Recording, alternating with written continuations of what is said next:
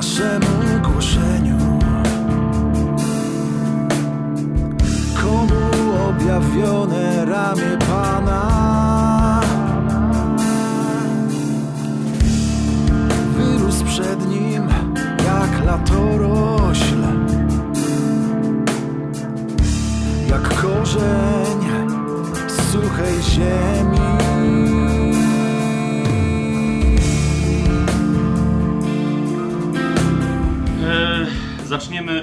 tekstu, którego nie będę w ogóle wyjaśniać. On, mam nadzieję, że e, jak ktoś jest świadom tego, co się dzieje na tajemnym planie, e, potem we, we własnej refleksji zrozumie, czemu od takiego tekstu e, zaczynamy.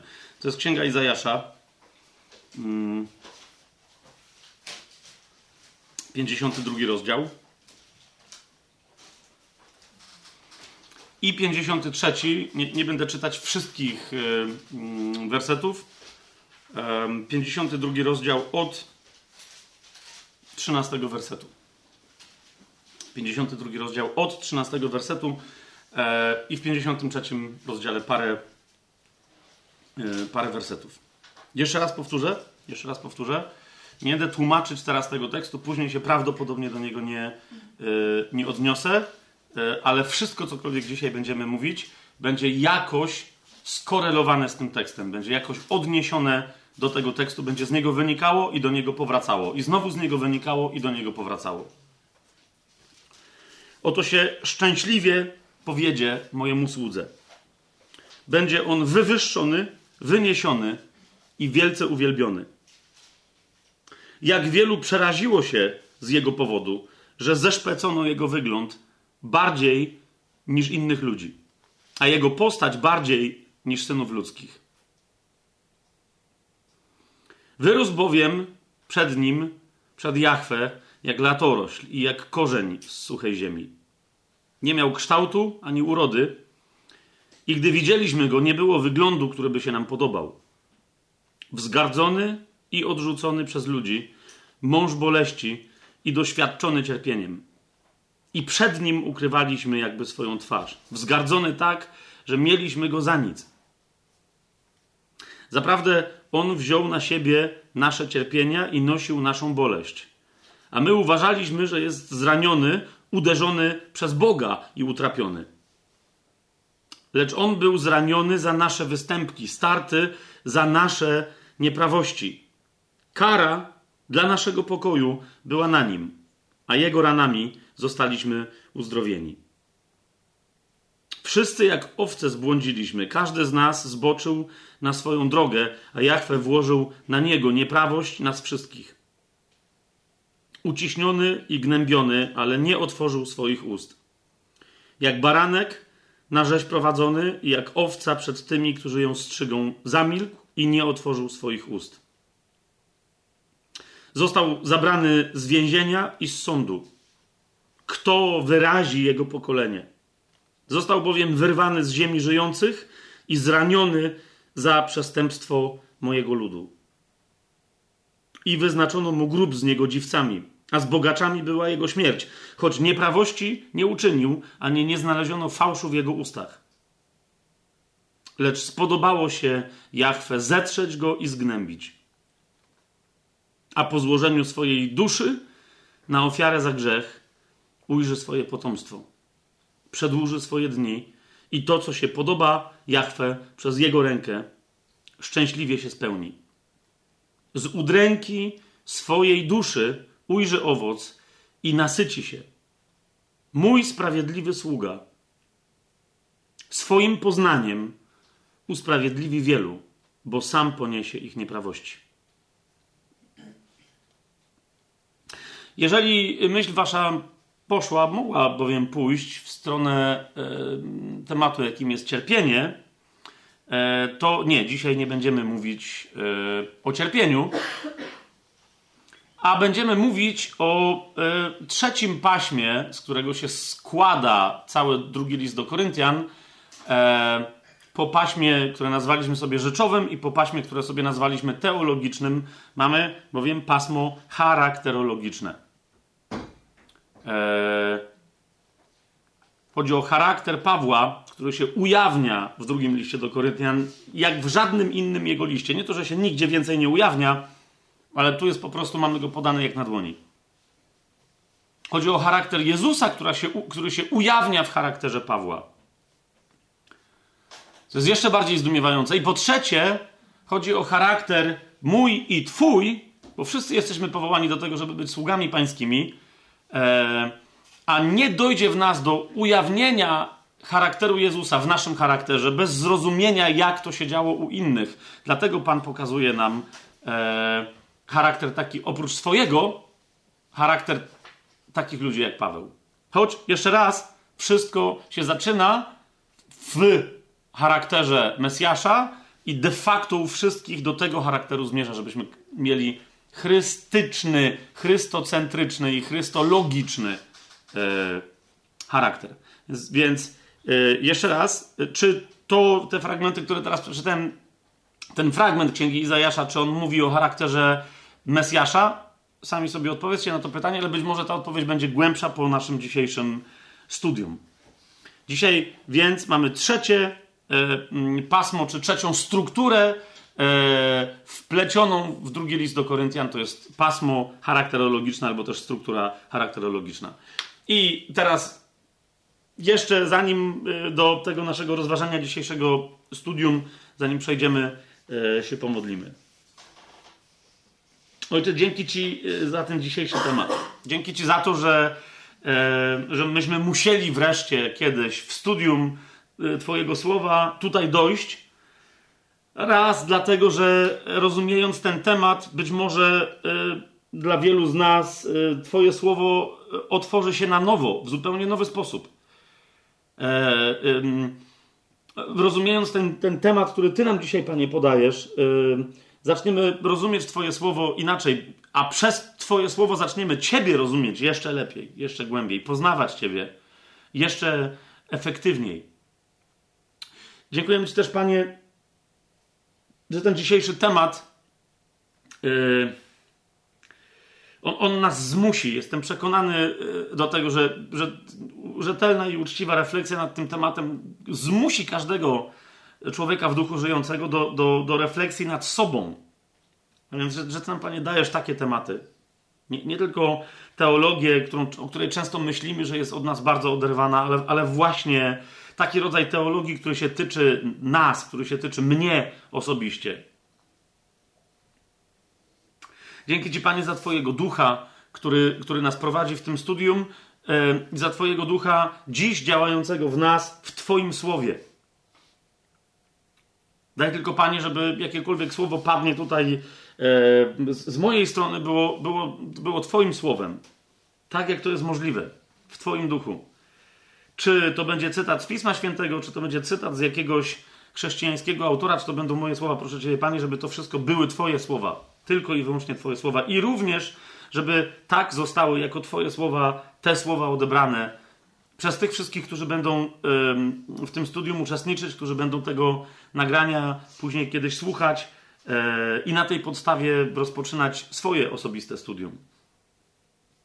Nie daj nam, Panie, proszę Cię, nie daj nam przejść obojętnie obok tego tematu, ale spraw, spraw, e, żeby dla tych, dla których ten temat dopiero jest zainicjowany w życiu, niech, niech ta inicjacja będzie e, skuteczna, tak jak, tak jak to jest tylko możliwe, raz a dobrze na całe życie. Dla tych, dla których to jest temat już znany, daj Panie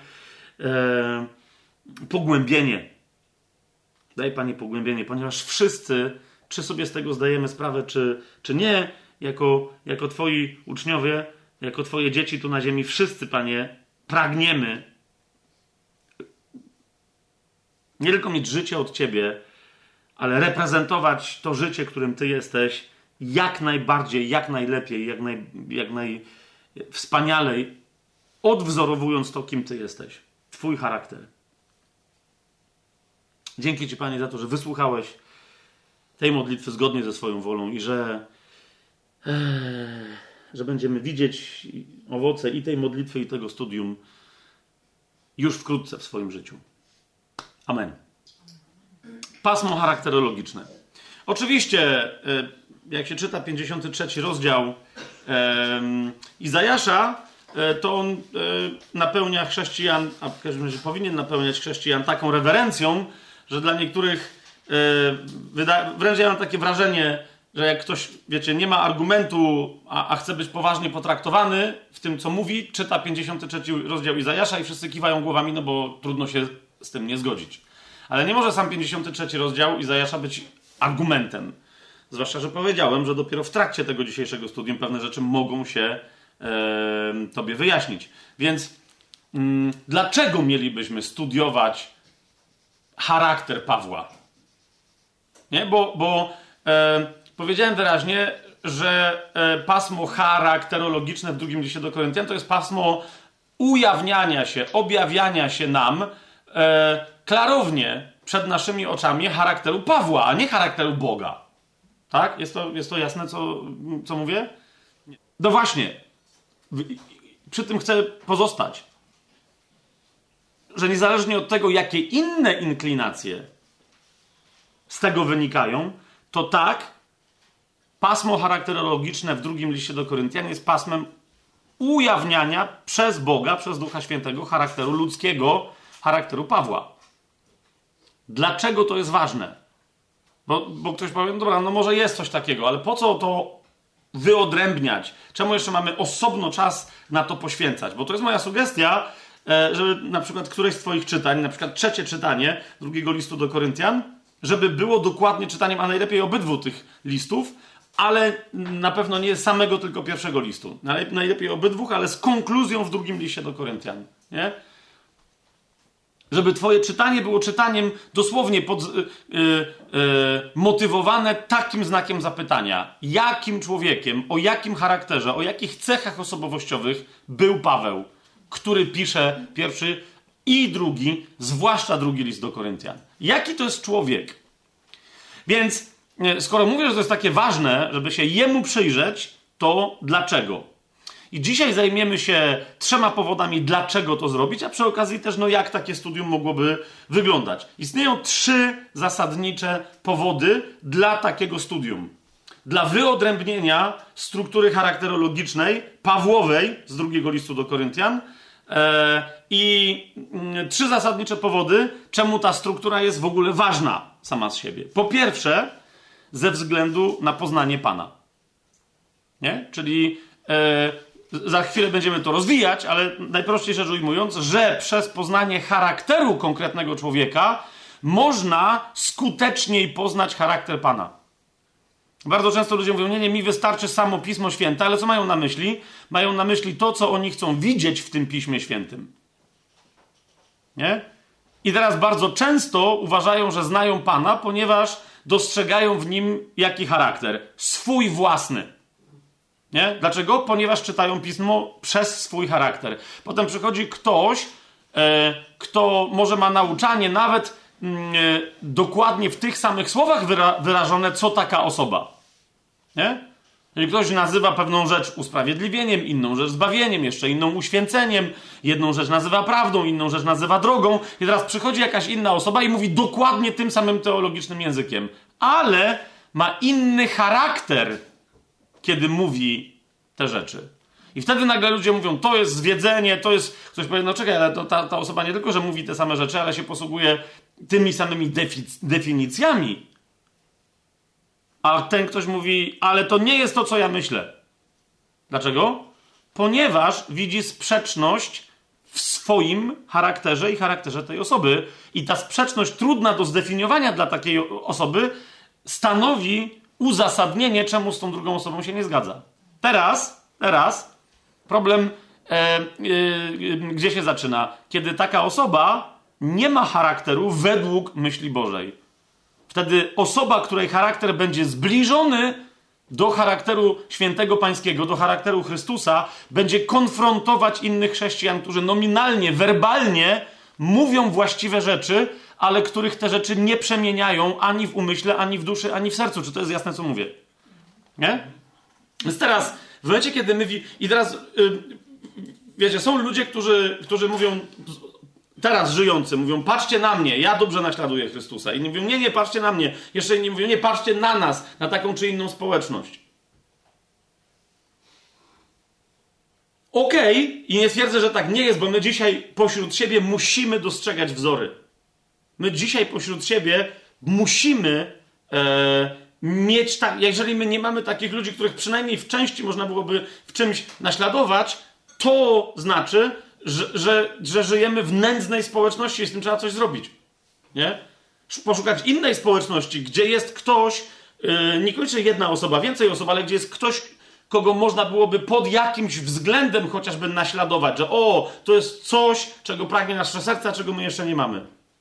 Niemniej, niemniej, mamy pewne osoby, co do których mamy już pewność, na przykład osoby martwe, których życie jest dobrze opisane, one już skończyły bieg swojego żywota i widzimy, jak całe ich życie wyglądało. Mm, e, zwłaszcza osoby, które już umarły, a których życie jest dość dobrze opisane w Biblii, pokazane nam po co? Właśnie po to, żebyśmy mieli więcej praktycznych odniesień. Bo wiecie o co mi chodzi? Jak patrzymy na Pana Jezusa, to my dużo o nim wiemy, ale dużo też nie wiemy. Nie? E, a poza tym, patrząc na Pana Jezusa, mamy, możemy mieć tendencję do ureligijniania, wynoszenia, wiecie, na piedestał pewnych jego zachowań, które, które niekoniecznie tak wyglądały, jak nam się wydaje, że powinny być zobrazowane. E, natomiast, natomiast już taki Paweł, natomiast już taki Piotr, natomiast już taki Jan, i tak, rozumiecie, ludzie bardzo bliscy Jezusa, ale nadal ludzie bardzo ludzcy, i w wielu momentach zademonstrowani jako no niespecjalnie boscy, a jednak pokazani jako wzory. Przykładem chociażby tak skomplikowanej osoby jest Szymon Piotr. Z jednej strony człowiek, który rozpoznaje Chrystusa i wy, wy, wy, wyznaje go ustami, tak? E, a za chwilę prawie, że w jednym ciągu wygaduje taką głupotę, że Jezus mu mówi zejdź mi z oczu szatanie. Nie? Człowiek, który ma klucze i otwiera królestwo, drzwi do królestwa i Żydom, i poganom, a za chwilę Paweł mówi: No, ale ten sam Piotr e, się wdał w hipokryzję, e, bo się bał opinii Żydów i przed nimi udawał, że zachowuje dalej e, dietę starotestamentową. Czemu Biblia. Ja znam wręcz ludzi, którzy E, którzy, którzy e, mówią, no to jest takie, to chyba nie jest zbyt natchnione Słowo Boże, no nie, że Paweł ujawnia jakieś, jakieś e, szwankowanie charakteru u Piotra. No nie, to jest natchnione Słowo Boże i teraz zadaj sobie więc pytanie, czemu e, o, o takich aspektach charakteru na przykład Piotra Słowo Boże mówi, nie? Paweł też e, mówiąc językiem, e, który tu większość zrozumie, Paweł też nie jest święty. Jeżeli wiecie o co mi chodzi. Oczywiście, że jest święty, no nie? ale nie jest. E, nie w tym rozumieniu świętości wynikającej z usprawiedliwienia w duchu, ale w tym rozumieniu świętoszkowatości, jak my byśmy chcieli widzieć, wiecie, ludzi z krwi i kości, którzy idą za Jezusem. Nie?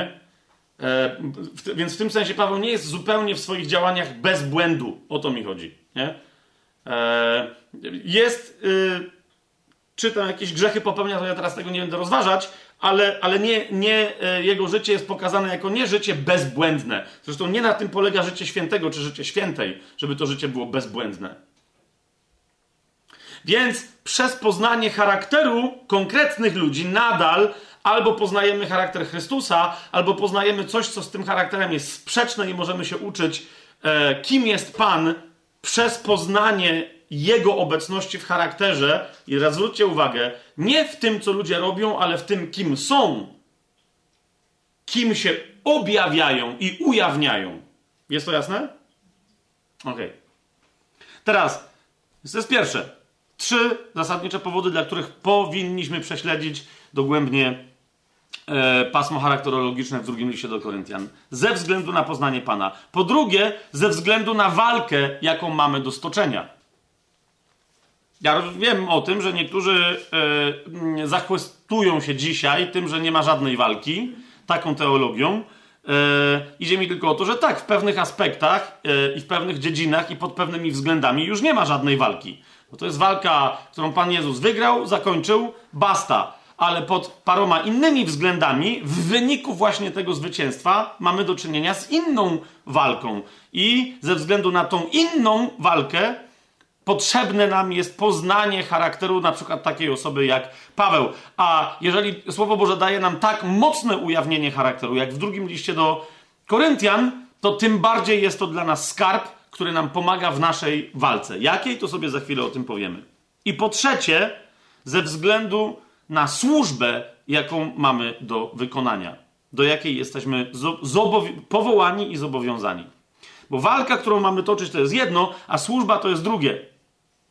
Jeżeli nie wykonamy tej walki, o, o, której myślę i o której za chwilę będę mówił, to będziemy niezdatni do służby, do której jesteśmy powołani. Żeby to było jasne. Ta walka jest warunkiem sine qua non, o której za chwilę będziemy mówić, chyba że już wiecie, o czym mówię, no to jeszcze lepiej. Jak nie wiecie, to za chwilę. Ta walka i zwycięstwo w tej walce jest warunkiem sine qua non naszej służby, a więc czego, e, mówiąc innym językiem, przynoszenia owoców w naszym życiu. To, to jest też rzecz, którą już teraz y, potrzebuję, żebyśmy mieli tematycznie powiązaną, bo z jakiegoś powodu ostatnio też obserwuję, że ludzie e, nie rozumieją, e, że nie ma owocu w życiu chrześcijanina innego, jak tylko wyrażającego się w służbie i poprzez służbę. Nie ma żadnego innego owocu. Jeszcze raz powtórzę. Nie?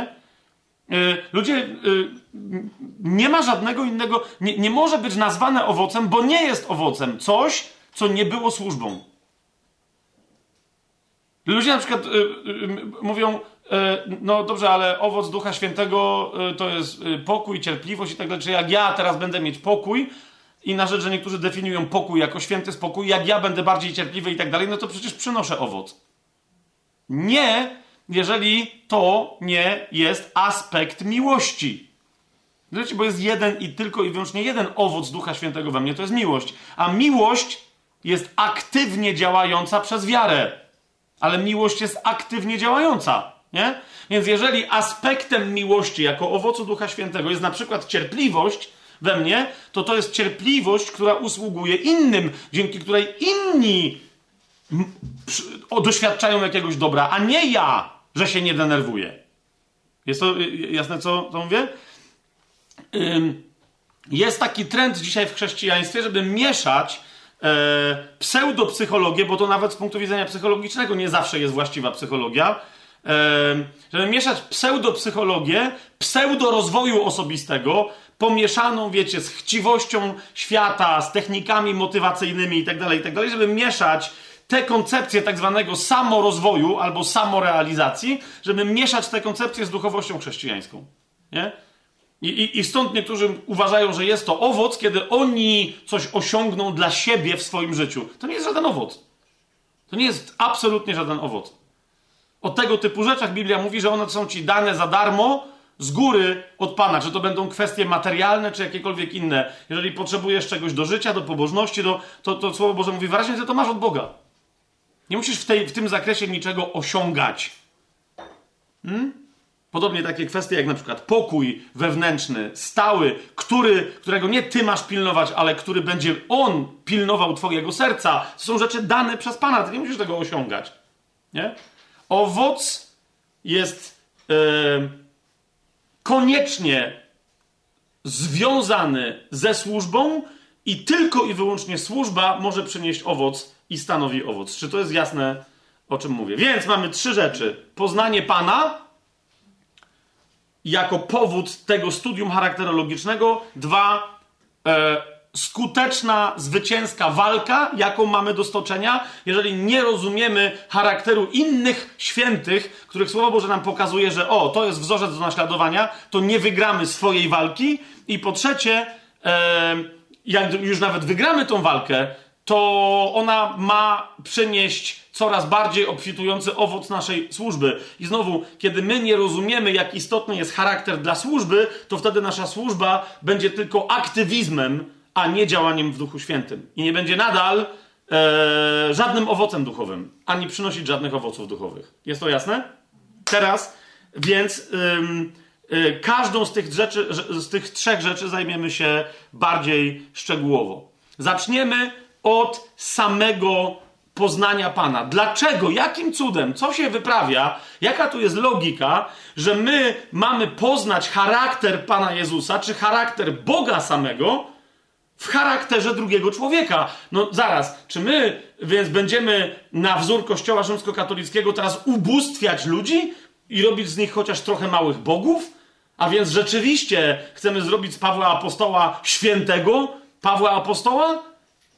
Z, z, kogoś, kogo znamy, z siostry Celestyny, teraz będziemy robić świętą Celestrynę z, z, z klatki B? Czy co się dzieje? Żeby, czy, czy my chcemy tych ludzi podnieść na jakiś piedestał, żeby, żeby na tym piedestale byli e, czczeni?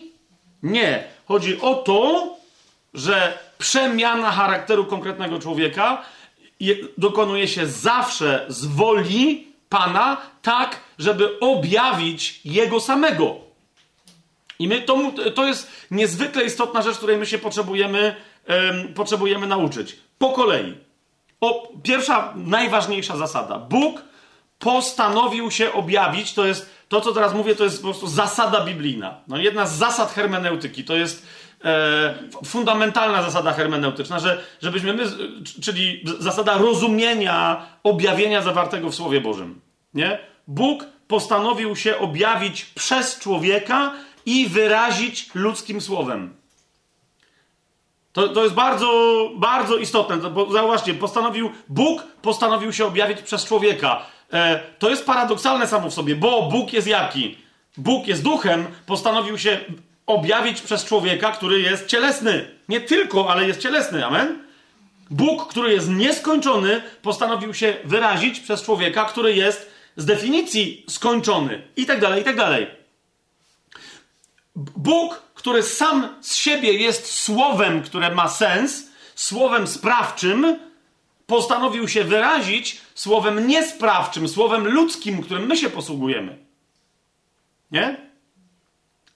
Taka i, i po prostu to jest, y, ktokolwiek y, y, zna Biblię, rozumie, cała Biblia zaczyna się dokładnie od tego pryncypium, od tej zasady.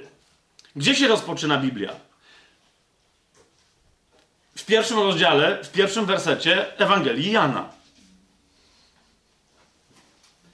Nie idąc rozumiecie, chodzi mi o pewien e, logiczny ciąg myślowy, tak?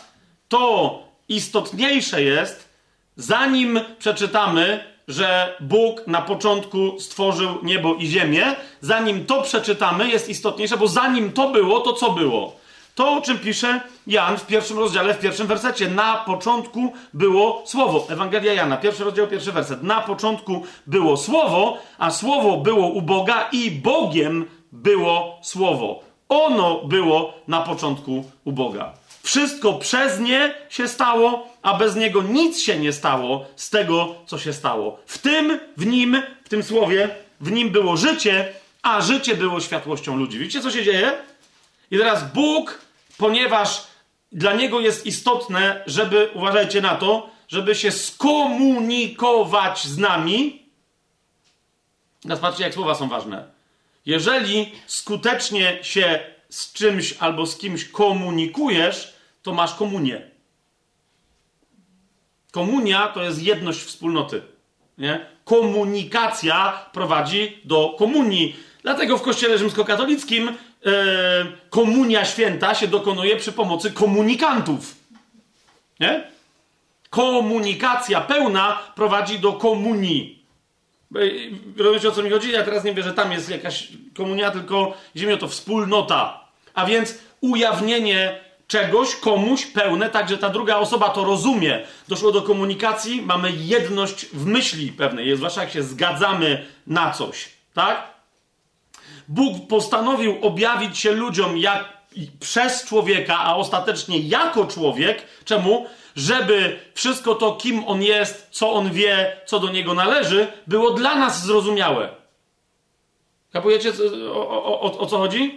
Je, jeżeli my byśmy chcieli, no wyobraź sobie, że my teraz, e, nie wiem, spotkaliśmy gatunek w miarę inteligentnych mrówek, no nie, z którymi da się komunikować, ale takich wiecie, takich e, e, tak się komunikują, ale tam zaklaskasz i one, wiecie, nie? takich mrówek nieco inteligentniejszych niż psy. Jest to jasne? Tylko to są mrówki, one mają w ogóle, wiecie, e, mają królo, tam jest królowa, robotnice, jakieś jakby, to jest cały, całe mrowisko i one wszystkie jakieś tam razem myślą.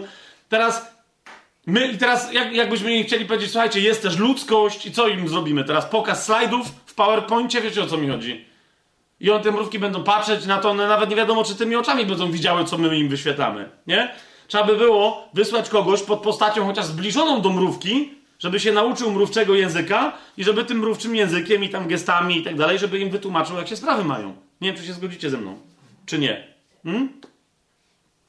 Więc Bóg trochę tak stał się człowiekiem dla lepszej komunikacji i jednocześnie jego słowo, które ma pełny sens i wyraża wszystko, zaczęło się wyrażać przy pomocy ubogich i ograniczonych słów ludzkich. Nie zmienia to jednak faktu, że objawienie się pod postacią skończonego człowieka i niedoskonałego słowa ludzkiego nie zaburzyło objawienia pełni prawdy, jakiej potrzebujemy na temat tego, kim jest Bóg i czym jest Jego słowo. Lub też kim jest Jego słowo, idąc jeszcze dalej. Czy to jest jasne, co ja gadam teraz? I teraz, kochani, teraz, kochani, jeden, jedyny raz w całej Biblii pojawia się słowo charakter. Nie w, nie w rozumieniu, że należałoby przetłumaczyć jakieś greckie słowo jako charakter, ale nie wiem, czy wiedzieliście, istnieje greckie słowo, które po prostu tak brzmi. Greckie słowo charakter, tylko ono jest inaczej akcentowane. My po polsku akcentujemy charakter, a greckie słowo brzmi charakter. Ale to jest dokładnie to słowo. My mamy dokładnie greckie słowo zaczerpnięte ze starej greki, no i potem w które to słowo włożyliśmy własną definicję, własną treść, swoje znaczenie. Nie do końca inne od tamtego, ale jednak e, no odległe. Gdzie się pojawia to słowo charakter i co ono oznacza? Otóż pojawia się dokładnie w miejscu, w którym to pryncypium, o którym ja teraz mówimy, jest przez Pawła e, jasno zademonstrowane, a więc, że Bóg postanowił się objawić przez człowieka, a następnie wyrazić jeszcze to objawienie ludzkim słowem. Otwórzmy sobie list do Hebrajczyków. Jasne, że znajdziecie więcej, mam nadzieję, już na tym etapie studium, że znajdziecie e, jeszcze więcej e, fragmentów, które się odnoszą do tego pryncypium, że Bóg postanowił się objawić przez człowieka i wyrazić ludzkim słowem. Niemniej ten fragment dla mnie, również ze względu na wystąpienie w nim słowa charakter, jest, e, mm, jest kluczowy. To jest list do Hebrajczyków, pierwszy rozdział, od pierwszego do trzeciego wersetu. Hebrajczyków 1, 1 do 3. Bóg, który wielokrotnie i na różne sposoby przemawiał niegdyś do ojców przez proroków. A więc widzicie, e, Bóg posługiwał się słowem, korzystał z ludzi, że mają jakiś język i wybierał sobie jakichś ludzi, żeby tym językiem, którym się oni i inni posługiwali, żeby coś powiedzieć. Tak? Paweł mówi, że jak niegdyś Bóg przemawiał naszym językiem do nas przez wybranych ludzi, tak, drugi werset, w tych ostatecznych dniach przemówił do nas przez swojego syna, którego ustanowił dziedzicem wszystkiego, przez którego też stworzył światy. Samo to jedno zdanie, ja pomijam inne jeszcze wypowiedzi e, w całej Biblii, ale nawet w samym liście do Hebrajczyków e, na temat Chrystusa. Mm, one wyraźnie pokazują Jego jako Boga, dokładnie tak jak On sam siebie, nawet Żydom e, mm, profesjonalnie i specjalistycznie przedstawiał jako Boga, na przykład cytując fragment psalmu Dawidowego, w którym mówił, rzekł Pan do mojego Pana i tak dalej, i tak dalej. I mówi, do kogo to On mówi? Nie? Do kogo to Pan mówi do, do, Jeżeli ten drugi miałby być kimś mniejszym niż on, to dlaczego Pan mówi do Pana? Pamiętacie ten fragment, tak? E, tu Paweł powiada, e, że mamy Chrystusa, który istniał od wieków i będzie istnieć przez wieki wieków jako Chrystus. To jest ten tak zwany Chrystus wieczny, Chrystus eternalny, Chrystus kosmiczny, jak czasem w teologii się o nim e, mówi, Chrystus duchowy. Ale mówi ten Chrystus, który istniał przed wszystkim, o którym dopiero co czytaliśmy u Jana, że to słowo istniało nic się nie stało bez niego, z tego co się stało, nic nie zaistniało i tak dalej. On mówi, to jest ten, przez którego Bóg stworzył światy. To jest ta sama myśl, którą znajdziemy u, u Jana. To jest ten, który jest dziedzicem wszystkiego. Więc rozumiecie, cała przeszłość, od najbardziej zamierzchłej przeszłości, jeszcze nawet przed momentem, jak się historia czegokolwiek zaczęła ten Chrystus istniał. Cokolwiek będzie istnieć, wszystko istnieje dla Niego, bo, bo Stwórca tak to zamierzył. On jest dziedzicem wszystkiego. To jest proste rozumienie, znaczy dziedziczyć coś po kimś, tak? Ale On objawił się nam, ten mistyczny, kosmiczny, eternalny, wieczny Chrystus duchowy objawił się nam w ciele w określonym momencie. Zaraz tu wrócimy, tylko y, y, y, żeby to było jasne w liście do Galacjan, w czwartym rozdziale, w czwartym wersecie Paweł tak to wyraża. Gdy nadeszła pełnia czasu, Bóg posłał swojego syna. To jest bardzo istotne, także chodzi o to, że on się objawił w ciele. Bóg posłał swojego syna, zrodzonego z kobiety, zrodzonego pod prawem. To są, rozumiecie, to jest to. Nie, tam nie brał udziału w tym mężczyzna, ale wystarczająca jest kobieta, on się zrodził w ciele, bo inaczej, gdyby się nie zrodził w ciele, po pierwsze, pochodził z ciała, po drugie, musiał być ciałem, bo gdyby nie był ciałem, nie miał ciała ludzkiego, nie podlegałby prawu. Czy to jest jasne, co, co, co teraz mówię, tak? Po, po, prostu. I teraz jeszcze konkretnie był cieleśnie Żydem, skoro podlegał wiadomo, wiadomo jakiemu prawu, tak? Zwracamy do, e, do listu do Hebrajczyków, bo tutaj Paweł nie mówi konkretnie, że tu chodzi o cielesne objawienie, ale my rozumiemy z innych jego wielu wypowiedzi, że chodzi o cielesne objawienie, tak? Pierwszy rozdział, drugi werset. W tych ostatecznych dniach przemówił do nas przez swojego syna. A więc nie tylko przez jakichś tam wybranych ludzi, ale nie tylko przez słowa, które oni mieli wypowiadać, uważajcie na to, ale przez to, co mówił i kim był jego syn w całości. Hmm?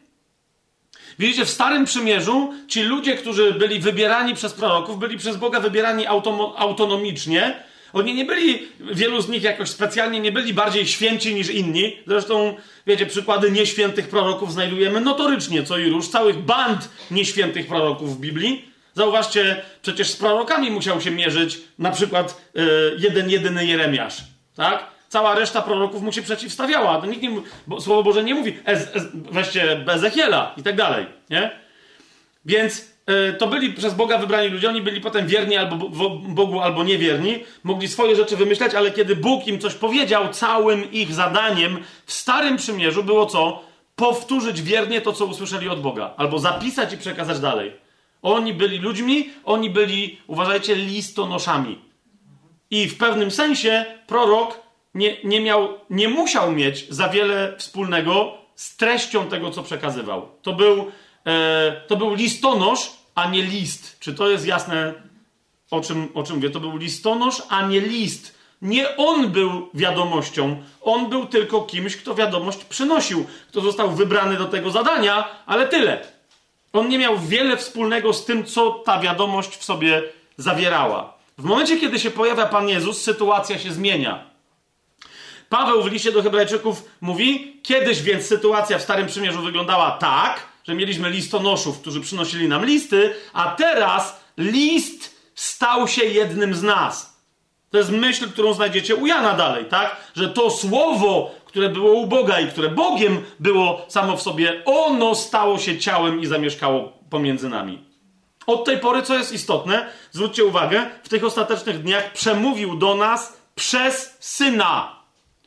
Nie, ale, ale zobaczcie, nie przez to, co mówił syn, ale przemówił przez nas przez całość swojego syna. Dlaczego? Trzeci werset. Bo ten syn, który to syn, będąc blaskiem jego chwały i wyrazem jego istoty, i podtrzymując wszystko słowem swojej mocy, dokonawszy oczyszczenia z naszych grzechów, przez samego siebie zasiadł po prawicy majestatu na wysokościach. A więc kim był ten syn dla nas, kiedy Bóg do niego w jego osobie przemówił? Uważajcie, był blaskiem jego chwały. Kto? Jezus był na ziemi blaskiem jego chwały. Zapamiętajcie to wyrażenie, bo zaraz ono będzie dla nas potrzebne. I uwaga, był też wyrazem jego istoty.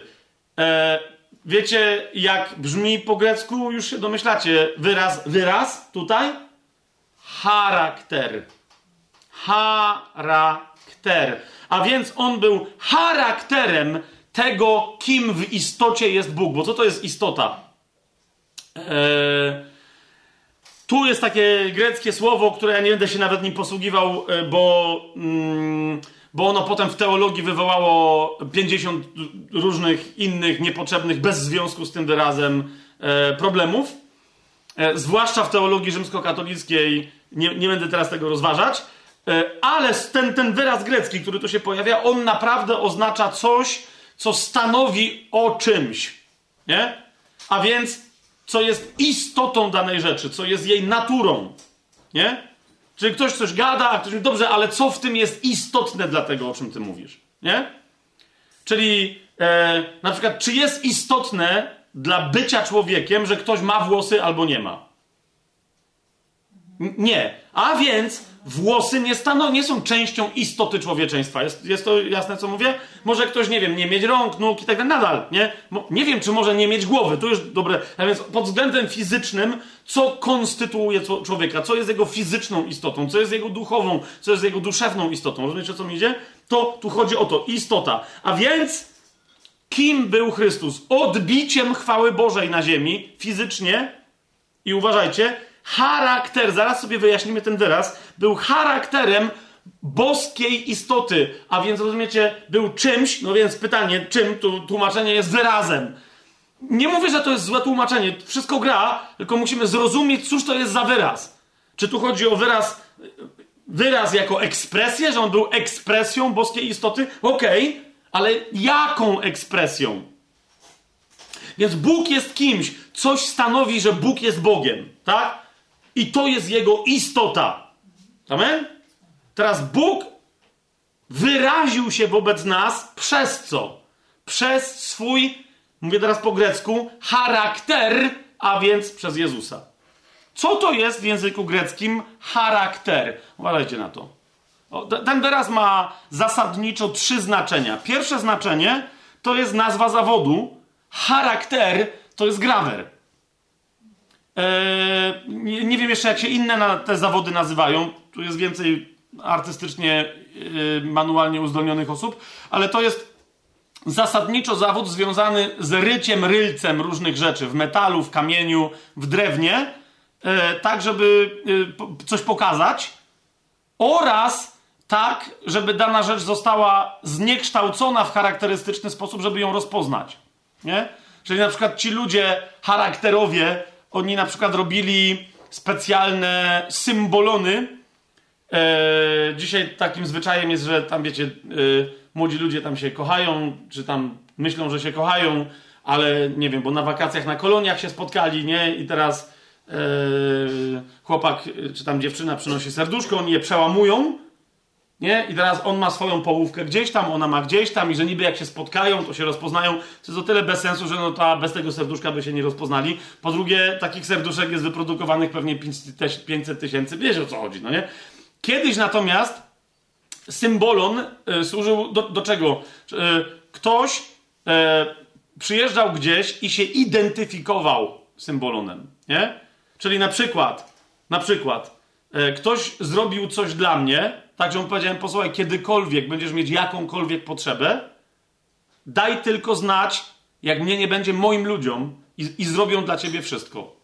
I ten ktoś mówi, no jasne, ale jak ciebie nie będzie, bo na przykład ja wyjeżdżam z miasta w daleką podróż, to skąd oni będą wiedzieć, że, że mi jesteś dłużny? I wtedy co się działo? Nie? Ktoś na przykład odbijał pieczęć swoją, robił na tej pieczęci dodatkowo jeszcze pewne zaznaczenie, o którym wiedzieli jego słudzy i przełamywał tę pieczęć na pół.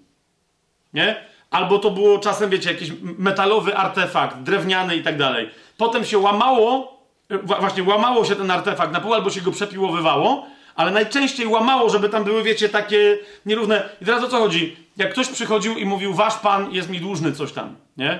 I tam mówię, jasne, jasne. Nie? I on wtedy mówił, mam symbolon. Więc oni wiedzieli, że jest parę takich symboli, bo stąd ten wyraz, przekładali i mówią rzeczywiście nasz Pan się zobowiązał. Nie? Więc to był wyraz czego? Jego tożsamości, to było potwierdzenie jego tożsamości. Rozumiecie o co, o co mi chodzi? Więc to byli ludzie, to byli grawerzy, którzy często robili takie rzeczy. Uwaga, drugie znaczenie wyrazu charakter. Otóż ryło się e, charakterem. Nie? Czyli rylec albo dłuto specjalne do rycia, zwłaszcza w metalu, e, również nazywało się charakterem. Nie? Czyli co się wyryło, i to jest trzecia rzecz, czyli człowiek, który to robił, nazywał się charakterem, narzędzie, którym się to robiło, nazywało się charakterem. I teraz uważajcie, jeżeli ktoś wyrył formę czegoś, na przykład do odlewania monet, lub też matrycę, na przykład do odbijania mm, e, no, czegoś tam, jakiego, jakiegoś rodzaju obrazów, to ta matryca lub forma również nazywała się charakterem. Nie? Czyli, zauważcie, na przykład wzywamy charaktera, czyli yy, grawera albo rytownika, czy no nie wiem jak to się nazywa, nie? Dlaczego? Ponieważ mamy trochę złota, mamy 20 kilo złota i chcemy sobie zrobić swoją własną walutę. Nie? Teraz, żeby to było jasne, że to jest moja waluta, którą się wszyscy będziemy posługiwać, no to ja sobie siedzę, rytownik na mnie patrzy, bo jest uzdolniony, a więc charakter patrzy na mnie, wyjmuje swój charakter, czyli dłuto, rylec, patrzy na mnie i zaczyna co robić? Zaczyna robić mój charakter, czyli ryje, rozumiecie, odwzorowanie mojego profilu, który dla was będzie rozpoznawalny, gdzie na matrycy do odlewania, e, czy no, bo to odlewania albo wybijania pieniędzy. Nie? Bo wiecie, matryce mogą być wklęsłe albo wypukłe. Nie? Wypukłe, no wiecie o co chodzi, tak? Czy teraz czujecie, co się dzieje? Czyli matryca jest charakterem, ponieważ oddaje moją podobiznę na innym materiale. Teraz, teraz, teraz uważajcie, teraz popatrzcie na to. On, będąc blaskiem boskiej chwały i charakterem jego istoty. Wiecie, co się, co się dzieje? Ten wyraz się pojawia tylko i wyłącznie jeden, jedyny raz w całej Biblii. I pojawia się dokładnie tutaj. Charakter. Ok? Pojawia się dokładnie tutaj. Jezus jest charakterem jego istoty. Co to znaczy? Że on jest dokładnym odbiciem tego, kim był ojciec. Pamiętacie scenę e, w czasie ostatniej wieczerzy, jak Filip mówi, Panie, pokaż nam ojca, to nam wystarczy. I kto wtedy odpowiada, mówiąc, tak długo jestem z wami, Filipie, jeszcze mnie nie, nie rozpoznałeś? Nie? Jezus jest dokładnym odbiciem. Teraz rozumiecie, jeżeli tak jest, to my powinniśmy równie mocno interesować się tym, co Jezus mówił, jak tym, co Jezus robił, jak wyglądał, jakie miał odruchy i tak dalej, bo one są po to w Biblii opisane. Amen? Ale idziemy dalej, skoro on jest charakterem tej istoty, to jednocześnie jest yy, wzorcem, jest matrycą do czego? Do tego, żeby na nas odbijać tę samą istotę. Czujecie, co się dzieje? Bo ten wyraz naprawdę jest tak wieloznaczny. On oznacza jednocześnie narzędzie do robienia dokładnego odwzorowania, oznacza matrycę, na bazie której odwzorowanie będzie dokładne i oznacza kogoś, kto się robieniem tego odwzorowania zajmuje. A Jezus jest tym wszystkim, gdy chodzi o co? Gdy chodzi o boską istotę. Hmm? Charakter. Charakter. Dobra, co to ma wspólnego? Eee z, z charakterem. No bo teraz widzisz, jeżeli tak jest, to kiedy Jezusa już pośród nas nie ma, nadal Bóg nie zrezygnował z tego swojego pryncypium, którym jest, że On chce się objawić od momentu, kiedy dokonał tego objawienia ostatecznego przez swoich syn, przez swojego syna, nadal nie zmienił tej zasady, ale ona tym bardziej trwa w kościele, mianowicie, że chce się objawiać teraz już nie przez jednego człowieka, ale chce się objawiać przez ludzi i wyrażać przez słowo, którym oni się będą posługiwać. Czy to jest jasne? Czy to jest jasne? Dlatego, rozumiecie, nas musi interesować nie tylko to, że, bo, bo, niektórzy powiadają, no co to ma do rzeczy w ogóle, czy nie może być tak, że. Nie, nie, naprawdę kiedyś się spotkałem z takim, yy, z taką tezą, co gdybyśmy zostawili cztery Ewangelie, dzieje apostolskie, ale Ewangelie zlepili jako to, to jest jedna książka o Jezusie. Potem dzieje apostolskie to jest książka o następnych tam chłopach i babach. No nie? A potem, a potem jest reszta ogólnie jakiegoś pisma. Po co my tam musimy pisać, że to napisał Paweł, to Juda, to Jan, to Jakub, to Piotr? Co to ma do rzeczy? Otóż, kochani, no to ma wiele do rzeczy. Kto, czyli jakby, wiecie, co powiedział Bóg, przez kogo? Jasne jest to, co mówię. Zaraz, zaraz dam tego yy, więcej przykładów, ale chodzi o to, że Bóg od czasu, jak Jezus poszedł do nieba, od, i zwłaszcza przez zesłanie Ducha Świętego, nadal od tej pory, ale nadal dziś, aż do dziś i tak będzie, aż do powrotu Pana Jezusa na ziemię, chce się objawiać i objawia się poprzez swój lud. Jak się wyraził przez jednego człowieka, tak teraz przez ludzi, którzy są Jego. Którzy, którzy wobec tego tym bardziej będą objawiać to, kim jest Bóg, im bardziej będą synami Bożymi. Jezus to zrobił perfekcyjnie, inni ludzie weszli, próbowali wchodzić w tę Jezusową perfekcję. To jest też nasze dzisiaj zadanie, tak? Dlatego rozumiecie, my nie, żadnego innego zadania w życiu nie wykonamy, jeżeli my się nie dowiemy, e, e, jaki naprawdę jest charakter Jezusa.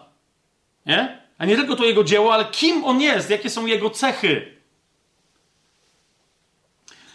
Jak, w jaki sposób y, Bóg chce się objawiać przez swoich ludzi, czyli jak on, jak się dokonuje ten proces odciskania w nas oblicza Bożego, które się najpierw odcisnęło perfekcyjnie w Jezusie. Skoro jesteśmy w liście do Hebrajczyków, otwórzmy, otwórzmy sobie list do Hebrajczyków, yy, ósmy rozdział.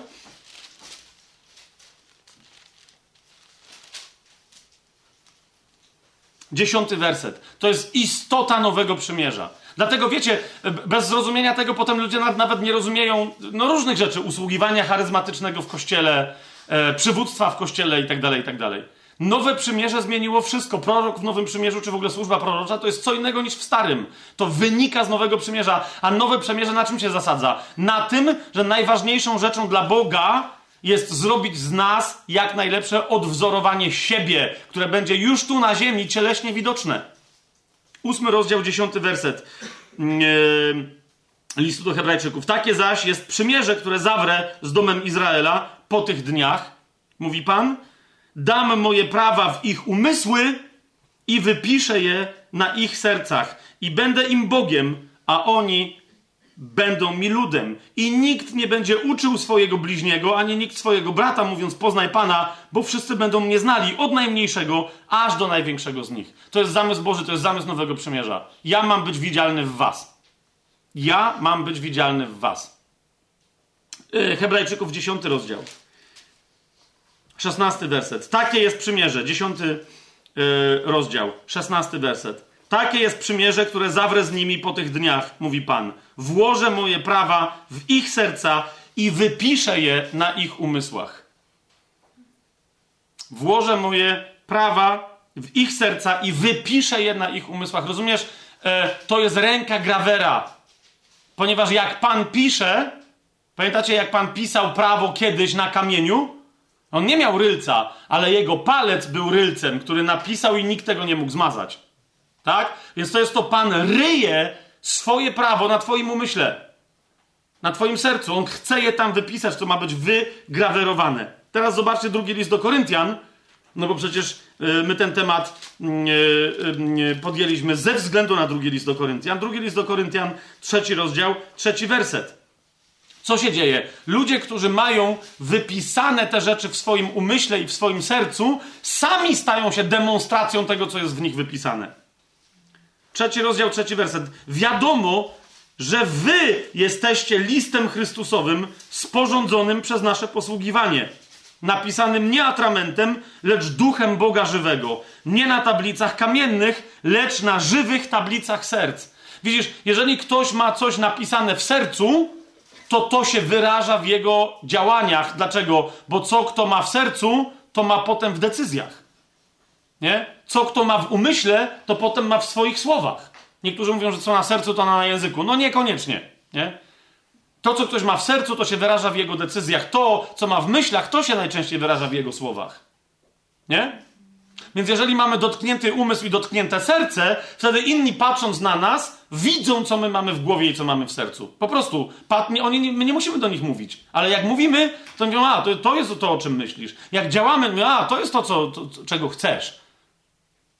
Na co się decydujesz w sercu.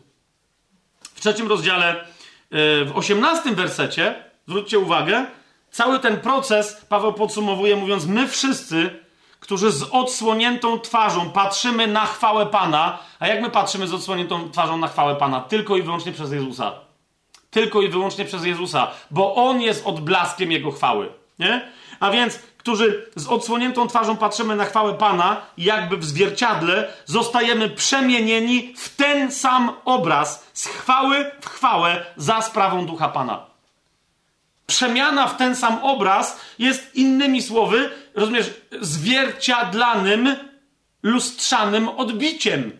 Jak ona się dokonuje? Przez charakter, przez nie tyle wygrawerowanie, wiesz, grawer może kopiować yy, jakieś tam znaki, symbole i tak dalej, nie? Ale jak masz matrycę, to ta matryca tak, odbija się, pamiętacie Reksia? Ktoś was oglądał Reksia i tam było mm, mm, mm, i tam, nie? I tam było e, odbitka kadr po kadrze, tam Reksiu coś odbijał, bielsko-biała oczywiście wie. e, co, co robił Reksio. Więc e, teraz, i teraz popatrz, co, teraz popatrz, co się tu dzieje. Teraz popatrz, co się tu dzieje. Twoje poznanie Pana, masz, masz, ci, którzy mówią, że nie wiedzą, czy coś wiedzą, to jest w ogóle dobre, no jak ktoś mówi, że nie wie, czy coś wie, o Bogu, o Jezusie, czy jak on ma to poznać i tak dalej. No, jeszcze raz, jeżeli coś wiesz, jeżeli coś wiesz o Jezusie, myślisz, że coś wiesz, ale następnie tego nie widać w twoim życiu, to znaczy, że nie wiesz, co wiesz. Rzeczywiście. Albo, że tego nie wiesz, że ci się tylko wydaje. Bo poznanie w Biblii, poznanie, yy, wiedza na jakiś temat, to, to nie jest posiadanie informacji na jakiś temat. Nie? To, to jest bycie przemienionym przez to coś. W języku hebrajskim słowo poznanie oznacza różne rzeczy, ale w tym między innymi seks. Jak Adam się nie zbliżył do swojej żony, ale on ją poznał, a ona poczęła syna. Poznanie powoduje e, w każdym sensie zbliżenie się do kogoś, do czegoś bardzo intymne, które oznacza wyjście z siebie, wzięcie w siebie czegoś i oznacza stworzenie zmiany w rzeczywistości i doświadczenie tej zmiany. Skoro Ewa poczęła, to znaczy, że wcześniej kogoś nie było, a potem po wyniku tego poznania już ktoś był nowy na tym świecie. Nie? Więc ym, i, i, po tym możesz, po, to masz jasne kryterium poznania Pana, zauważ. Teraz ktoś powie, no dobrze, ale to ja nie wiem. Dlatego potrzebujemy dowiedzieć się, jakim był i jakim jest Pan, patrząc na innych, nie tylko na niego samego, bo wciąż jak patrzymy na niego, to możemy mieć fałszywe filtry. Nie? Ale jak patrzysz na Pawła, jak patrzysz na jeszcze innych, Piotra i tak dalej, aha, okej, okay, czyli ten człowiek zrobił tak, wypowiedział się tak, jego język brzmiał tak i tak dalej, nie? Dzisiaj ile mamy ludzi, ile mamy osób, które, e, które uważają, że taki czy inny sposób mówienia w kościele jest dozwolony albo niedozwolony, że taki czy inny sposób mówienia w kościele jest. E, e, jest dobry wręcz albo zły, moralny, moralnie i etycznie, nie? Że coś jest albo nie jest mową błazeńską i tak dalej, i tak dalej. Są, i są decyzje y, na ten temat podejmowane. Bardzo często jakie? Ktoś się powołuje na cytat z Biblii, mówi, no bo Biblia mówi, że to jest błaze, że, że błazeńska mowa, ale moje pytanie brzmi, ale co jest błazeńską mową? Jak ktoś opowie żart na kazaniu, to jest już błazeńska mowa, czy nie? Czy to znaczy, że Jezus nigdy nie powiedział żadnego żartu? No i teraz widzisz, są ludzie, którzy wiedzą absolutnie tak. Jezus w ogóle nie był nigdy zabawny. Nikt się nie śmiał, jak on mówił. Naprawdę? No to jeszcze raz, widzisz, bo teraz chodzi mi o to, że no ja teraz bym, gdybym powiedział, że nie, Jezus opowiadał kawały, to ci to muszę pokazać w Biblii. Nie? Tylko teraz, wiesz, my pewnych rzeczy nie musimy wiedzieć z życia Jezusa, ale jest pytanie, czy w ogóle nikt nigdy nie posłużył się e, żartem, sarkazmem, ironią, e, emfazą specyficznego rodzaju i tak dalej. Czyli jakie techniki literackie są dozwolone, kaznodziejskie, homiletyczne, wiecie, są dozwolone w chrześcijaństwie, jakie nie? No bo ktoś tu napisał, okej, okay, ale skąd wiesz, że to, co ty czytasz, to jest to, co... Jak to wyglądało w praktyce? Nie? Jak to wyglądało w, w praktyce? Czemu coś się stało? Ktoś inny mówi, ale absolutnie yy, ja mam prawo, zwłaszcza wobec autorytetów, e, w kościele mam prawo wyjść normalnie, bezczelnie ich zaatakować i okazać brak szacunku dla zasady. Pytam się czemu? Gdzie ty, gdzie ty zaś to czytasz w Biblii? I on mi pokazuje i mówi, no bo Paweł był chamski wobec e, mm, arcykapłana, a potem e, jeszcze twierdził, że on w ogóle nie wiedział, że to jest arcykapłan, a przecież wiedział. To znaczy, że. Mm, Okej. Okay. I to jest, widzisz, to jest to, co ty tam chcesz widzieć. Ale jest pytanie, czy Paweł był chamski wobec arcykapłana, czy może Paweł naprawdę nie wiedział, że to jest arcykapłan, a w związku z tym nie był chamski, tylko ustawiał go do pionu, ponieważ ten ktoś byłby chamski, gdyby nie był arcykapłanem. Do, do, do tej sytuacji się jeszcze całkiem niedługo odniesiemy, ale chodzi mi o to, że wiecie o co mi idzie? Czasem ludzie mówią, no to jest przecież oczywiste, że tu jest napisane. No nie wiem, czy to jest oczywiste. Dlaczego to jest oczywiste? To jest to napisane, czy nie jest napisane? Czemu Paweł się zachował, jak się zachował? Czy on się na pewno tak zachował, jak ci się wydaje? Ale jak już wiesz, jak naprawdę wyglądała sytuacja, a, no to wtedy, rozumiesz, to możesz sobie pomyśleć, okej, okay, dlaczego? Hmm? Czy Jezus, kiedy do syrofenicjanki powiedział, że jest niedobrze brać chleb dzieciom, a dawać psom, wyraźnie ją nazywając psem, czy Jezus był chamski, czy nie był? Czy, czy co to było? W jakich sytuacjach, dlaczego Jezus, bo, bo, nie był miły, to, to jest, to wszyscy rozumieją, tak? No ale to wtedy zawsze mówimy, no, no bo nie zawsze musisz być miły. No to oczywiście, że tak. Ale jest pytanie, czy nie, czy, ale, ale czy to w związku z tym znaczy, że zawsze trzeba być niemiłym? Kiedy, w jakich okolicznościach, czemu Jezus zrobił to, co zrobił? Nie? I teraz ktoś sobie może wymyślać, ktoś sobie może wymyślać, ale bywa tak, że te sceny z życia Jezusa, te trudne sceny, to wiecie, często są rozświetlane przez podobne sceny następnie z życia innych e, uczniów czy uczennic pańskich, chociażby w Biblii opisanych, na przykład w dziejach apostolskich. Nie? I one wtedy się rozświetlają. Nagle czasem naprawdę jakiś fragment z życia Szczepana, Pawła, e, Barnaby chociażby, bo tam jest też jedna konkretna sytuacja i tak dalej, one ci wyjaśniają, a, to prawdopodobnie to Jezus tam wtedy zrobił i oni robią dokładnie to samo. Ile masz takich punktów odniesienia, że, że patrzysz na coś i mówisz, czekaj, to jest dokładnie, on robi dokładnie to, co Jezus wtedy. Tylko, tylko przy Jezusie to nie było tak dobrze opisane, a tu masz to opisane. Aha! Jeżeli Paweł uzdrawiał, w pewnym momencie miał fazę, że notorycznie, że się tak wyrażę, uzdrawiał. Jeżeli Piotr miał fazę w momencie, że notorycznie uzdrawiał, nawet jak nie wiedział, że uzdrawia, to uzdrawiał. Tak? To prawdopodobnie oni wtedy robili dokładnie to, co robił Jezus, kiedy uzdrawiał. Zgodzicie się ze mną? Ale przy opisach tego, jak uzdrawiał Paweł i jak uzdrawiał Piotr, mamy pewne fragmenty, których nie mamy przy Jezusie. Albo może mamy, Albo może mamy. Teraz popatrz, jak jest powiedziane, pamiętacie o tych skrawkach materiału, które były brane od Pawła i które uzdrawiały. To jest pytanie, one uzdrawiały, czy co to uzdrawiało? Nie? Czy może po prostu ktoś uznał, że ej, Jezus też tak robił? I teraz się zapytasz, ale gdzie niby Jezus tak robił? No, nie wiem, ale na przykład kobieta, która podeszła do Jezusa wyraźnie sama sobie powiedziała, że ona nie chce mieć z nim nic wspólnego. Nie chce, żeby ono nie wiedział, nie chce, żeby wiedział, jaki jest jej problem, ona nie chce go nawet dotykać. Ona mówi, niechbym się dotknęła choć bez krawka jego szaty. I co? I i tak moc z niego wyszła. Rozumiesz? Teraz jest pytanie, czy czasem ten fragment nie powinien rzucić nam światła na to, co się dzieje, kiedy ludzie wiele, nie tak wiele znowu, ale jakiś tam czas później, ileś tam lat później, biorą e, fragmenty materiału, który należał do ubrania Pawła i próbują się nim uzdrawiać. To nie jest żadne, rozumiem się, niektórzy próbują na tej podstawie uzasadniać relikwie, coś tam jeszcze. Dajże spokój. Dajże spokój. Tu chodzi o to, kim i z czym, kim jest i z czym przychodzi ta moc, która działała, kiedy Jezus działał. Ta moc, która działa za każdym razem, kiedy uczniowie Jezusa w imieniu Jezusa działają. Hmm? I wtedy pewne praktyki, no właśnie, my też przyglądając się pewnym praktykom dzisiaj w kościele, też możemy je łatwo rozsądzić, co ty teraz naśladujesz. Nie? I faktem jest naprawdę, że jeżeli Biblia nam kogoś pokazuje jako właściwego naśladowcę Chrystusa, to często u tego naśladowcy możemy zauważyć pewien rys Chrystusowy, który nie do końca jest wyraźny czy widzialny aż tak dobrze nawet u samego Pana Jezusa. Czy, zrozumcie, nie wiem, czy to jest jasne, bo nie chcę teraz, żeby to zabrzmiało jakoś obrazoburczo czy kontrowersyjnie, ale czy, czy rozumiecie, co, co się dzieje? Nie?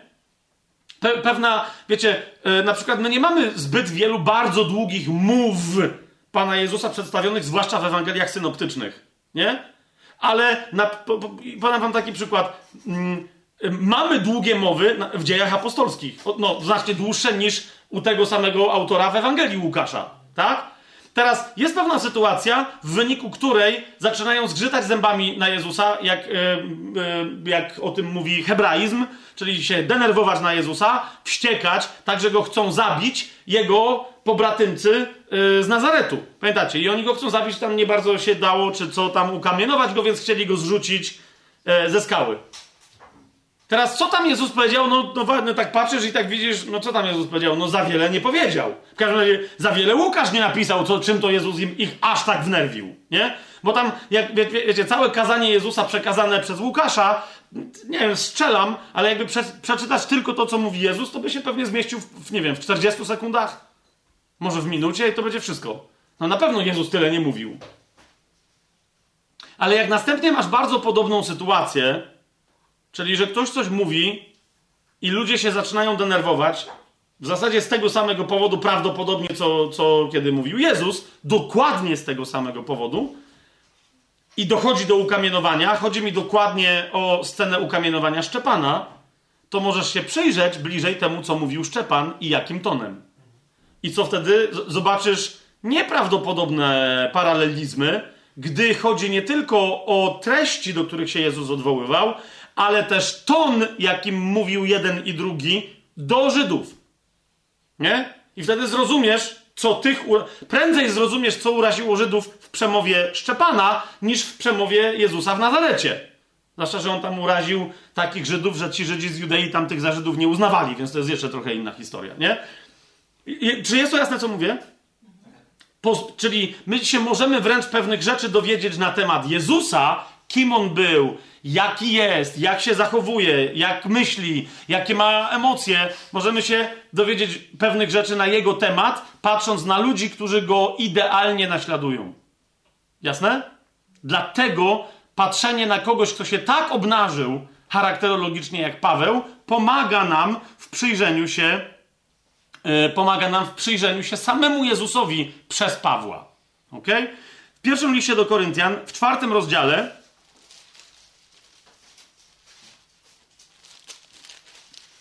pierwszym liście do Koryntian, w czwartym rozdziale, bo widzicie, zwłaszcza Paweł, nikt inny nie dostąpił takiego zaszczytu jak Paweł, żeby, żeby jego charakter, poza Jezusem oczywiście, żeby jego charakter był tak obnażony, jeszcze raz to powtórzę, nikt inny, tylko Paweł.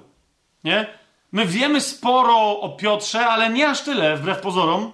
O Janie to w ogóle na pewno nie tyle i tak dalej. Nikt inny tak sam siebie nie zademonstrował tak żeby Duch Święty to, to, to, to namaścił, jak Paweł. I jednocześnie zauważcie, że prawie u nikogo innego nie znajdziemy, no, wręcz w takiej intensywności i takiej jednoznaczności jak u Pawła, to u nikogo, tylko u Jezusa znajdziemy takie zawołania, ale poza Jezusem u nikogo innego, tylko u Pawła, takiej, takiej rzekłbym, niektórzy wręcz y, wierzący nawet uważają, że to jest bezczelność, że skąd, skąd on wiedział, żeby ktoś, wiecie, powiedział, a Duch Święty, żeby to potwierdził, żeby ktoś powiedział: Mnie naśladujcie.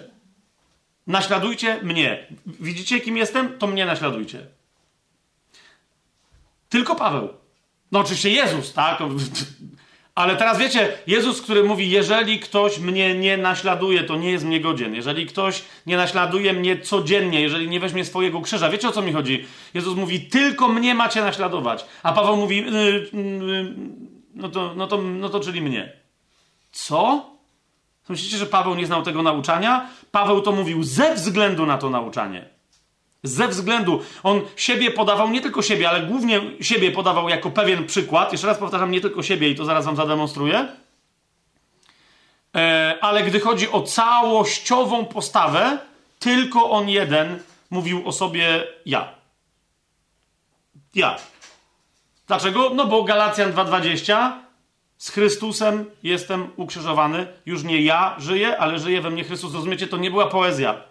To nie, to nie, było, to nie było pragnienie przez niego, pobożne życzenie wyrażone. To był fakt, który on w liście do Galacjan ujawnia. Ok? Teraz podaję, ale, ale teraz Widzicie, on pisał do Koryntian, zauważcie, pisał do Koryntian w czasie, kiedy go tam nie było i pisze do tych Koryntian, wiedząc, że wszystkim Koryntianom będzie odczytany ten list, żeby go naśladowali. I to nie raz. Wiedząc o tym, że wśród tych Koryntian są już tacy nawróceni, którzy go w ogóle nie znają, on zresztą o tym raz czy drugi wspomina, że nie wszyscy go znają w ciele. Tak zresztą to samo pisze do Rzymian, do innych. I pisze także do tych chrześcijan, którzy mu się jawnie przeciwstawiają, i on nadal mówi: Mnie naśladujcie. To teraz mam pytanie: jeżeli tak jest, to czy ty też nie jesteś Koryntianką? Czy ty też nie jesteś Koryntianinem w tym sensie, jak Paweł ci mówi, mnie naśladuj? Rozumiesz? Bo byli tam ludzie, którzy nie wiedzieli o Pawle więcej niż my dzisiaj.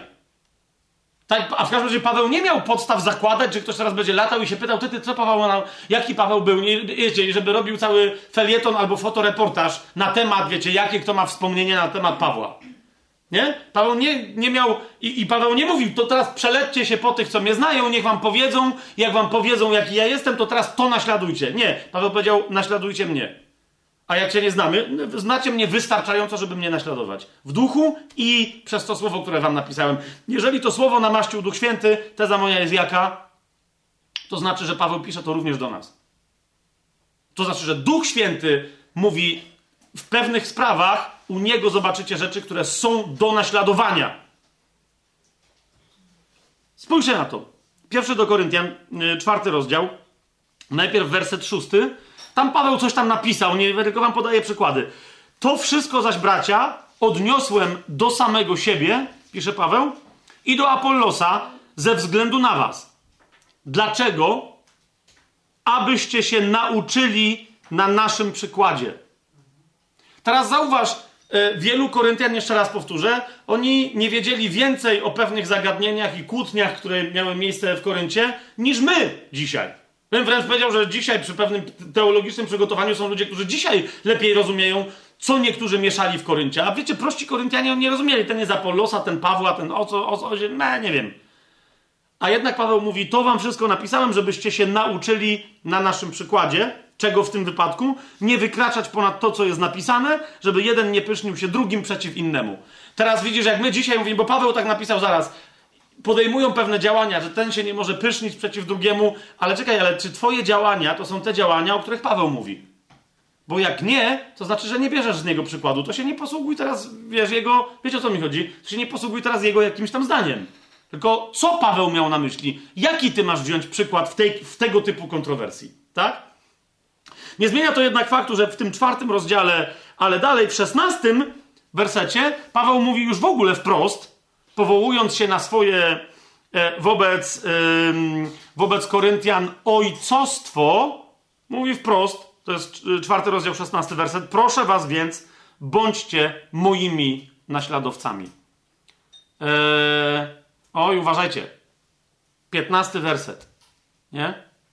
Co Paweł ma na myśli? Popatrzcie, mówi tak. Choćbyście bowiem mieli 10 tysięcy wychowawców w Chrystusie, to jednak nie macie wielu ojców. Ja bowiem przez Ewangelię zrodziłem was w Chrystusie Jezusie. Proszę was więc, czyli z tego powodu, bądźcie moimi naśladowcami. Eee, co to znaczy? Co to znaczy? To znaczy, Paweł mówi, widzisz, wychowawca to jest profesjonalista. Nie? I ty jak wysyłasz dziecko do wychowawcy, do nauczyciela czegoś, nie, powinien cię interesować charakter tej osoby, ale on nie jest kluczowy, zgodzicie się ze mną, nie? O ile pani korepetytorka od matematyki dla twojej córeczki, o ile nie jest jakaś szczególnie chamska, czy śmierdząca, czy jakaś tam jeszcze, to jakby istotne jest, czy ona umie nauczyć twoje dziecko. Zgodzicie się? Natomiast, co Paweł ma na myśli? On mówi, nie, więc nie naśladujcie mnie w mowie. Nawet nie naśladujcie mnie w uczynku. Naśladujcie mnie tak, jak dzieci naśladują swoich ojców. Rozumiesz? On nie mówi, ja, wychowawców, mi nie o to chodzi. Wy naśladujcie to, kim ja jestem, a nie to, co ja mówię, to, jak ja działam, techniki, metody ewangelizacyjne, postawy, rozwiązania w kościele. To wszystko jest fajnie, ale to wielu ludzi zna. A ja wam mówię, naśladujcie to, kim ja jestem. Przyjrzyjcie się dobrze, Koryntianie, kim ja jestem bo bez tego nie będziecie w stanie mnie tak naśladować. Nie? Tu oczywiście muszę drugą rzecz na marginesie, ale muszę to zaznaczyć, bo, bo tu jest z tym e, mnóstwo, jak widzę, kontrowersji. Bo y, chcę tylko na to zwrócić uwagę, że nie, nie wynika z tego fragmentu, że jeżeli ktoś komuś głosił Ewangelię i w wyniku tego głoszenia ktoś się nawrócił, że ta osoba, która drugiej głosiła, że jest jego rodzicem. Ok? Bo, bo, bo Paweł tu nie mówi o usłudze ewangelizacyjnej. E, Paweł absolutnie e, nie mówi tu o usłudze, nie, o usłudze ewangelizacyjnej. Jeszcze raz powtórzę, absolutnie i pod żadnym pozorem e, Paweł nie mówi tu o usłudze ewangelizacyjnej. Tak, usługa ewangelizacyjna jest pewnym początkiem, pod warunkiem, tylko apostoł może taką rzecz powiedzieć.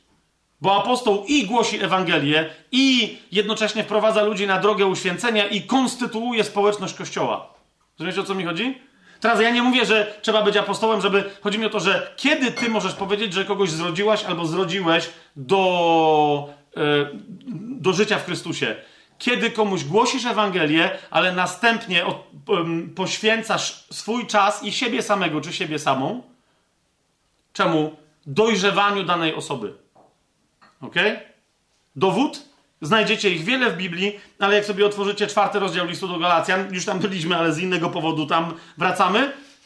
Będziemy list do Galacjan komentować, to będziemy więcej o tym mówić, ale list do Galacjan, no pamiętacie, nie jest, nie jest miły dla Galacjan.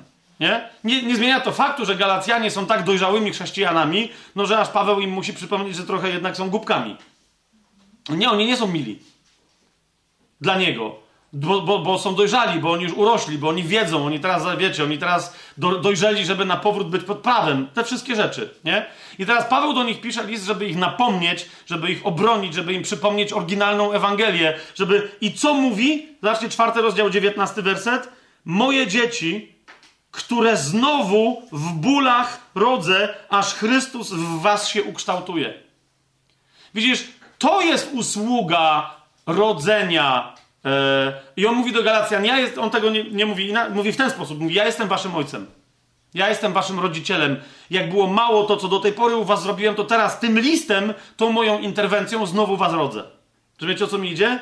Więc to nie jest e, to, człowiek, który komuś głosił Ewangelię i tyle. I ten ktoś powiedział amen, oddał życie Jezusowi, ale ewangelista poszedł dalej. Jest tylko że tak powiem, ojcem biologicznym. no wiecie o co mi chodzi, nie?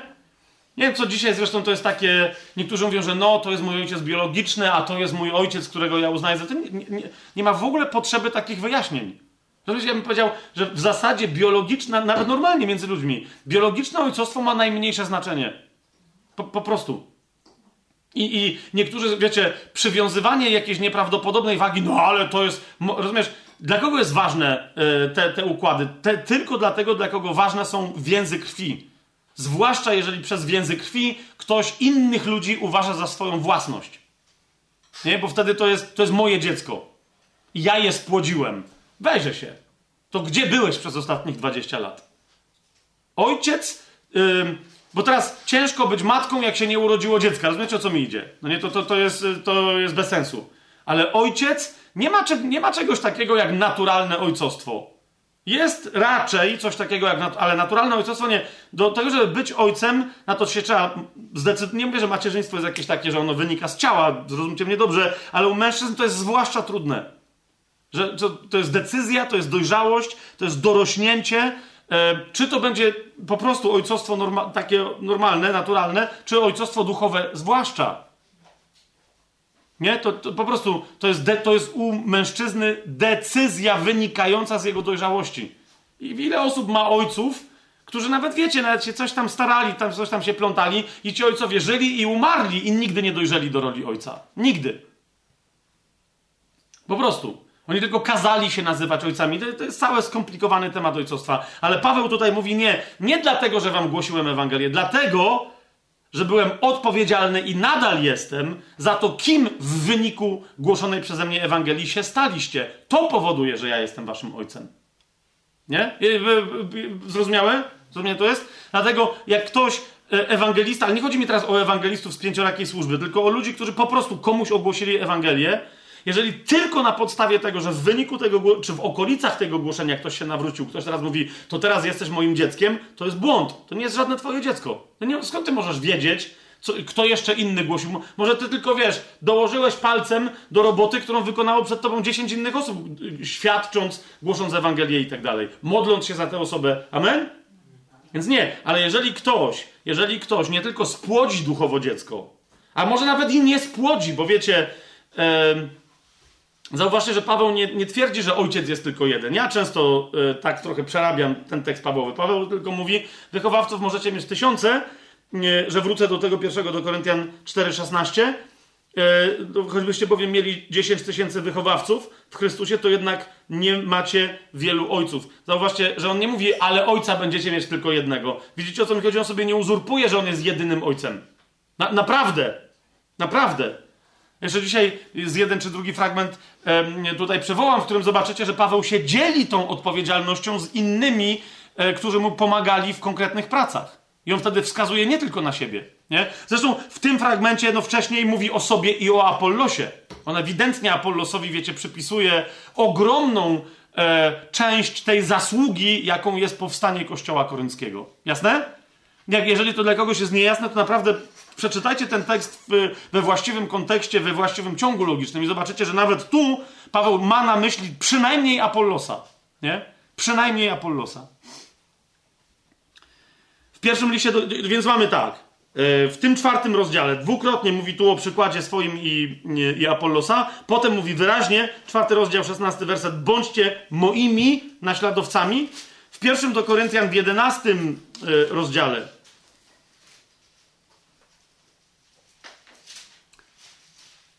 pierwszym wersecie Paweł znowu krzyczy bądźcie moimi naśladowcami, jak i ja jestem naśladowcą Chrystusa. W samym tylko liście pierwszym do Koryntian, sam fakt, że Paweł e, wobec Koryntian jest, e, to już jest, wiecie, cecha charakterologiczna jego, bardzo, bardzo wydatna i rzadka. No bo gdzie jeszcze masz w Biblii takie, takie bezczelności? Nie? Paweł mówi, ja jestem naśladowcą Chrystusa i tak jak ja go naśladuję, tak wy go naśladujcie. Jak u mnie to widzicie. E, w liście do Filipian, otwórzmy sobie list do Filipian, trzeci rozdział.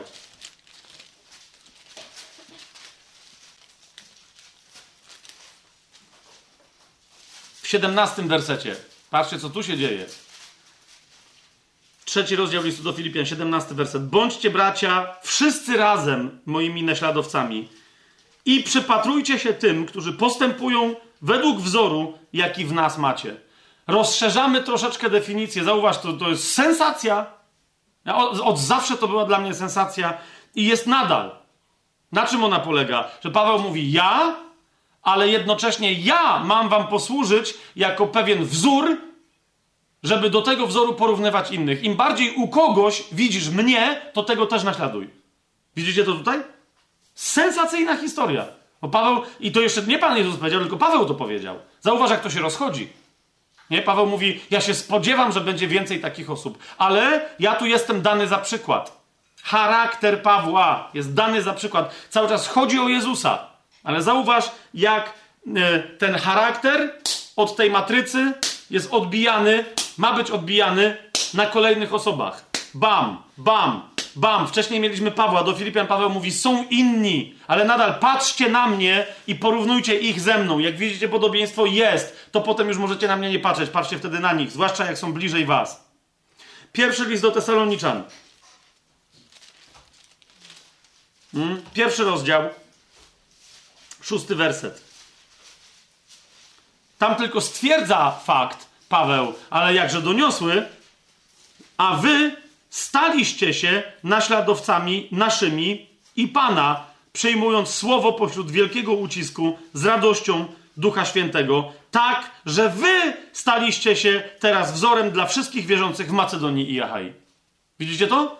Rozchodzenie się wzorca charakteru pańskiego. I tu e, Paweł wyraźnie w tym liście, e, który pisze on razem z Sylwanem i Tymoteuszem, wyraźnie on to cały ten list jest liczbą mnogą. Nie? W pierwszej osobie liczby mnogiej. My, nas. Wy staliście się naśladowcami naszymi.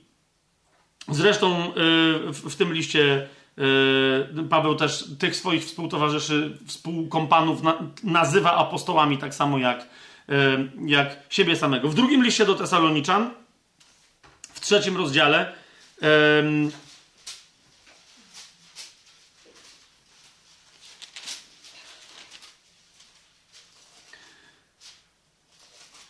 w dziewiątym wersecie, w ósmym i w dziewiątym wersecie Paweł pisze taką rzecz. U nikogo nie jedliśmy chleba za darmo, ale pracowaliśmy w trudzie i zmęczeniu, we dnie i w nocy, aby dla nikogo z was nie być ciężarem. E, no, gdyby tak było, to Paweł też gdzie nie gdzie mówi, że ale nie wszędzie on tak postępował. Poza tym nie wszyscy tak postępowali jak Paweł. Więc Paweł mówi, żeby dla nikogo z was nie być ciężarem. Ale to nie był właściwy powód. Dziewiąty werset dopiero zdradza właściwy powód. Czy Paweł w dziewiątym wersecie zdradza właściwy powód? Mówi, nie jakobyśmy nie mieli do tego prawa. Czyli nie o to chodzi, że ci, którzy by chcieli was obciążyć, usługując wam, żebyście wy ich wspomogli materialnie, to nie o to chodzi, że tak nie może być. Mówi, nie, nie o to chodzi. Lecz, uważajcie na to, żeby dać wam samych siebie za przykład do, do naśladowania. A więc Paweł mówi, uznaliśmy, że wy powinniście tacy być dla innych. Nie? E, żyć z pracy własnych rąk, nie liczyć na wsparcie innych, a wręcz pomagać pozostałym, tak jak my u was. Yy, więc przykład tego chcieliśmy wam dać. Nie tylko was nauczać, ale potem następnie brać od was. Tylko pokazać wam, jak to się robi. Jest to, jest to jasne? To jest, to jest bardzo konkretna yy, historia. List do Hebrajczyków, szósty rozdział. Powiada, yy, to jest Hebrajczyków 6, 11 i 12. Pragniemy zaś, aby każdy z Was okazywał tę samą gorliwość, żebyście mieli pełnię nadziei aż do końca.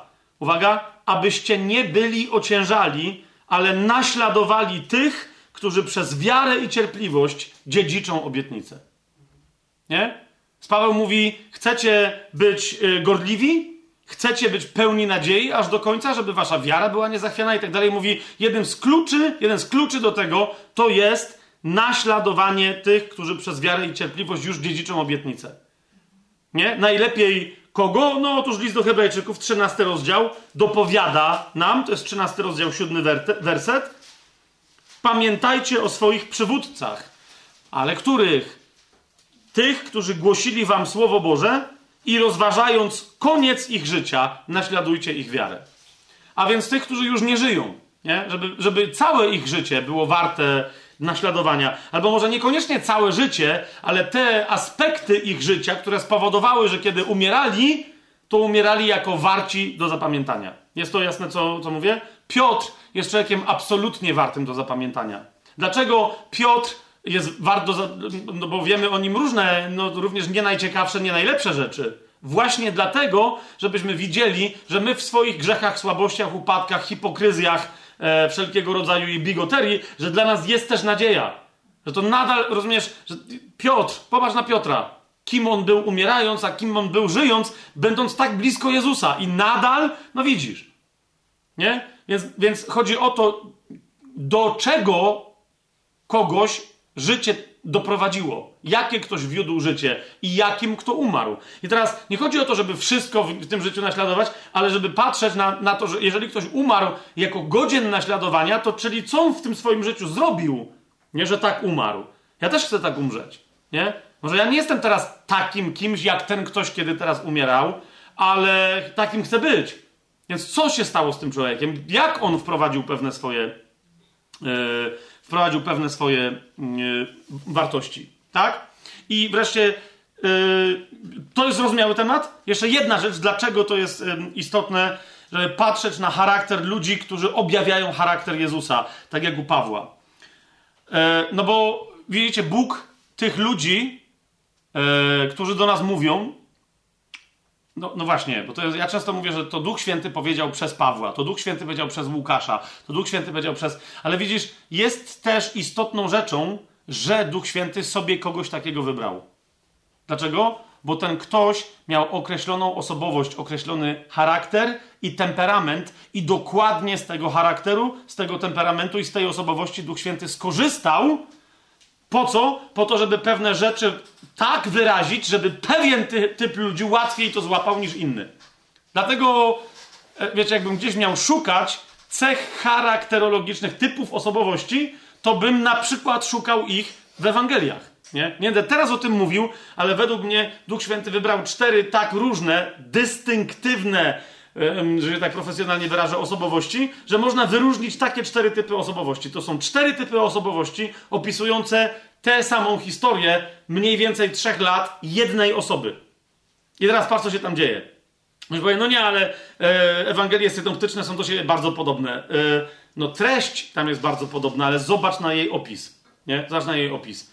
Więc wiecie, sangwinicy, flegmatycy, cholerycy, introwertycy, ekstrawertycy, te wszystkie historie, mm, ale ewidentnie, ewidentnie, zwłaszcza wśród nowonarodzonych ludzi, są typy Marków, i nie chodzi mi o nocnych Marków, tylko o Marków, są typy Łukaszy, ów, typy Janowe i typy Mateuszowe. Nie, czasem niektórzy Mateusze są aż le, lewymi, ale no wiecie o co mi chodzi. Nie? Są ewidentnie osobowościowo. I teraz mnie to nie dziwi, że są ludzie, którzy wolą Jezusa z Ewangelii Marka niż z Ewangelii Łukasza. Nie?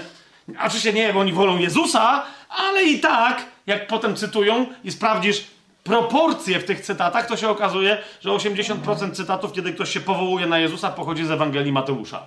Nie? A nie z pozostałych. Dlaczego? Bo ten opis osobowościowo trafia do danej osoby. Eee, osobometrycznie że tak powiem. I teraz dlatego pewne rzeczy, zwróć uwagę, są powtórzone na przykład w, liście, w listach Pawła z różnych okresów jego działalności, kiedy on był różnymi, nie że różną osobą, ale wiecie o co mi chodzi, no miał inne doświadczenie na sobie, a wręcz pewne rzeczy są wyrażone przez różnych autorów, inaczej wyraża pewne rzeczy Paweł, a zauważcie, jak inaczej wyraża dokładnie często te same rzeczy, o których pisze Paweł, Jakub po czym bierze się za to Piotr, za dokładnie te same rzeczy, bo są pewne tematy, które idą u Pawła i teraz nie dość, że sam Paweł e, ma parę tematów, do których podchodzi na trzy różne sposoby, to potem się jeszcze dokłada do tego Jakub, do tego się dokłada Piotr, do dwóch z tych tematów dokłada się Juda i niektórzy mają, a do niektórych tematów jeszcze się dokłada Jan. I teraz ktoś mówi, no ale bo... I teraz co się okazuje? Jeśli ja czasem cytuję więc, yy, no tych wszystkich autorów, a potem ktoś mi mówi, Fabian, ale wystarczyłby Jan, on jest jasny. I jednocześnie kiedyś, niedawno taką rozmowę żeśmy odbyli, yy, bo ktoś te, słuchał dokładnie tego i mówi, przestań. Przecież dobrze, że Fabian Jakuba zacytował, bo z Jana to ja w ogóle nigdy nic nie wiem. To jest taka mistyka. No i masz. Rozumiecie, o co mi chodzi? Teraz uważajcie. Yy, my jesteśmy w stanie lepiej zrozumieć samo Słowo Boże, kiedy rozumiemy charakter osoby, która do nas mówi, bo ona należy do kontekstu. Nie? Czyli kontekst stanowi sytuacja, historia, kto do kogo mówi, jakby w jakim kontekście, co się działo, czy jaka, bo to niekoniecznie jest historia, ale jaka tam jest wypowiedź, jaki jest problem poruszany, ale bardzo często to, kto mówi, kto w danym momencie ma y, słowa w ustach, nie? Nadaje charakter tej wypowiedzi taki, że zaczynasz ją najlepiej, jak to jest możliwe, rozumieć. Ja dam wam najpierw taki ogólny przykład, a potem wam zwrócę uwagę na to w Biblii. Mamy takie, e, takie zdanie. Ta zupa jest zasłona.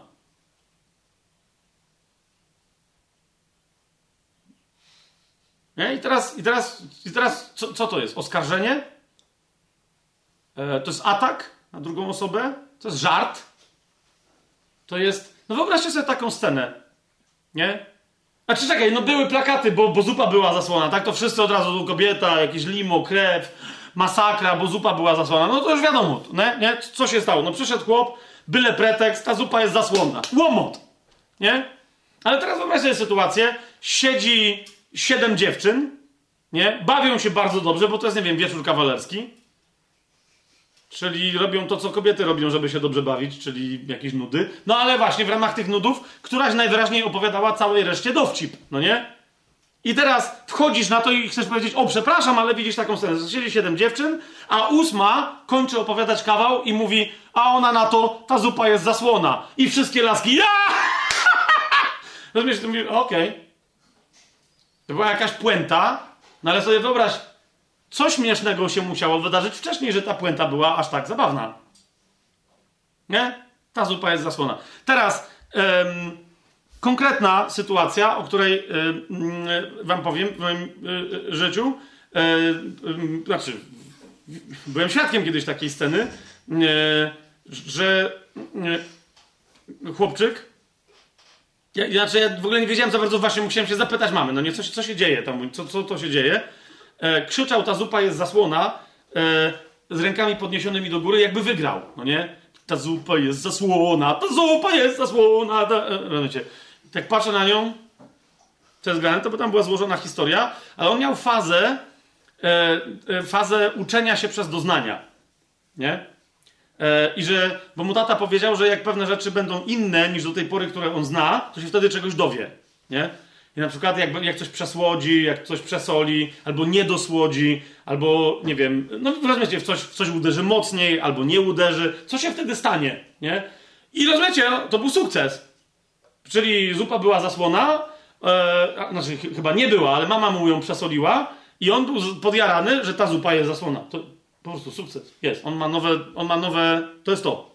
Nie? I ona, tylko nie pamiętam, czy ona tam mu dosypywała, aż on uznał, że dobra, teraz to już jest zasłonę. Ale jakby zobaczył tam jakiś zasięg, no wiecie, o, czegoś tam się nauczył. I on się jarał, to zupa jest zasłona, to, to już jest zasłona, zupa, ta zupa jest zasłona.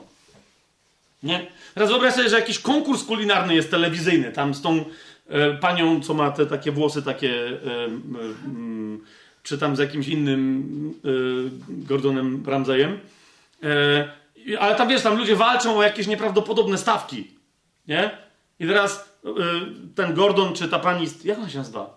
Gessler, o właśnie, przepraszam, nie chciałem, nie oglądam tych, ale tak mi się wydaje, no nie, że i teraz, no jak się musi czuć, wiesz, ty oddajesz tam zupę, no nie, bo tam o coś było i teraz ona próbuje i mówi, ta zupa jest zasłona, no i to jest, rozumiesz, znaczy to już jest koniec, wylatujesz z konkursu, w ogóle co innego jak mm, tu balans smaków, ale jak ty robisz w konkursie zupę, która jest zasłona, to jest masakra. Nikt cię więcej do pracy jako kucharza nie przyjmie. No dobra, łapiecie o co mi idzie. Czyli ty musisz widzieć osobę, jeszcze rozumieć jej charakter. Nie? Bo na przykład, gdyby to był taki y, człowiek z y, takich konkursów czy teleturniejów, e, typu, nie wiem, y, na przykład Kuba Wojewódzki, albo ten taki odpowiednik Kuby, mam talent y, w tych takich amerykańsko-angielskich, tych, y, tam jest taki surowy pan, nie pamiętam jak on się nazywa. On często ma, jak widziałem, tam mi ludzie przysyłają, że zobacz tu jakiś. I potem, jak jest ocena czyjegoś tam występu, on często ma takie, że jakby wydaje się, że kogoś gani, a potem mówi, że wręcz przeciwnie. No nie? Czyli typu mówi, że no, jak wyszłaś na scenę i otworzyłaś usta, sobie pomyślałem, o mój Boże, tylko nie śpiewaj, ale jak zaśpiewałaś, to się nawróciłem. No rozumiecie, coś takiego, no nie? I, I, teraz wyobraź sobie, że to jest dokładnie to, jest inny konkurs, nie? Czyli jakiś tam francuski kucharz, Ania ugotowała zupę i on próbuje i mówi, ta zupa jest zasłona. I z jakiegoś tajemniczego powodu jest 100 razy lepsza od najlepszej zupy tej, tego rodzaju, jaką ja robiłem. Od tej pory będę robić tą zupę zasłoną, bo to jest... Rozumiesz? Nagle jest wow! Cały świat chce się dowiedzieć, daj recepturę, jak zrobić, żeby ta zupa była zasłona, no nie?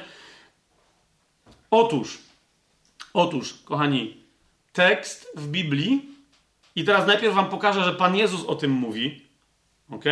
A potem podam wam jeden z przykładów, jak można kompletnie w ogóle nie wiedzieć, co się dzieje w tekście, w momencie, kiedy nie rozumiesz, kto i z jakim charakterem ten ktoś jest, w jakim charakterze, który ma, mówi rzeczy, które mówi. Nie? Pan Jezus nam zwraca na to uwagę.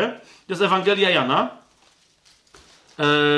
piąty rozdział, Y, no jasne, że tam na wiele rzeczy zwraca uwagę w tym, w tym, w tym jednym fragmencie, ale między innymi na to, o czym teraz mówię. To jest piąty rozdział, 39 i 40 werset. Nie? Pan Jezus tam mówi tak. Badajcie pisma. Sądzicie bowiem, że w nich macie życie wieczne. A one dają świadectwo o mnie. A jednak nie chcecie przyjść do mnie, aby mieć życie. Teraz zauważ, co to oznacza. Stoi przed nimi żywy Jezus, kon konkretna osoba w konkretnym ciele, ko z konkretnym charakterem. Rozumiecie, co jest, co jest grane? I on mówi, a wy nadal twierdzicie, że mnie widzicie. Gdybyście widzieli w piśmie to, co pismo naprawdę pokazuje, to byście mnie zobaczyli. ale najwyraźniej nie mnie szukacie w tym piśmie, skoro mnie nie rozpoznajecie na podstawie pisma, które, jak twierdzicie, badacie. Czy to jest jasne, co, co mówię? Nie? Że znacie słowa, ale przez te słowa nie zobaczyliście osoby i dlatego mnie nie rozpoznajecie. Badajcie pisma, sądzicie bowiem, że w nich macie życie wieczne, a one dają świadectwo o mnie. A jednak nie chcecie przyjść do mnie, aby mieć życie. To jest często coś, co robią chrześcijanie. Słuchajcie, mają pewną religię, którą rozumieją, że jest chrześcijaństwem, i potem nie interesuje ich, czy aby na pewno to jest coś, co Jezus miał na myśli, kiedy to powiedział, czy aby na pewno to jest coś, co Paweł miał na myśli, kiedy coś przepisał, e, wskazał, że, że ma być stosowane, i tak dalej, i tak dalej. Oni wiedzą, nie? Jednym z takich przykładów, żeby być w drugim liście do Koryntian, Yy, właśnie takiej wypowiedzi, ponieważ mm, ten list jest bardzo osobistą wypowiedzią Pawła i my to bardzo musimy rozumieć, to w nim jest mnóstwo takich, takich pierwszy list do Koryntian też.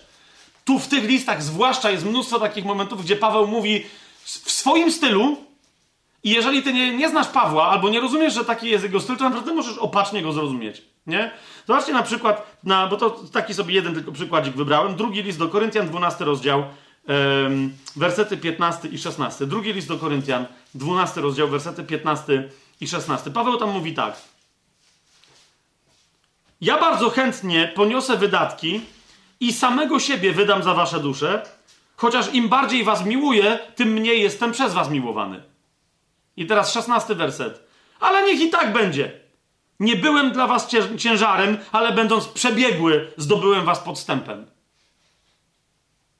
No i teraz widzicie, yy, ze względu na to, co Paweł też pisze w jednym miejscu w pierwszym liście do Koryntian, gdzie Paweł mówi, że stałem się wszystkim dla wszystkich i tak dalej, osobiście słyszałem nauczanie, w ramach którego ktoś mówił, że należy postępować tak jak Paweł, a więc być podstępnym wobec ludzi, udawać, że się jest takim jak oni, żeby ich podstępem wciągnąć do kościoła, żeby ich podstępem e, przyciągnąć do Chrystusa i przekonać do dobrej nowiny. Nie? I teraz jednym z uzasadnień był dokładnie ten fragment e, i drugi fragment, czyli pierwszy list do Koryntian, rozdział dziewiąty.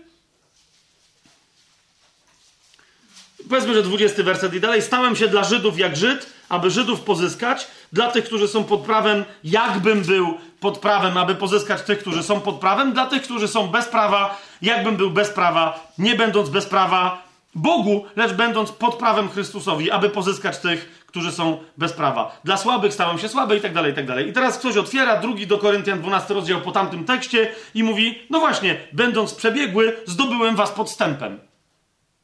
Serio?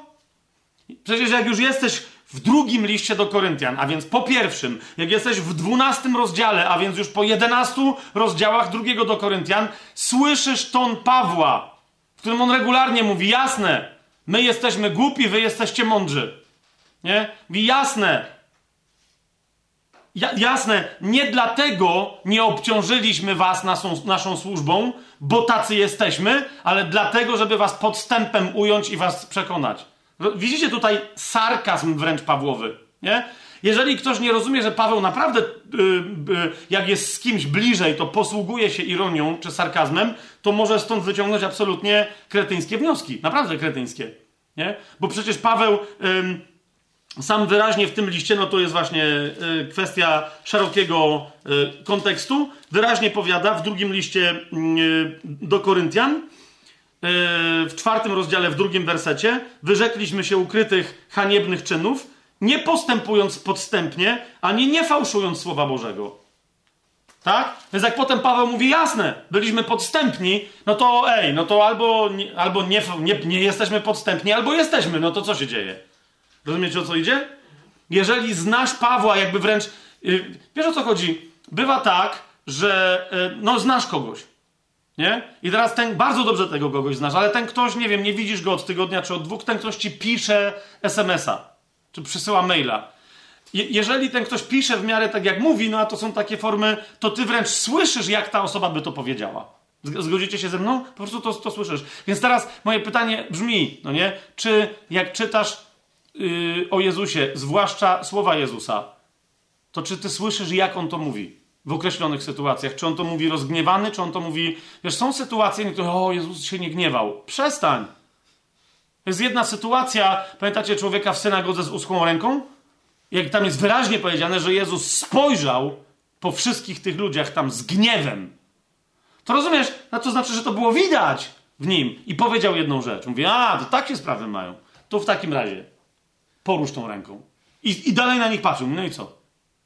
Wyskoczy ktoś na solu? Rozumiesz? I teraz ja, ja, może się mylę, jak to sobie tak wyobrażam, bo nie do końca to sobie tak wyobrażam, ale bardzo podobnie. Nie? No zaraz mam, ktoś się poczuł urażony w uczuciach swoich religijnych, no ale pytam się, no ale, ale nie, nie jest Jezus taki? Kiedyś pamiętam, jeszcze jak byłem e, księdzem, bardzo, bardzo dawno temu i jakaś e, tam, e, to był redaktor chyba z, chyba z Małego Gościa Niedzielnego. Nie chcę teraz nikogo tam obrażać, ale chodzi mi o to, że to było, wiecie, to było, e, to było pismo jakieś takie katolickie, dosyć takie dostępne gazeta, dla, ale dla dzieci, no nie? Więc wydaje mi się, że to był Mały Gość Niedzielny. I pamiętam, że jakiś tam wywiad tam miał się ze mną odbyć, bo to jakby ciekawa postać, ale jemu tam chodziło o to, że trochę ja za ostrego Jezusa głoszę, że to jest moja interpretacja, nie? I doszło do takiej wymiany zdań. Ten, ten, ten, ten, ten dziennikarz mi mówi, no, no dobrze, mówi, ale jak, ja, ja rozumiem, że Jezus czasem był e, agresywny, nie? I mówi, no ale czy, czy mógłbyś pokazać chociaż trzy miejsca, takie, w których widać Jezusa, tą, tą agresję Jezusa, nawet dobrze rozumianą, nie? że Jezus jest takim twardzielem, jak mówisz, że jest. I właśnie popatrzyłem na niego i mówię, bo widzisz, jakbym poszedł w tą stronę i podałbym mu te trzy przykłady, to on by był, no to są trzy przykłady. Ale poza tym Jezusek jest hipisem, yy, chodzi w albie i rozdaje komunię. Wiesz, o co mi chodzi. No jest, jest po prostu. I ma długie włosy, i ma brodę, i jest uśmiech. No wiecie, jak Jezus na tych takich obrazkach katolickich, zwłaszcza dziecięcych. No nie jakiś taki z palmą, z gołębiem, z czymś tam. Taki, nie? I dlatego ja mu wtedy odpowiedziałem, mówię, posłuchaj, zróbmy inaczej. Załóżmy się, ok? Że, że otworzysz Biblię wielokrotnie i nigdy nie znajdziesz na otwartej Biblii na dwóch stronach, nie znajdziesz w Ewangeliach, nie znajdziesz takiej sytuacji, żeby, żeby przez dwie strony pod rząd Jezus nie był opisany jako agresywny. Więc załóż się ze mną. Nie? Jak znajdziesz takie, możesz jechać do domu, więc dowolne wydanie, tysiąclatkę, cokolwiek, dowolną Biblię z małymi, z dużymi stronami, z czymkolwiek, no nie? Znajdź mi trzy takie miejsca w Ewangeliach, że jak otworzysz i będziesz mieć dwie strony obok siebie, żeby znajdź mi trzy takie miejsca, że tam nie ma opisanego agresywnego Jezusa. Nie? I on był taki nagle, wiecie, nagle mu się, nagle mu się uruchomiło, zaczęło mu się przypominać. Mówi, okej, okay, no może to było rzeczy, ale ukrzyżowanie. No mówię, no, no nie wiem, jak ty to postrzegasz, nie? Ale Jezus dochodząc na samą Golgotę, nie? Kobiety nad nim płaczą. Ja nie wiem, to jest, to jest wręcz niemiła wypowiedź, zwłaszcza jak na kazańca, na skazańca, który, nad którym kobiety się litują i tam płaczą, przecież nikt im nie płacił za to, a na wschodzie bliskim się raczej za to płaciło, tak? Więc są płaczki, tam rycą, a on do nich mówi, co wy robicie? Nie płaczcie nade mną, ale nad sobą i nad waszymi dziećmi, bo jeżeli to robią z drzewem żywym, to co się stanie z suchym? No masz! Rozumiesz, że te kobiety tam nagle... Co? Co? No co za bezczelność? To my tu płaczemy nad chłopem, a on się jeszcze nam odgraża. Zobacz, co Jezus na krzyżu robi.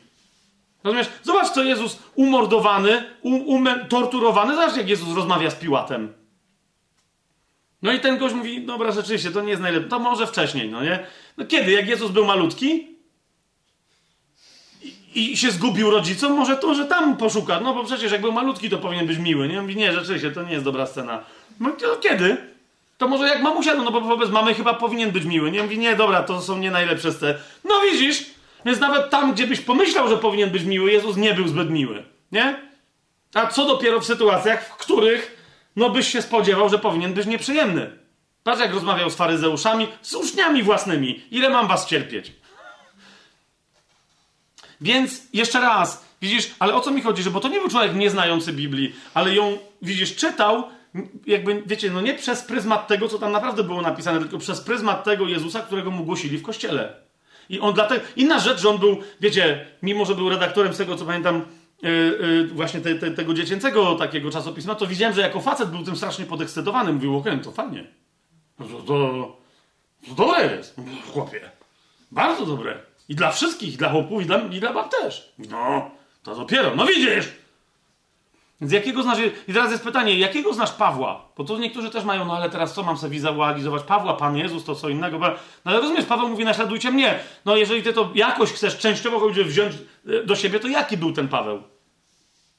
Nie? Jaki był ten Paweł? Jak on dbał o swój wygląd na przykład? Jak on naśladował? A Jezus dbał czy nie dbał? No bo, bo, bo jest wiele na ten temat fragmentów, które sugerują, jak się Jezus zachowywał, nie? Lubił ludzi, nie lubił, dużo czytał, mało czytał, uczył się, z czego się uczył się, nie uczył, chodził jak głupek. Jak mówił? Dlaczego mówił tak jak... Rozumiesz? To jest to, jak brzmiał Paweł.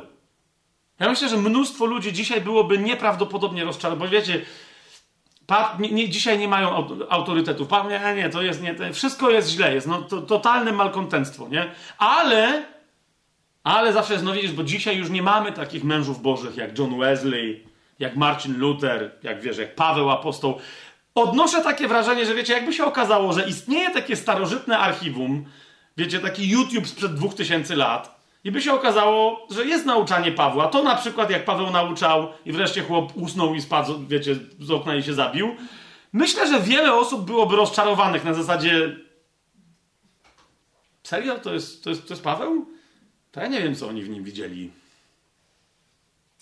Rozumiesz, jak Paweł do końca życia, ja mam to, zaraz pójdziemy dalej, ale Paweł do końca życia, rozumiesz o co chodzi? Paweł do końca życia, wyobraź sobie, jak to jest możliwe, miał otwartą w kościele opozycję składającą się z fałszywych braci oraz z braci prawdziwych, ale którzy robili za pożytecznych idiotów, jakby KGB to nazwało. Którzy myśleli, że o, tamci mają rację, że miał otwartą, publiczną opozycję w kościele. Czyli oni w nim nic nie widzieli. Absolutnie nic. Byli ludzie, którzy głosili Ewangelię po to, jak Paweł był uwięziony i miał stawać przed cesarzem, głosili Ewangelię, żeby mu dowalić.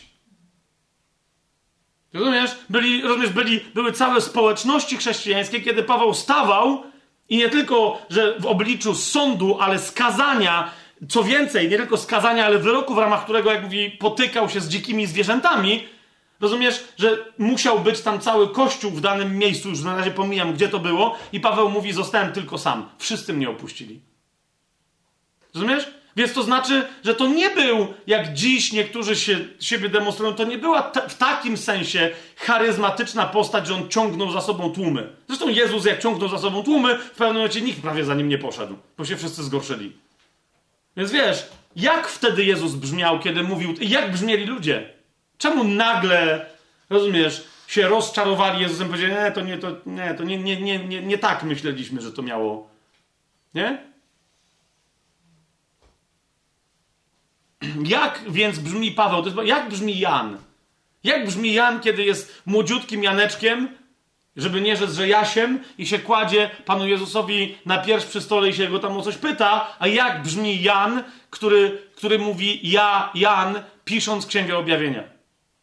Bo to jest starzec, rozumiesz? To jest doświad, to jest jedna z najmądrzejszych wtedy osób w całym kościele, w całym ciele Chrystusa. Jedna z ostatnich, jeżeli nie ostatnia, która znała cieleśnie Jezusa. Jak on brzmi? Jak ci brzmi ten Jan, kiedy on pisze pierwszy, drugi i trzeci list? Nie? Co, jeżeli drugi list Jana jest naprawdę pisany do konkretnej kobiety, a nie do kościoła? Nie? I on, to, on ci na, na, na, pewno wtedy brzmi jako wypowiedź o, bo, o, taka napuszona, jak, jak wiesz, katolicki lektor nam przy w kościele o siódmej rano w piątek. Czy też brzmi ci jak list pełen miłości do tej kobiety, synowskiej albo może jeszcze jakiejś innej. Rozumiesz? Albo ojcowskiej. Umiłowana pani. Eee, zauważ, to jest tylko pierwszy aspekt a więc ze względu na poznanie Pana mamy znać e, charakter ludzi, przez których Duch Święty mówi do nas w Piśmie Świętym, bo w tym charakterze jakoś wyraża się, a często naprawdę doskonale wyraża się charakter samego Pana Jezusa. Jak on ma być nam, na nas odciśnięty, jak ten charakter ma być dla nas wzorem, do którego porównujemy, przykładamy charaktery innych ludzi, którzy mówią, hej, mnie też naśladujcie, to my musimy wiedzieć, znać ten charakter jako charakter osób a nie charakter wypowiedzi. Czy to jest jasne? Dwa. Powiedziałem, że ze względu na walkę, jaką mamy do stoczenia, potrzebujemy e, rozumieć, kim jest człowiek, który do nas mówi, kim jest ktoś taki jak Paweł, czy kim jest Jezus jako człowiek funkcjonujący na ziemi i postrzegany przez innych ludzi jako tak bardzo ludzki, że trudno im było w nim rozpoznać Boga. Zwłaszcza, no ja powiedziałem, że no ze względu na walkę, jaką mamy do stoczenia. Niektórzy mogą zapytać, ale jaką my mamy walkę do stoczenia, nie? No walkę, którą mamy do stoczenia. I teraz powiem to, co powiem, żeby was zainspirować i żebyście zaczęli myśleć. Ze względu na walkę, którą musimy stoczyć z ciałem i krwią. A konkretniej rzecz ujmując, z krwią i ciałem. List do Efezjan. Rozdział 6, 12. List do Efezjan 6, 12. Ktoś powie, zaraz przecież Paweł napisał, nie toczymy walki przeciw krwi i ciału, ale przeciw zwierzchnościom, przeciw władzom, przeciw rządcom ciemności tego świata, przeciw duchowemu złu na wyżynach niebieskich. No to co to, Paweł, gadasz, że nie toczymy walki przeciw krwi i ciału. Zwracam wam uwagę na inwersję. Hmm? Paweł tu nie mówi ciało i krew, ale mówi krew i ciało. Nie da się teraz w to w ogóle wdawać, ale tu Paweł mówi najprościej: nie toczymy walki przeciwko innym ludziom żyjącym nadal w tych ciałach na zasadzie życiowej krwi, według której żyją te ciała, ale toczymy walkę duchową przeciwko duchom wszelkiego rodzaju. Natomiast, uważajcie teraz na to, co ja powiem. To, że nie toczymy walki przeciw innym ludziom, przeciwko krwi i ciału, nie oznacza, że nie toczymy walki przeciw ciału swojemu własnemu. A więc nie toczymy walki przeciwko innym ludziom, ale toczymy walkę przeciwko sobie. Teraz pytanie brzmi, co? Jak to, co? Jak to przeciwko sobie? Przecież my już jesteśmy nowym stworzeniem, co? No musimy się temu przyjrzeć bliżej, tak? Czyli nie toczymy walki przeciwko krwi i ciału, ale jesteśmy zobowiązani do wejścia w walkę zwycięską przeciwko ciału. Zacznijmy od pierwszego listu Jana, drugiego rozdziału tego listu, wersetu 15 i 16. O tym konflikcie jawnym, który, którego polem rozgrywki, polem bitwy jest nasze ciało i nasza dusza. Jan pisze tak. Z 1 Jana 2, 15, 16. Nie miłujcie świata, ani tego, co jest na świecie. Jeżeli ktoś miłuje świat, nie ma w nim miłości Ojca.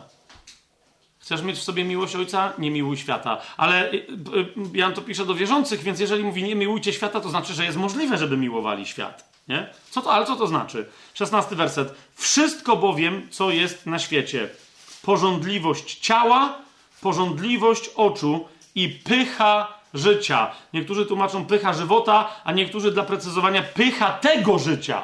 Chodzi o życie biologiczne, o życie zmysłowe, życie psychiczne. Nie? Nie o życie wieczne.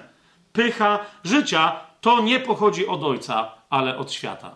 Ciało, to czego ciało, czego my zmysłowo pożądamy, oraz przywiązanie się do biologicznego życia. Okay?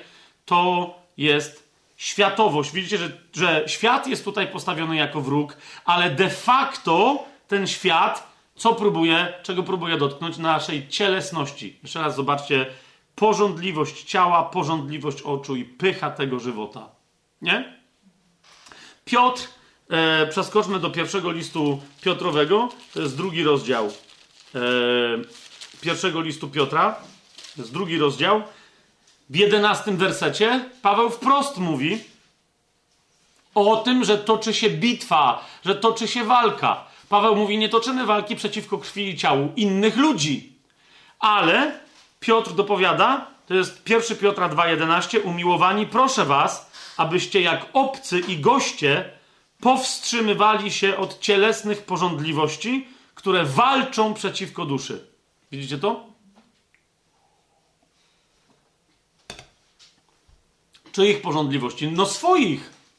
To znaczy, że mam w sobie moje ciało, ma tendencje porządliwe, i jeżeli one dojdą do głosu, to one zaczynają walczyć przeciwko mojej duszy. Czemu? Bo dusza ma już żyć według tego, co duchowe.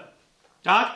Ale jeżeli, jeżeli pozwolę się podnieść pożądaniom cielesnym, no to wtedy y, doprowadzam do tej walki. Teraz ta walka ma być przeze mnie zakończona przy pomocy ducha. Walka o duszę. Jasne? Jakby ktoś miał wątpliwość, Paweł w liście, ale nie do, Hebra do, do, nie do y, Efezjan, tylko w liście do Galacjan, pisze w piątym rozdziale, w szesnastym i siedemnastym wersecie, mówię więc, postępujcie w duchu, a nie spełnicie pożądania ciała. Ciało bowiem pożąda na przekór duchowi, a duch na przekór ciału. Są one sobie przeciwne, także nie możecie czynić tego, co chcecie. Sęk w tym, że e, ośrodek decyzyjny, czyli serce, należny jest, przynależny do tego, czego Biblia nazywa duszą, podobnie jak umysł, e, emocje itd., tak itd. Tak Zatem, e, co to znaczy nie możecie wy robić tego, co chcecie? Bo ty, jako nowonarodzona osoba, albo robisz to, czego chce duch, tylko musi się twoja dusza, twoje serce na to zdecydować, albo robisz to, co chce ciało i wtedy to jest decyzja twojego serca, uważaj, bo nowonarodzone serce nadal przynależy do duszy, nie do sanktuarium ducha. Tak? O tym będziemy więcej mówić kiedy indziej. Ale to oznacza, że twoje decyzje mogą być na przekór duchowi. Wtedy zasmucasz Ducha Świętego. Wtedy gasisz Ducha Świętego, a twoje ciało zaczyna podnosić się na powrót właśnie przeciwko duchowi. W liście do Rzymian, w ósmym rozdziale, Paweł, w liście do Rzymian w ósmym rozdziale, Paweł mówi e, następującą rzecz. Od 12 wersetu. No w zasadzie 12-13. Tak więc, bracia, jesteśmy dłużnikami, ale nie ciała, abyśmy mieli żyć e, według ciała. Jeżeli bowiem żyjecie według ciała, umrzecie. To jest tylko tyle, bo ciało tam zmierza. Tu nie ma żadnego innego kierunku, żadnej innej destynacji. Ale jeżeli duchem uśmiercacie uczynki ciała, będziecie żyć. Aha! Widzisz, walka toczy się przeciwko porządliwości ciała i jest to walka dosłownie na śmierć i życie. Na życie wieczne, a na śmierć tego, co cielesne. I Paweł wyraźnie mówi, jeszcze raz powtórzę, jeżeli duchem uśmiercacie uczynki ciała, będziecie żyć. I naprawdę nie jest to jakaś metafora, e, poezja, tego typu rzeczy. Jak sobie otworzymy list do Kolosan, list do Kolosan, trzeci rozdział, jak sądzę, to w tym trzecim rozdziale od piątego wersetu Paweł pisze tak. List do Kolosan, trzeci rozdział od piątego wersetu. Umartwiajcie więc wasze członki, które są na ziemi. Hmm? Kolejna interesująca e, e, teza, którą Paweł tu stawia i której nawet nie broni, bo ona nie jest hipotezą, mianowicie, że chodzi dokładnie o ciało, chociaż my cali nie jesteśmy tylko na ziemi, tak? Bo my w duchu się też gdzie indziej znajdujemy. Ale duch jest przez duszę związany z ciałem. To jest trzeci rozdział listu do Kolasan, piąty werset. Umartwiajcie więc wasze członki, które są na ziemi. Nierząd, nieczystość, namiętność, złe rządze, chciwość, która jest bałwochwalstwem, z powodu których przychodzi gniew Boży na synów nieposłuszeństwa. I wy niegdyś tak postępowaliście, gdy żyliście w nich. Lecz teraz i wy odrzućcie to wszystko. Gniew, zapalczywość, złośliwość, bluźnierstwo i nieprzyzwoite słowa z waszych ust. Nie okłamujcie się wzajemnie. I teraz uwaga, ta walka między duchem a ciałem jest tu przez Pawła nazwana jeszcze inną, e, czy określona inną alegorią. Mianowicie Paweł mówi: Skoro zrzuciliście z siebie starego człowieka z jego uczynkami, a przyodzialiście się w nowego, który się odnawia w poznaniu na obraz tego, który go stworzył. Otóż, kochani, otóż, kochani, kiedy czytamy Biblię, dlaczego potrzebujemy zwrócić uwagę na charakter ludzi, którzy są, na, są nam wskazani jako wzory? Dlaczego? Ponieważ zwycięstwo nowego człowieka w walce ze starym, zwycięstwo mojego nowonarodzonego ducha w walce z ciałem, które należy do prawa grzechu i śmierci, to zwycięstwo zawsze wyraża się a więc jest dowiedzione w zmianie charakteru. Tylko i wyłącznie w zmianie charakteru. Charakter bowiem to jest to, e, czym dusza zaczyna żyć nawykowo. To jest charakter. ok? To jest coś, co widzi, to, to jest pewien wzorzec, według którego wiesz, że dana osoba będzie postępować. Częściowo jest to kwestia temperamentu, ale temperament raczej reaguje na pewne rzeczy. Natomiast w momencie, kiedy, kiedy y, istnieje choćby minimalna przestrzeń na refleksję, to charakter decyduje o tym, jak człowiek będzie w ogóle decydować. Czy to jest jasne, co teraz powiedziałem, czy nie szczególnie? A zatem, a zatem, ha, i teraz widzisz, o co chodzi, że my jako nowonarodzona osoba rodzimy się gdzie? W duchu. Więc najbardziej, w najbardziej niewidzialnym miejscu siebie, czyli w środku siebie. Najbardziej widzialne nasze jestestwo, z którego mamy się pozbyć, jest najbardziej na zewnątrz. Tak? Jest najbardziej na zewnątrz. dlatego stary człowiek, ten, który musi umrzeć, to, ten, z którym musimy walczyć, jest też nazywany człowiekiem cielesnym, bo jest bardzo mocno przede wszystkim związany dokładnie z tym, co widać na zewnątrz, z ciałem i z tym wszystkim, co jest widzialne. Pamiętajcie o tej dychotomii. Stare i nowe. Stare jest cielesne, nowe jest duchowe. Stare jest duszewne także, no bo dusza jest zmysłowa. Nowe jest duchowe albo też sercowe, ale w przemienieniu. Tak? Stare jest materialne, nowe jest niematerialne. Stare jest widzialne, nowe jest niewidzialne. Stare jest śmiertelne, nowe będzie żyć wiecznie i tak dalej. Tak, rozumiecie o czym mówię? Ta dychotomia ma miejsce tylko i wyłącznie do czasu, kiedy zmartwychwstaniemy, ponieważ wtedy doświadczymy kompletnej jedności wszystkiego w nas. Tak? Kompletnego zjednoczenia, kompletnej, przewidzianej dla nas przez Pana pełni. Tu sobie zapisałem to w ten sposób. A, a i teraz o co chodzi? E, bo to jest bardzo ważne. Dlaczego charakter? Bo widzisz, ludzie myślą, że walka wewnętrznego człowieka, staranie się o wewnętrznego człowieka, zaraz jeszcze wam zacytuję pewnego klasyka, yy, który wyraził to lepiej niż ja tu przy jakimkolwiek wysiłku jestem w stanie. Otóż yy, o co chodzi? Że, że, że, ludzie sobie wyobrażają, że trzeba o to, żeby dokarmiać duchowego człowieka i robić tylko rzeczy, które są duchowe i zajmować się tylko i wyłącznie duchowością. A ciało, no cóż, ciało trzeba tolerować i jakoś dotrzeć z nim do śmierci. Nie. Śmierć ciała, śmierć tego, co cielesne, wyraża się nie pasywnie, ale aktywnie. Nie tym, że ciało czegoś nie robi, ale tym, że ciało coś robi. Co? Coś, co jest przeciwne jego istocie. Ok? Jakie są uczynki ciała? Paweł w wielu miejscach, nawet w tym liście do Kolosan, e, Paweł mówi wyraźnie, tak? Uczynki, wa, y, y, umartwiajcie wasze członki, które są na ziemi, jak?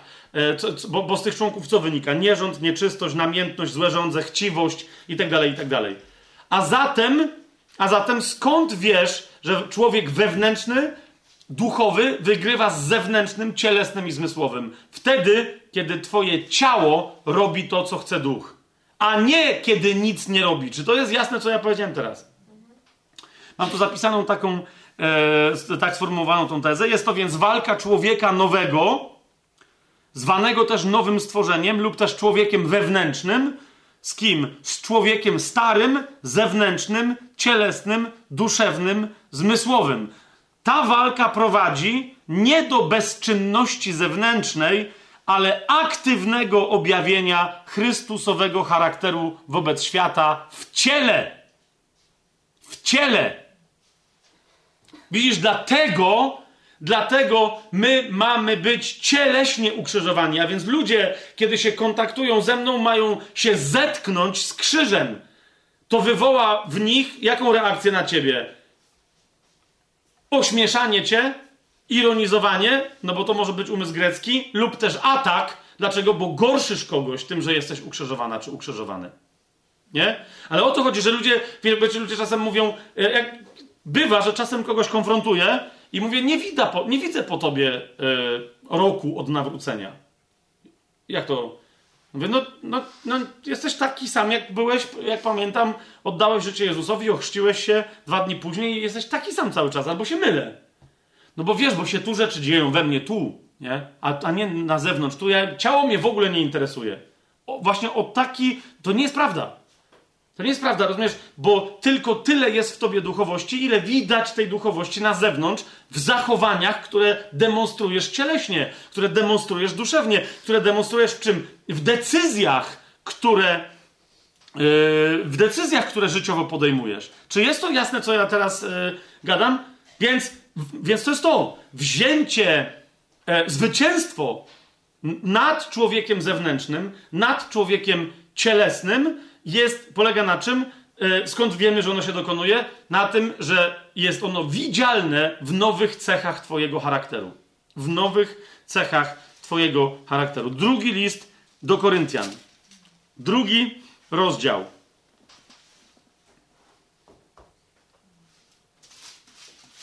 Werset 14 i 15. Zobaczcie, jak o tym mówi. Dzięki Bogu, który nam zawsze daje zwycięstwo w Chrystusie,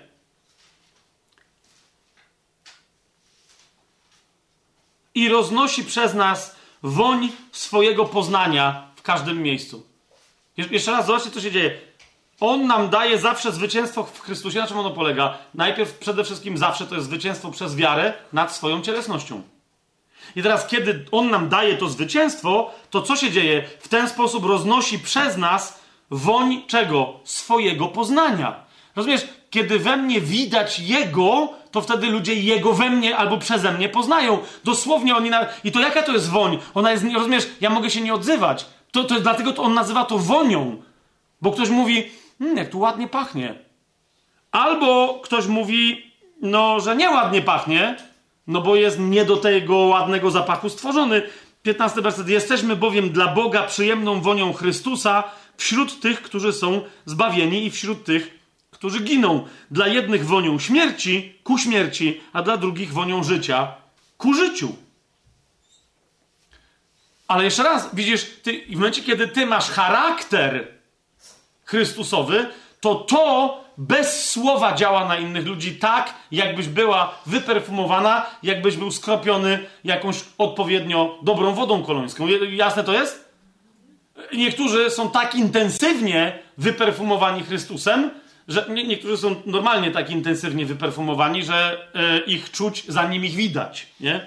E, miałem paru takich znajomych, wykładowców zwłaszcza, Yy, nie, no nie powiem gdzie to, kiedy to było, ale tak, ale tak było, no nie? Że myśmy wiedzieli, że, e, że gość się zbliża, bo najpierw było go czuć. No, zwłaszcza, że on miał zwyczaj, że zanim wchodził do sali wykładowej, to jeszcze przed drzwiami tam z kimś coś tam załatwiał, no nie? Że, bo, bo on miał tam mnóstwo asystentek i asystentów, i, więc stał pod drzwiami, a tam wszyscy hałasowali, ale wiedzieli, o, hmm, chyba czas się uciszyć, no nie? Bo bo nasz Belfer przychodzi. Więc, więc to jest to. to. To, jest nasz e, charakter. W liście do Rzymian, zwróćcie uwagę, 13 rozdział, o czym rzesz mówi, jeżeli właśnie nie o tym, bo widzisz, twój wewnętrzny człowiek ma tak się w tobie rozrosnąć, żeby się zamienił wręcz w twoje zewnętrzne, wierzchnie odzienie. Paweł mówi, to ma, rozumiesz, to ma się z ciebie rozlać. Twój duch ma zacząć przemieniać Twoją duszę.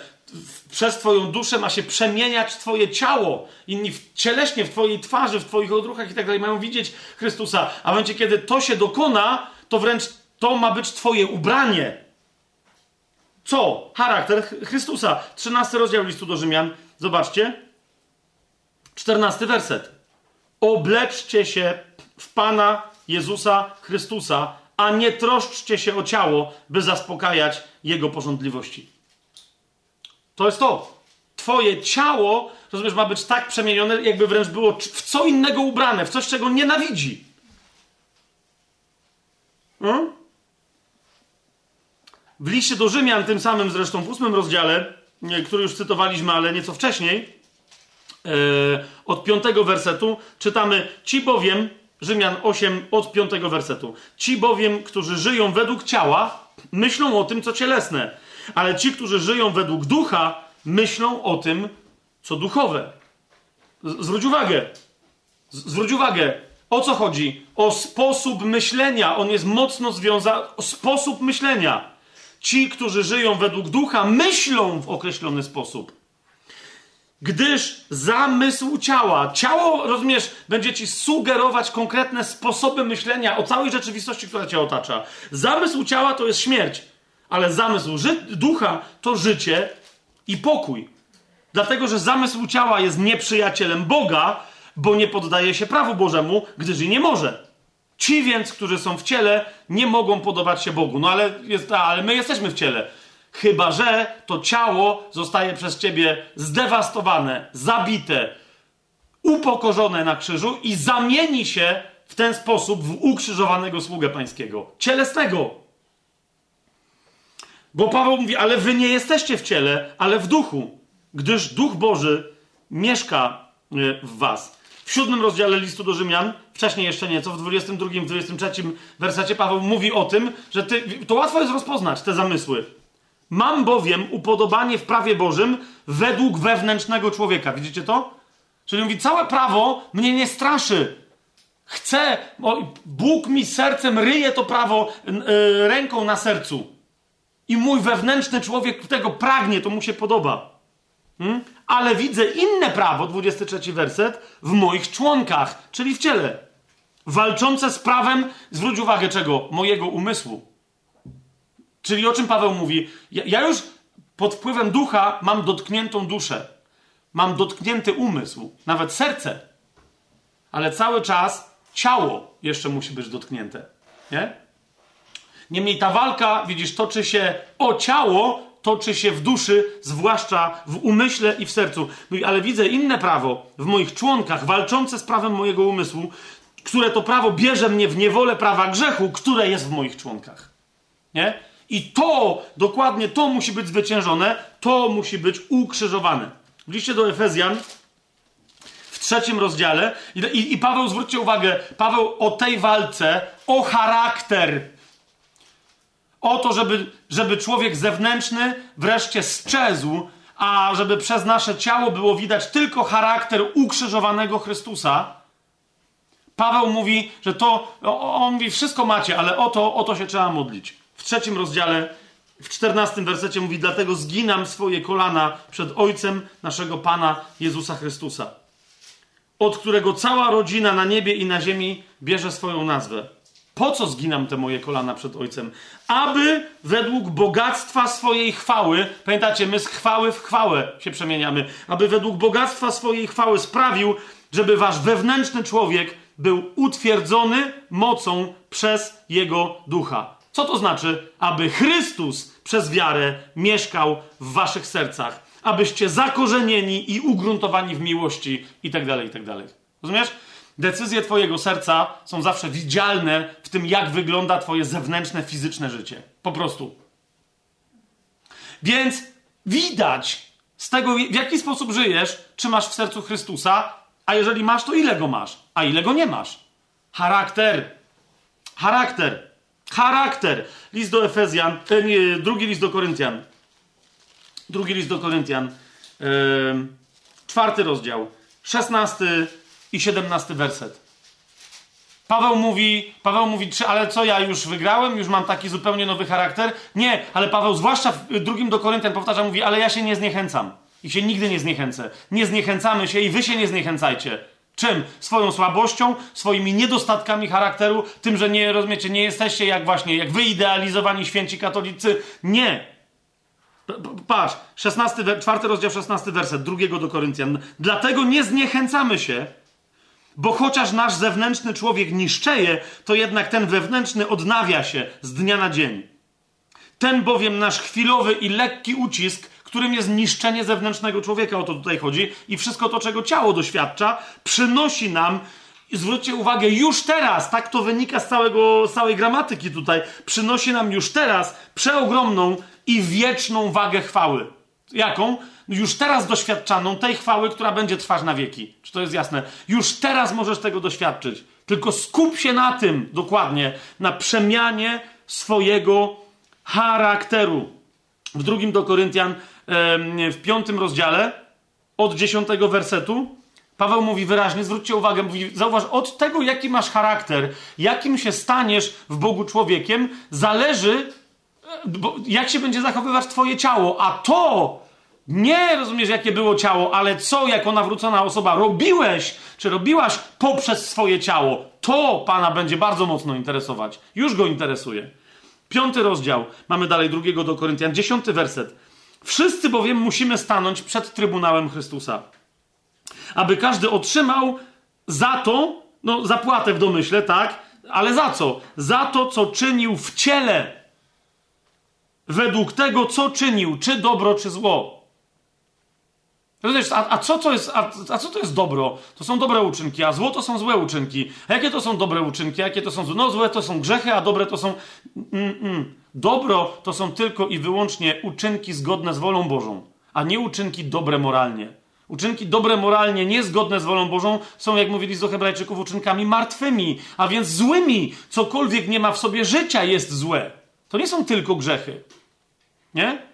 My jesteśmy stworzeni do dobrych uczynków. Jakich? Do tych, do których Pan nas z dawien dawna przeznaczył. List do Efezjan, drugi rozdział, od 8 do 10 wersetu. Łaską jesteście zbawieni przez wiarę, ale jesteśmy stworzeni. No, no przeczytajmy to, tak? Efezjan, drugi rozdział, 10 werset. Jesteśmy bowiem Jego dziełem, stworzeni w Chrystusie Jezusie do czego? Do dobrych uczynków, które Bóg wcześniej przygotował, abyśmy w nich postępowali. Tak? A więc, do, żebyśmy my, ale my jesteśmy stworzeni w Chrystusie Jezusie. Zauważcie, w tym piątym rozdziale drugiego listu do Koryntian, w 17 wersecie, co jest powiedziane? Tak więc, jeżeli ktoś jest w Chrystusie, a więc jest przeodziany w Chrystusa, tylko wtedy jest nowym stworzeniem i tylko wtedy to, co stare przeminęło, a oto wszystko stało się nowe. Twoje uczynki są nowe. Rozumiesz? Więc, więc tu chodzi na. Częścią tego jest Twój charakter. Skąd Ty możesz wiedzieć, rozumiesz, jak masz nędzny charakter bazujący na starych, cielesnych odruchach, charakter wypracowany przez świat, który wpływał na Twoją duszę, na Twoje emocje i na Twoje ciało, to rozumiesz, to on, jeżeli nie zamieni się na charakter Chrystusowy, będzie miał tendencję, żeby robić dobre uczynki według swojej myśli, nie według Bożej. Nie? A Pan nas z tego rozliczy. Zauważ jedenasty werset, piąty rozdział, jedenasty werset. Wiedząc za tym, o tym strachu pańskim, przekonujemy ludzi. To, rozumiesz, i, i niewierzących, żeby się pojednali, a wierzących, żeby zrozumieli, że to nie, to jest początek roboty, a nie już wszystko załatwione. Dla Boga zaś wszystko w nas jest jawne. Widzisz, co jest grane? Przekonujemy ludzi, ale teraz zrozum, że Bóg cię widzi w całości. I, I, twoja wewnętrzna praca, ona jest, rozumiesz, ona, Bóg cię widzi w całości. Mam też nadzieję, że i dla waszych sumień wszystko w nas jest jawne. Mówi Paweł, bo nie polecamy wam ponownie samych siebie, ale dajemy wam sposobność do chlubienia się nami, żebyście mieli co odpowiedzieć tym, uważajcie, którzy się chlubią wyłącznie tym, co zewnętrzne, a nie sercem. Nie? Ktoś mówi, zobacz, co ja robię. Teraz na to wam chcę zwrócić uwagę. Ktoś mówi, zobacz, co ja robię. Czy nie przynoszę owocu Panu? Ale rozumiesz, Pan oceni, czemu robiłaś, czemu robiłeś to, co robiłeś, z jakiej pobudki twojego serca to wyniknęło. To jest część charakteru twojego. Rozumiesz? I, ty, I teraz ty mówisz ludziom, zobacz, ja y, głoszę na stadionie. No dobra, bo nie chodzi mi teraz o głosicieli, no ale załóżmy, no nie, że i ktoś chciałby powiedzieć, bo tu nie chodzi mi teraz o jakieś yy, z czasu przeszłego, czy nawet obecnych ewangelistów, ale ktoś powie, ej, na ewangelizacjach moich, ulicznych, stadionowych, kościelnych nawróciło się do tej pory, mam to udokumentowane, 544 tysiące ludzi. Rozumiesz? Ja mówię, super. Tylko, że, no ale to, to jest to? Ta liczba? A co jeżeli, yy, rozumiesz, pobudką Twojego serca jest zyskanie sławy w świecie chrześcijańskim? Masz talent, masz charyzmę, nawet masz obdarowanie. Ale zauważ, co Paweł mówi. Chlubią się tym, co zewnętrzne, a nie sercem. A więc Pan, patrząc na to, co my zrobiliśmy w ciele, ok, nie będzie patrzył na to, co zewnętrzne, ale na to, skąd się wzięło to, co zrobiliśmy w ciele. I dlatego jest to, czy to było dobre, czy to było złe. Hmm? A to wynika stąd, to wynika z mojego serca. Owocność to, to będzie jeszcze te, związane z trzecim tematem, ale, ale już powiem to teraz. Owocność naszego życia naszej służby wyraża się na samym końcu najbardziej tym, kim się staliśmy w wyniku tego, co robiliśmy, albo nie robiliśmy, a nie tym, co robiliśmy. Niezależnie od tego, kim byliśmy. Czy to jest jasne, co powiedziałem? Hmm? Okej. I teraz, i teraz, yy, że wrócę, bo to będzie, a, yy, to będzie ad 3. Na razie jesteśmy, kończymy ad 2. Otóż, kochani, yy, taka rzecz. Jeżeli więc toczy się walka w nas między człowiekiem wewnętrznym a zewnętrznym, między duchem a ciałem, toczy się walka o nasz umysł i o nasz charakter, to przyglądanie się strukturze charakterologicznej, zwłaszcza drugiego listu do Koryntian, ale nie tylko, niemniej ona tu jest najbardziej wyraźna, nie tylko nam pokazuje, jaki jest wynik tej walki, ale przy pomocy jakich technik walczymy przeciwko człowiekowi zewnętrznemu. Ok? Obserwacja, to następny punkt zapisany. Obserwacja struktury charakterologicznej daje nam zrozumienie, na czym polega walka. Ja już Wam teraz powiedziałem o co ona się toczy oraz jak konkretnie ją prowadzić. I teraz tylko wam podam przykłady bardzo konkretne. Pierwszy list do Koryntian, no bo tu nam chodzi o całą wypowiedź Pawła do Koryntian, to jest pierwszy list do Koryntian, dziewiąty werset. Jest taki jeden fragment, bardzo często płytko przyzywany, żeby tam na jeden aspekt zwrócić uwagę, albo w ogóle nie komentowany, albo błędnie komentowany. Yy, często też bardzo dobrze komentowany, żeby to było jasne. Pierwszy do Koryntian, dziewiąty rozdział, od 24 wersetu e, będę czytać. Paweł tam mówi o, o, o sposobie walki, do, nie, rozumiecie, o nawrócenie innych ludzi, nie przeciwko diabłu, ale przeciwko sobie samemu. To jest dokładnie. I Paweł mówi, jak to się robi. 24 werset i dalej. Paweł mówi tak. Czy nie wiecie, że ci, którzy biegną w wyścigu, wszyscy wprawdzie biegną, ale tylko jeden zdobywa nagrodę. Więc tak biegnijcie, żebyście ją otrzymali. Co to znaczy? Yy, co? No, jest tylko jeden zwycięzca. O co Pawłowi chodzi tutaj? Jak ten jeden zwycięzca zdobywa? Jednym z elementów tego, o czym tu mówi, są zasady wyścigu. Nie? Czyli po pierwsze, musisz biec do mety, na przykład. Yy, I ja rozumiem, że niektórzy mówią, no jasne, że do mety, no gdzie? No, nie, ja nie wiem, ja patrzę na większość chrześcijan, czasem na siebie patrzę, i myślę sobie, no jest to bieg na przełaj, tylko że ja nie biorę udziału w biegu na przełaj, tylko w maratonie, więc gdzie ja biegnę? Co się stało? Nie? Niektórzy wymyślają skróty. Mm, bieg na skróty, jeżeli bierzesz udział w biegu dystansowym, e, jest nielegalny. Możesz przebiec pierwsza czy pierwszy, ale cię zdyskwalifikują. Paweł, nawiasem mówiąc, tu mówi między innymi o dyskwalifikacji. Więc on mówi, czy znasz zasady swojego biegu? Wiesz, czy wiesz, gdzie jest meta? Metą jest dokładnie, co jest metą? Metą jesteś ty sama, czy ty sam w takiej formie, w jakiej Bóg cię przewidział. Rozumiesz? Takiej osobowości, jaką On chciał się wyrazić dla świata. Więc już jesteś taką osobą, czy nie? Dalej. Paweł mówi: Każdy, kto staje do zapasów, powściąga się we wszystkim. Oni, aby zdobyć koronę zniszczalną, my niezniszczalną, a więc Paweł mówi, my też stajemy do zapasów, no już wiemy jakich, człowiek zewnętrzny przeciwko wewnętrznemu. I w ramach tych zapasów Paweł mówi, my też się powściągamy. Co znaczy powściągać się? E, no, fizycznie nadać dyscyplinę swojemu ciału. Ćwiczyć, ale zwłaszcza tu jemu chodzi o dietę określoną. O dietę lub o post. No tu mu chodzi o, y, o jedzenie nie? I inne, o ograniczaniu, o niepicie alkoholu na przykład. Tak. No wiecie, sportowiec musi być wytrzymały. On musi jeść i pić konkretnie, a, a konkretnie nie pić i nie jeść innych rzeczy. I teraz Paweł mówi, ja więc tak biegnę, nie jakby na oślep. Właśnie to, o co mi chodzi, nie? Jakie są reguły biegu? Jaka jest trasa tego maratonu? Gdzie jest meta? Paweł mówi, ja tak biegnę, nie jakby na oślep, tak walczę, nie jakbym uderzał w powietrze, lecz poskramiam swoje ciało i biorę je w niewolę, abym przypadkiem głosząc innym sam nie został odrzucony. Poskramiam moje ciało. Tak jak biegacz, który już biegnie, i tak jak e, zawodnik MMA, zawodnik pankracjona, który się przygotowuje do walki w klatce. Czy tamtej takiej zupełnie walki e, prawie że bez, bez reguł. W drugim liście do Koryntian, w dziewiątym mm, rozdziale, w wersetach 6 i 7.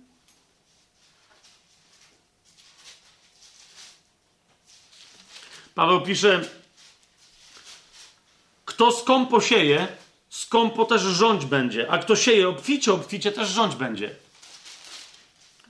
Każdy, jak postanowił w sercu, tak niech zrobi, nie z żalem ani z przymusu, gdyż radosnego dawcę miłuje Bóg. O co chodzi? Jednym z aspektów e, ewidentnych tendencji cielesnych jest chciwość.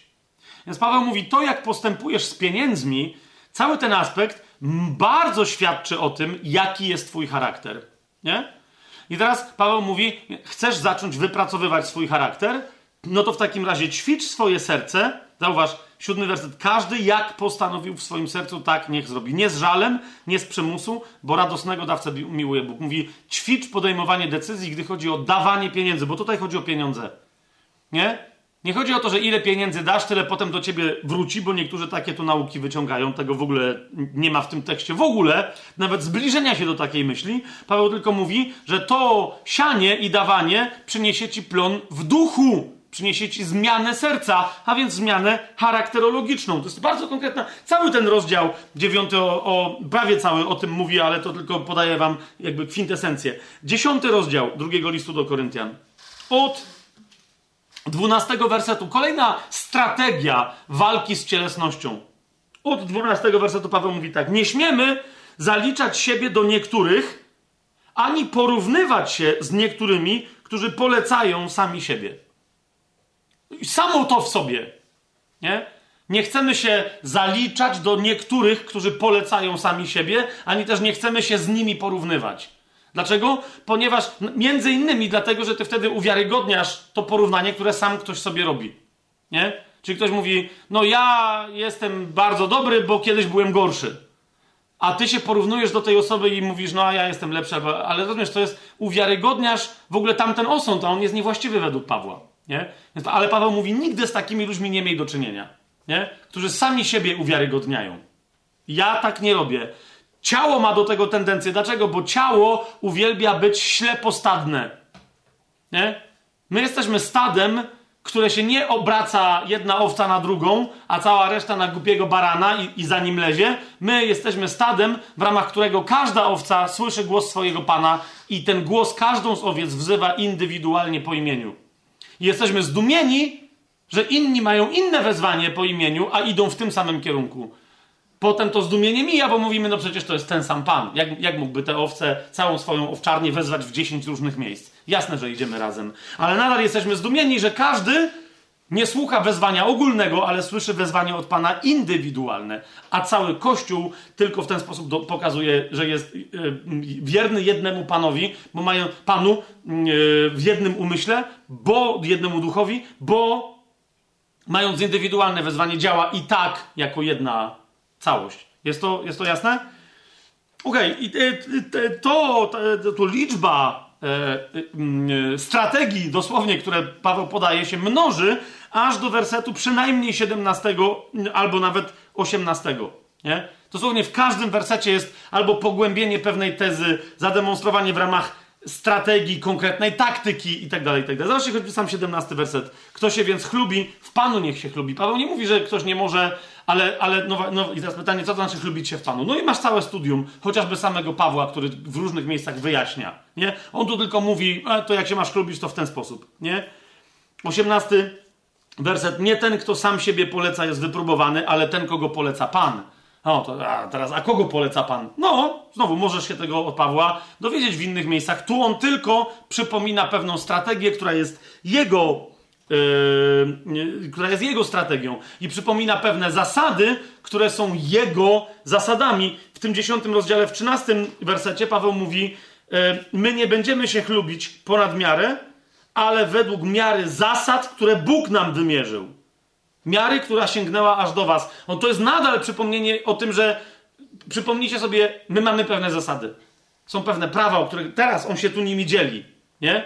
I teraz on mówi, e, te, te, co znaczy, że te zasady sięgnęły aż do was. To znaczy, że przykład tego powinien, w, powinniście wybrać przykład i według tej samej miary zasad, tych samych zasad powinniście postępować. A co robicie? Nie?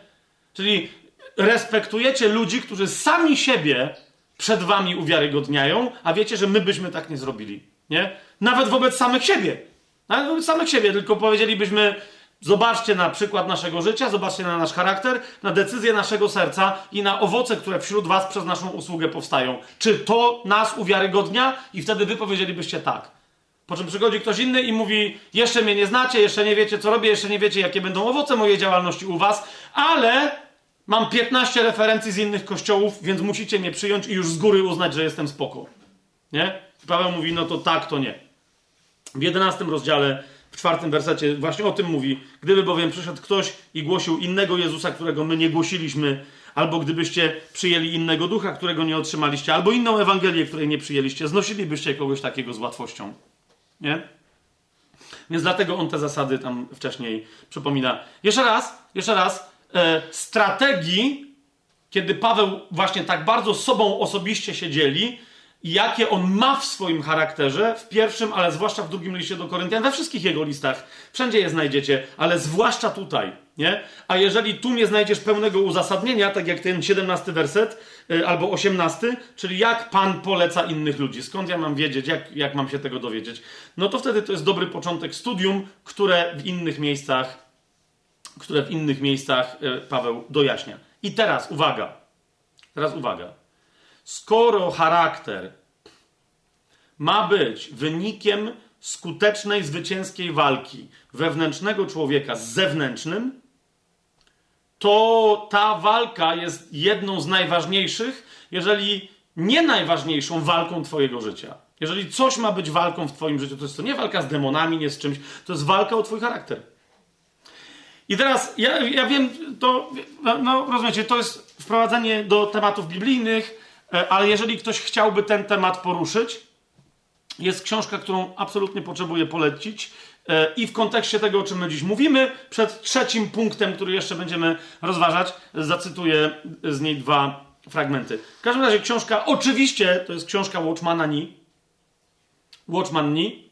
E, tu, żeby było widać, ok, dobra. Nazywa się Skruszenie zewnętrznego człowieka i uwolnienie ducha skruszenie zewnętrznego człowieka i uwolnienie ducha. To jest jedna z y, takich krótszych książek Watchmana, ale też jedna z takich mm, y, z najbardziej hardkorowych. No ja nie, nie, będę się zaraz rozwodził, nie? To jest bardzo, jeżeli ktoś na serio do tej książki podejdzie yy, i, i, dotrze do niego waga tego, o czym mówi, ja, o czym ja teraz mówię, o czym mówi Pismo Święte, o czym mówi Paweł w drugim do Koryntian, o czym pisze Watchman, jak do kogoś to dotrze, e, to nieuchronność tej walki, że ty ją tak czy siak toczysz, oraz konsekwencje tego, jak stoczysz tę walkę, rozumiesz, jak to cię dotknie, e, no dlatego to jest hardcore, nie? Yy, jak, oczywiście, każdy powinien wiedzieć, na czym ta walka polega. Skruszenie zewnętrznego człowieka i uwolnienie ducha, bo to, to chodzi, to jest skutek tej walki. Twój nowy charakter. Twój nowy charakter. Ale yy, ja, więc powinienem powiedzieć, no każdy powinien to zrobić, ale nie wiem. Ponieważ znam chrześcijan, których przeczytanie tej książki i uświadomienie sobie tego tematu e, raczej jakby zabiło. Nie to, że umarli fizycznie, ale to ich wywaliło E, rozumiecie, z przekonania, że jest ok w ich życiu, ale nie wrzuciło ich na orbitę tej walki. Bo oni powiedzieli, ale ja się boję, ale ja nie chcę, ja, mm, to jest zbyt bolesne. No, walka jest walką, ta walka jest realnie walką przeciwko ciału, które, którego ty doświadczasz, a więc będziesz czuć cierpienie tego ciała, rozumiesz, będziesz czuć to ukrzyżowanie. Zacytuję wam, a propos tego, o czym my mówimy, z tego skruszenia, z tej książki Skruszenie zewnętrznego człowieka i uwolnienie ducha, autor Watchman Nee. Ze strony 12 następujący, następujące dwa fragmenciki. Otóż Watchman pisze tak. Biblia dzieli naszą istotę na człowieka zewnętrznego i wewnętrznego. Bóg zamieszkuje w wewnętrznym człowieku, natomiast na zewnątrz tego wewnętrznego człowieka znajduje się zewnętrzny człowiek. Okej. Okay. Innymi słowy, pisze Watchman, nasz duch to wewnętrzny człowiek. Natomiast nasza osobowość, z którą stykają się inni, to zewnętrzny człowiek. Jeszcze raz słyszycie to? Nasz duch, ale to, z czym się stykają inni ludzie, to jest człowiek zewnętrzny. I teraz tak oto zarysowuje problem Watchman. A więc w następnym akapicie pisze tak. Podstawowy problem wielu sług bożych polega na tym, że ich wewnętrzny człowiek nie może przebić się przez zewnętrznego człowieka. Gdzie? Na zewnątrz.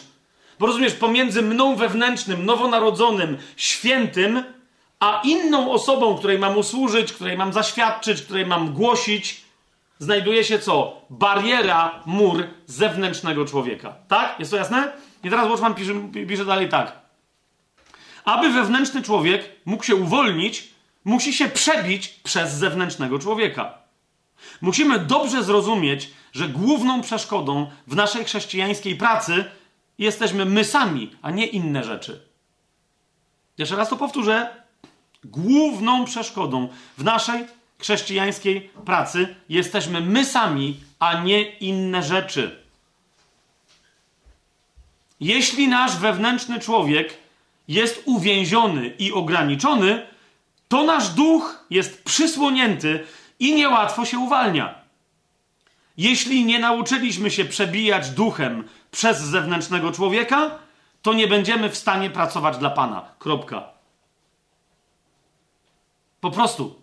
I wtedy ludzie, którzy wiecie, kończą po 30 latach z tak zwanym wypaleniem zawodowym, ale w ramach czego? W ramach służby Bożej. I mówią, jak to jest? Mam wypalenie, takie wypalenie w służbie. Nie ma czegoś takiego, to jest wypalenie zawodowe. Dlaczego? No, ponieważ pracowałeś zewnętrznym człowiekiem, nieprzemienionym, według swojego starego charakteru, a duch z ciebie się nie uwalniał. Po prostu.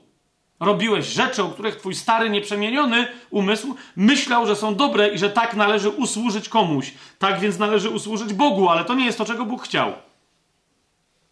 Jeśli nie nauczyliśmy się przebijać duchem przez zewnętrznego człowieka, ze środka na zewnątrz, tak, to nie będziemy w stanie pracować dla Pana. Największą przeszkodę stanowi dla nas zewnętrzny człowiek.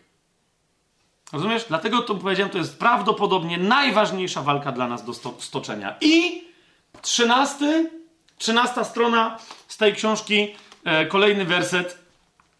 Watchman pisze tak. Wśród wszystkich ludzi świata są tacy, którzy mają w sobie życie Pana. No i tacy też w domyśle, którzy nie mają, tak? Teraz, wśród nich, czyli tych, którzy mają w sobie życie Pana, można wskazać dwa rodzaje ludzi. W jednych życie to jest związane, zewsząd otoczone i zamknięte. W drugich natomiast Pan utorował sobie drogę i życie to może się z nich uwalniać. Widzisz, to, że my mamy mnóstwo nowonarodzonych osób, to jeszcze nie znaczy, że to coś zmieni w świecie. Jeżeli większość z nich będzie trzymać to życie nowonarodzone w sobie, dla siebie i tylko tyle. I Watchman pisze dalej tak. Problem nie polega dziś na tym, że nie wiemy, jak to życie posiąść, lecz na tym, że nie potrafimy pozwolić, by ono z nas wypływało. Kiedy mówię, kiedy mówimy, że Pan musi nas skruszyć, nie jest to ani przenośnia, ani doktryna. Nasza istota musi zostać skruszona przez Pana. Życie Pana może bez trudu rozprzestrzenić się po całej ziemi, jednak zamknięte jest wewnątrz nas. Pan z powodzeniem może błogosławić Kościół, lecz jego życie jest w nas uwięzione, zasklepione i zablokowane. Jeśli zewnętrzny człowiek nie zostanie skruszony, nie będziemy mogli być błogosławieństwem dla Kościoła, ani nie będziemy mogli oczekiwać, że świat przyjmie przez nas Bożą łaskę. Wiecie? Dlatego ta walka jest tak ważna. Dlatego zgłębianie charakteru Jezusa, Przyglądanie się po prostu, jaki on był, jakie miał cechy osobowości, zgłębianie charakteru Pawła, tak wyraziście zademonstrowanego w tym, jak on mówił, do czego się odwoływał, jakie, jakie, jaką hierarchię wartości prezentował, to nam pomaga, po, również jakie strategie przyjmował w tej walce o skruszenie zewnętrznego człowieka i wydostanie się ducha, naszego nowonarodzonego ducha na zewnątrz, żeby Duch Święty mógł się wydostać, to jest tak kluczowe. A więc skończyliśmy. Dlaczego mamy strukturę charakterologiczną badać, bo ona nam przynosi realne poznanie Pana. Po drugie, ponieważ przynosi nam zrozumienie, że toczymy walkę przeciwko swojemu ciału i jaki ma być skutek tej walki. To ma być nowy charakter. Czy to jest jasne? Zauważcie, ale y, no po co ci jest nowy charakter, żeby teraz stanąć przed Panem i powiedzieć, o zobacz jakiego masz scenusia. Kropka w kropkę, cycuś, bącuś, cały tatuś. Tylko po to, ojciec chce mieć dzieci, które będą przynosić owoce. I zauważcie, e, pierwsze strony tej książki, co, co, co mówi Watchman, e, że w wyniku tej walki my możemy chcieć służyć, ile. E, to jest zawsze przykład, który ja podaję. Ludzi, których naprawdę szanuję, żebyście to dobrze rozumieli, no nie? Ale no, po prostu nie szanuję e, tego oszustwa, pseudoteologicznego i organizacji, która ich oszukuje. Chodzi mi o świadków Jehowy konkretnie. Zauważcie, ile ci ludzie wkładają, może jest więcej tego typu organizacji, ale do tych akurat lepiej znam, ile oni wkładają wysiłku, pracy na rzecz tej swojej organizacji. Myślę, że to jest praca na rzecz Boga. Nie? Świątek, piątek czy niedziela potrafią wystawać z tymi swoimi stendami, z tam tymi pismami swoimi. Zimno, mróz, ulewa, śniegi, upały. Rozumiecie? Stoją. Trzeba chodzić po domach, to chodzą, zaliczają te wszystkie godziny i tak dalej. Ale to jest dokładnie to, no ale jak tam nie ma ducha i oni potem, wiecie, no kogoś wyszarpią, kogoś coś tam, ale to wszystko nie? Potem są bardzo, bardzo rozczarowani, często zawiedzeni i tą teologią, i tą organizacją, bo po prostu podskórnie czują, że to nie tak wszystko ma przebiegać. No ale ilu masz chrześcijan e, ewangelicznie wierzących, którzy, wiecie, dopóki mają fazę, pierwsza miłość, romans z Chrystusem, latają, zmienialiby cały świat, nie? Po pięciu latach nagle są poważniejsze sprawy, po 15 latach wiary, ja jestem mądrzejszy, zaczekaj, zaczekaj, zobaczysz to, jeszcze zobaczysz to, co ja widzę i tyle. Czemu? Bo mając nowe życie w sobie, nie rozumieją, czemu to nie dotyka innych. Co się dzieje, że, że to nie, nie, nie zamienia się w radosny owoc. A jeszcze raz, żeby móc zacząć służyć, stać się błogosławieństwem dla Kościoła, jak Watchman y, pisze, oraz łaską dla świata, potrzebujemy my, każdy i każda z nas, wygrać bitwę ze swoją cielesną porządliwością, z porządliwością oczu i ciała i z pychą tego żywota. Więc jeszcze raz powtórzę, więc, i to jest trzecia rzecz. Powiedziałem, że ze względu na poznanie Pana mamy zgłębiać charaktery Pawła, Jezusa i tak dalej. W drugim liście do Koryntian zwłaszcza ze względu na walkę, jaką mamy do stoczenia i po trzecie ze względu na służbę, jaką mamy do wykonania, czyli ze względu na owoc, jaki możemy i mamy przynieść. Nie? Jeszcze raz to przeczytam, tu mam to zapisane. Owocność naszego życia, naszej służby wyraża się na końcu bardziej tym, kim się staliśmy, kiedy coś robiliśmy, niż co zrobiliśmy, kiedyśmy byli tym, kim żeśmy byli. Nie? Jest nie... Bo chodzi o to, że ktoś może robić różne rzeczy i się w ogóle nie zmienić. Nie? A to, jeżeli my robimy jedna rzecz, jeden krok, robisz coś, co wynika z, rozumiesz, początku przemieniania się twojego... Inaczej, im bardziej się stajemy tym, kim mamy być, tak to powiem, a kiedy my się tym, kiedy robimy pewne rzeczy, im bardziej się stajemy tym, kim mamy być według zamysłu Bożego, tym bardziej wtedy robimy to, co mamy robić. Czy to jest jasne? Nie? Bo, po prostu, bo ty masz łatwiejsze wyczucie, kim ty jesteś w sercu, czego naprawdę chce twoje serce, a nie ma dziesięciu sprzecznych jakichś tam pragnień i ciągot i tak dalej, i tak dalej. O tym dokładnie Paweł w liście do Rzymian mówi w 12 rozdziale. To jest 12 rozdział, pierwszy i drugi werset. Zobaczcie.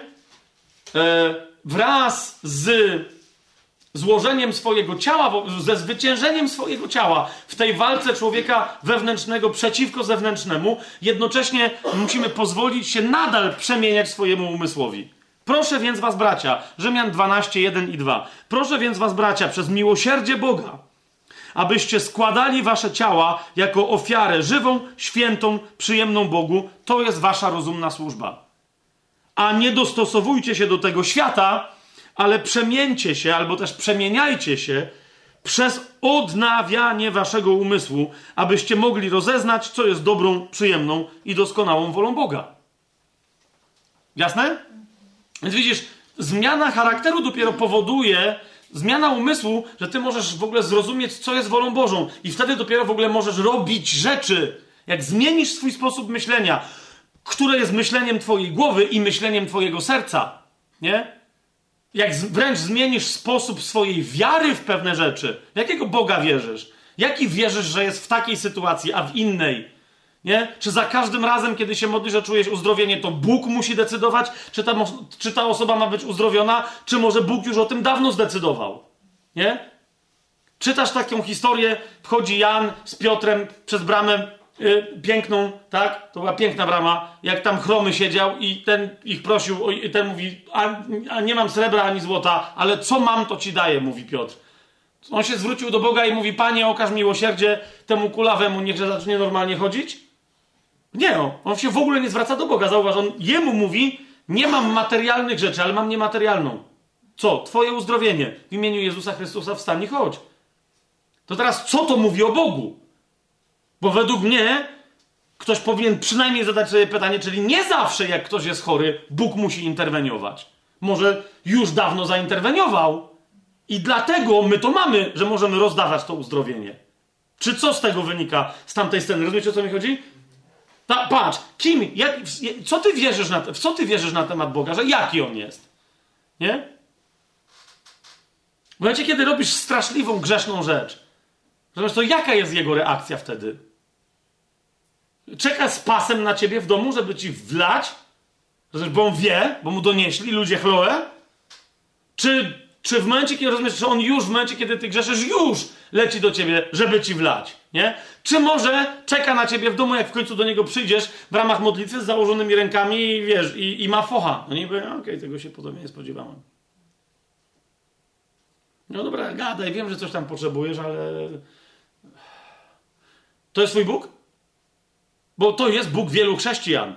Oni wtedy muszą go przebłagiwać, muszą go przepłakać, muszą przepokutować, nie? Niektórzy chodzą rok czy dwa w takim nastawieniu. Po co? Żeby, żeby pokazać Bogu, że Boże, naprawdę żałuję. No, nie szkoda ci mnie. To jest, rozumiesz? Bo to wtedy, to co, to jak to świadczy wtedy? Zauważ, jeżeli masz taką, patrz, bo ty masz taką postawę, rozumiesz, że to jest cecha charakteru twojego, że się tak modlisz? Dlaczego? Bo poganin też się tak modli. Jak, jeżeli wyznaje jakiegoś Boga, on się dokładnie tak samo modli. To teraz jest pytanie, to ty masz poznanie Boga, czy ty po prostu masz poznanie, rozumiesz, którym się szczyciło kiedyś twoje ciało, któremu się wydawało, że Bóg przecież taki jest, no bo jaki inny ma być? Tylko popatrz, jeżeli nie znasz Chrystusa, no to, ale jeżeli go znasz, to jest moje pytanie, czy Bóg w ogóle na widok twojego grzechu dzisiaj, jako wierzącej osoby, może tak zareagować? A jak zareagował na widok wszystkich innych Twoich grzechów, które Cię prowadziły do piekła? Jaka była jego reakcja? To był Chrystus, to była jego reakcja. Rozumiesz, to teraz, czyli on miałby mieć na ciebie lepszą reakcję, kiedy byłaś grzeszniczą, grze, grzesznicą, grzeszniczką, grzechotnikiem, e, kiedy byłeś grzesznikiem, grzesz, grzesznikiem.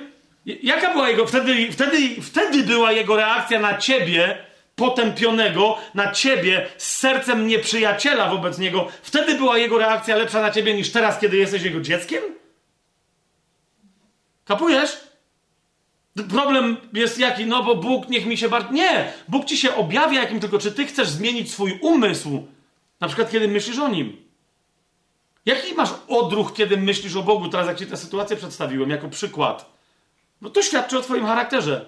Rozumiesz? I to jest do zmiany. Charakter, Arystoteles kiedyś e, e, między innymi charakter definiował, że, że charakter e, jest trochę jak nasze ciało. Nie? Nasze ciało to jest to, co jemy. To, to, to jest to. I jak jemy, kiedy jemy, po co jemy. Jemy dokładnie to, kim ja jestem. Ja jestem dokładnie tym, co w miarę regularnie powtarzam. Kiedy mówię i kiedy coś robię. Mówi, to jestem ja. Nie? Czyli jeżeli twoje myśli o Bogu są zawsze jakieś, to to, jest, to jesteś ty, to jest twój charakter. Charakter jest nie do zmiany? Oczywiście, że to jest do zmiany. Zwłaszcza, że to jest charakter zewnętrznego człowieka, a ty masz charakter wewnętrznego człowieka. Dlatego my czasem mamy takie, wiecie, takie rozdwojenie. Się zdecyduj.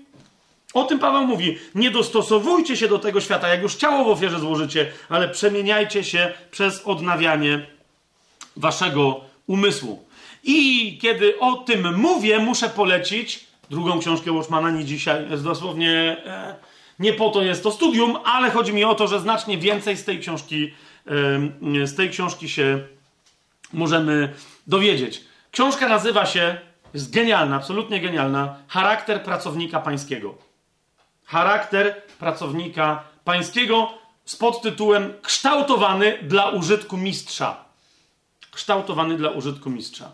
Więc widzisz, jak już walkę masz zwyciężoną albo toczy się zwycięsko, czyli skruszenie zewnętrznego człowieka i uwolnienie ducha, wtedy możesz zacząć być kim? Pracownikiem pańskim, bo po co żyjesz na tym świecie? Żeby przynosić owoce, ale to są owoce czego? Pra owoce służby. Pracownik pański to jest sługa Boży. Amen? I teraz dwa cytaty, zanim przejdziemy dalej. Yy, z tej książki, ale polecam ją absolutnie całą i zaraz wytłumaczę, yy, wytłumaczę dlaczego. To jest jedenasta strona. Y, tu, tu, będę nawet nie fragmenty, tylko po prostu poszczególne zdania y, odczytam, bo ktoś sobie nie kupi książkę, czy wypożyczy y, od kogoś, niech sobie czyta. Ale tak mówi a propos sługi Bożego Watchman znowu się z tym całkowicie kompletnie zgadzam. Mówi tak. Życie osobiste Bożego pracownika Widzicie, to jest to, co powiedziałem. Charakter, co to, kto to jestem ja? No to, jestem, to jest to, co ja najczęściej robię. Nie? Jeden mądry człowiek kiedyś powiedział: e, Chcesz, żebym ci powiedział, kim jesteś? Pokaż mi, co robisz ze swoim czasem i ze swoimi pieniędzmi. I ja ci powiem, kim jesteś. Bo jest bardzo łatwo, wiecie, mówić, kim się jest. Ale to jest to, no nie? Są czas i pieniądze, bo ludzie zawsze wiedzą, że czas to jest pieniądz. Wręcz najmocniejszy pieniądz to jest czas, zwłaszcza, że on jest ograniczony, jaki mamy, w co inwestujesz swój czas i swoje pieniądze. To jest dokładnie, tam się przejawia cała twoja hierarchia wartości. Po prostu. To jesteś ty. Co robisz ze swoim czasem? Ponieważ zawsze coś robisz ze swoim czasem, zgodzicie się ze mną, nie? Oraz co robisz ze swoimi pieniędzmi. Może nie masz tyle pieniędzy, żeby zawsze coś z nimi robić, ale... Zatem charakter się wyraża w życiu osobistym. I Watchman mówi tak: życie osobiste Bożego pracownika w ścisły sposób wiąże się z jego pracą. No, w domyśle na niwie pańskiej. I teraz uważajcie. On mówi tak: musimy mieć nie tylko określoną ilość duchowego doświadczenia, lecz również odpowiednio zbudowane usposobienie. Masa chrześcijan się do mnie zwraca, albo z pretensjami, że inni chrześcijanie nie chcą uszanować ich długiego stażu bycia chrześcijaninem. Ja się nawróciłem 40 lat temu i nikt mnie nie chce słuchać. Albo inni mówią, Fabian, czy to jest rzeczywiście tak, Tutaj mieliśmy modlitwę, Pan wyraźnie powiedział, mamy grono przywódcze, które się składa z 30-latków, którzy się nawrócili 5, góra 10 lat temu i mają mocną opozycję w kościele ludzi, którzy się nawrócili 30 lat temu. I oni mówią, a czemu nie my? No bo Duch Święty was nie wybrał. No a czemu nas nie wybrał? I są dalej w opozycji. Teraz widzisz, ja nie przeczę, bo często jest tak, że to są jakieś anarchistyczne ruchy, ale też często jest jak, że są ludzie, którzy są bardzo długo żyją życiem noworodzonym, nowonarodzenia, yy, nowym życiem Bożym. Tak? I mają mnóstwo doświadczenia. Sęk tylko w tym, że w środku i nigdy nie wygrali tej walki z człowiekiem zewnętrznym tak, żeby ich usposobienie zewnętrzne się zmieniło i stało się bardziej chrystusowe. Rozumiecie? O, o to tu jemu chodzi. Mówi, musimy mieć nie tylko określoną ilość duchowego doświadczenia, lecz również odpowiednio zbudowane usposobienie. Czytam dalej. Watchman mówi tak. Ten, kto chce być pracownikiem, musi w sobie zbudować, wypielęgnować i rozwinąć w nawyki wiele cech. Jeszcze raz to przeczytam, bo jest to pięknie napisane i, mm, to nie jest powtarzanie się, tylko to są określone rzeczy. Watchman mówi, że kto chce być pracownikiem, musi w sobie zbudować, wypielęgnować i zwłaszcza to rozwinąć w nawyki wiele cech. Nie to, że raz, dwa zrobi i ja już wiem o co chodzi. Nie, nie, to czy to jest twój nawyk, że bez zastanowienia obudzą cię o trzeciej w nocy i i tak to zrobisz. To jest twoja odpowiedzialność. Dalej mówi, odnoszą się one, te cechy, do naszego zewnętrznego człowieka, nie do wewnętrznego. W miarę jak czynniki te kształtują naszego zewnętrznego człowieka, nadając mu pożądaną postać, zaczynamy powoli nadawać się do użytku dla Pana. Widzicie o co mi chodzi? To jest to. To nie masz doprowadzić człowieka zewnętrznego do bezruchu. żeby się udusił na tym krzyżu. Nie, nie. Ty się masz zacząć nim posłużyć jako elastycznym, pełnym wigoru narzędziem.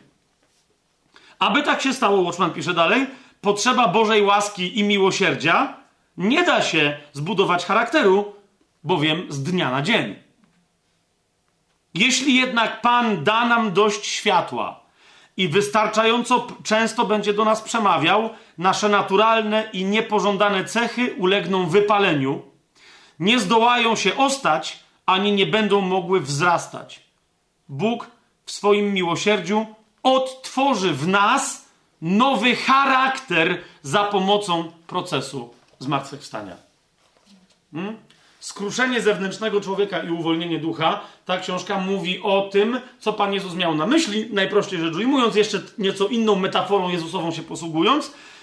Co Pan Jezus miał na myśli, mówiąc, że ziarno wrzucone w ziemię, które nie obumrze, zostanie tylko samo. Rozumiesz, w ziarnie jest życie, ale mówi, ono musi obumrzeć. To jest ta walka przeciwko zewnętrznemu człowiekowi. A wtedy co? A wtedy wyda plon, przyniesie owoc obfity. Amen? Jeszcze raz, to jest to, ale zauważ, co mówi Watchman. Ta walka z dnia na dzień, z dnia na dzień, z dnia na dzień, ona z czasem co zrobi? Odtworzy w nas nowy charakter. Czemu mówi odtworzy, a nie stworzy? Bo to nie będzie nasz charakter, to będzie dla nas nowy charakter, ale odtworzony czyj? Jezusowy. I yy, w yy, tej samej książce na stronie 68 jeszcze jeden cytat i wrócimy yy, po nim do Biblii. Ale myślę, że Watchman nam tu bardzo E, gdy chodzi o ten trzeci aspekt e, służby, jaką mamy wykonać, dlaczego mamy poznawać charakter ze względu na służbę, jaką mamy wykonać, czyś e, na 68 stronie Watchman pisze tak. Służenie Panu nie jest rzeczą prostą. O, ja różne rzeczy słyszałem, między innymi, że jest rzeczą prostą. Watchman twierdzi, że nie jest rzeczą prostą. Dlaczego? Watchman pisze, potrzebny jest proces niszczenia i budowania zewnętrznego człowieka. Wow! Przecież mieliśmy go ukatrupić. No nie. Mieliśmy go zrekonstruować, zreanimować, żeby do swojej fizycznej śmierci tego ciała to ciało robiło wszystko to, co chce duch, a nie to, co zawsze kiedyś chciało robić. Nie? A więc mamy zamienić swoje ciało w autentycznego niewolnika. I dalej Watchman pisze tak. Wielu ludzi nie nadaje się do wykonywania tego dzieła, którym jest, wiecie, służba Boża, wskutek wad charakteru i osobowości. A nie z powodu tego, że brak im właściwych metod, wiedzy czy doktryny. To jest to. Właściwe metody, wiedza, doktryna, plus niektórzy mówią, że ja mam doświadczenie, 20 lat, jestem wierzący, nigdy nie zdradziłem Pana, nigdy nie coś. Świetnie! Tylko, że twój charakter, ludzie mówią, że się nie zmienił przez tych 20 lat. Twoja osobowość jest dalej taka sama. Jest nietknięta przez twoją wiedzę, przez twoje metody, których się nauczyłeś czy nauczyłaś, przez doktryny, które rozumiesz. Przez doświadczenie wewnętrzne, które masz. Zewnętrzny człowiek jest niedotknięty. Tego rodzaju przeszkody niejednokrotnie opóźniały dzieło pańskie. Jakie? Wady charakteru i osobowości. Tylko tyle, on mówi. Tylko tyle. Czytam dalej. Mam nadzieję, że już bez tu niepotrzebnych komentarzy yy, moich, ani też potrzebnych. Watchman pisze dalej tak. Nie powinniśmy pogardzać ćwiczeniem charakteru. Jeżeli nasz charakter i usposobienie nie zostaną poddane poważnej obróbce przez wewnętrzną, konstytuującą pracę ducha, nie możemy oczekiwać w swojej pracy wielkich rezultatów. Nie możemy pominąć żadnego zasadniczego aspektu kształtowania charakteru. Jeśli nasz charakter został odpowiednio zbudowany, możemy służyć Panu. Bez tego nie możemy dla Niego pracować. Poświęćmy czas, by przed Panem po kolei rozprawiać się z cechami swojego charakteru. Zatem charakter pracownika pańskiego. Dlaczego to przeczytałem? Jako, jako komentarz do tu całości. Bo w drugim liście, do, widzisz, skąd ty możesz wiedzieć, więc, czy ta, człowiek zewnętrzny jest pokonany, czy nie, no to powinien, powinny być owoce. Owoce gdzie powinny być? W twoim charakterze. Jakie cechy charakteru więc powinnaś posiadać, czy powinieneś posiadać? Nie? No, no takie, jakie zobaczysz u Pawła. Ja wam dzisiaj podam trzy, o których pisze e, Watchman, ale nie rozróżnia, zwłaszcza tam ich pewnych aspektów.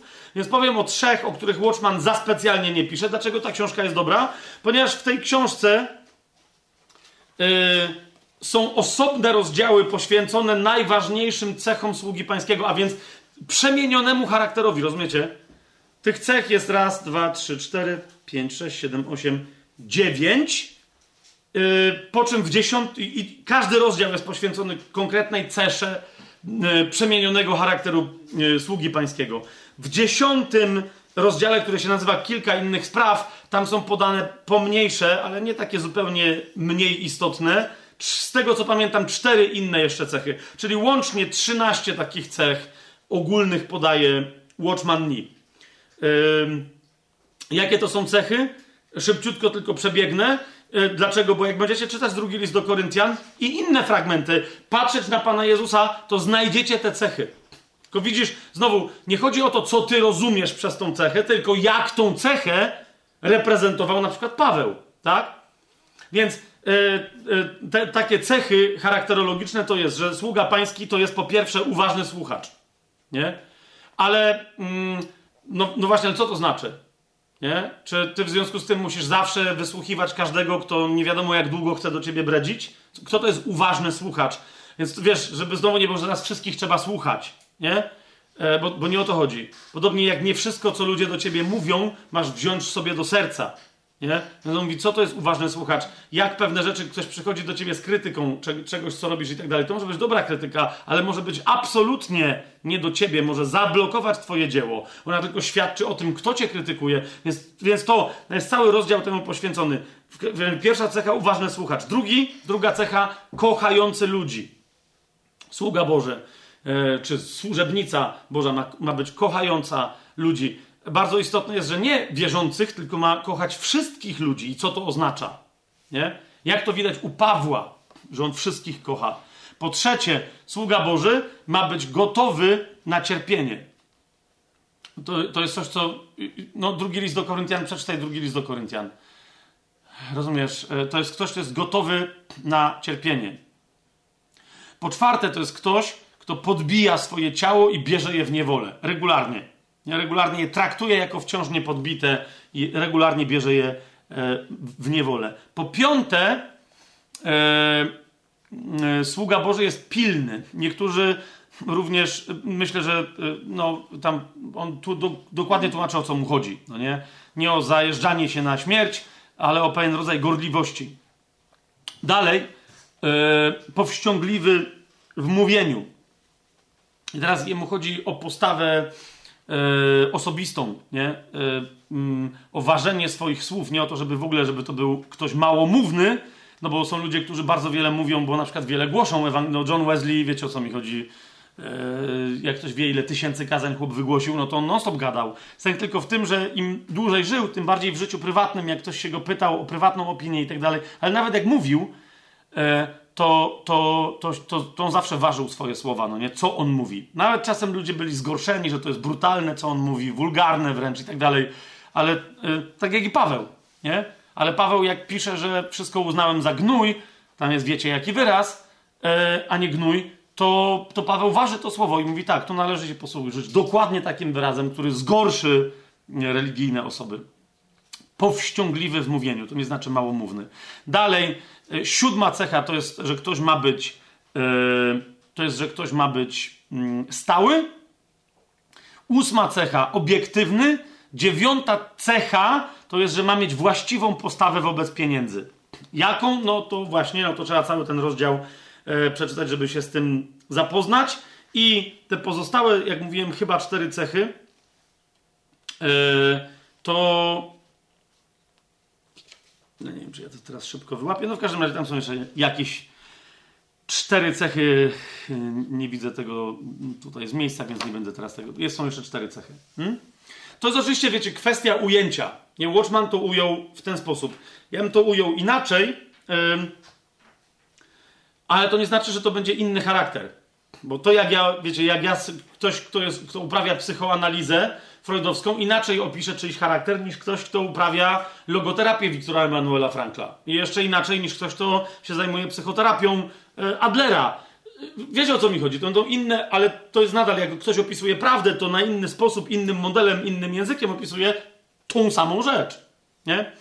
Ja bym chciał zwrócić Wam uwagę na trzy aspekty charakteru, e, e, cech charakteru Pawła.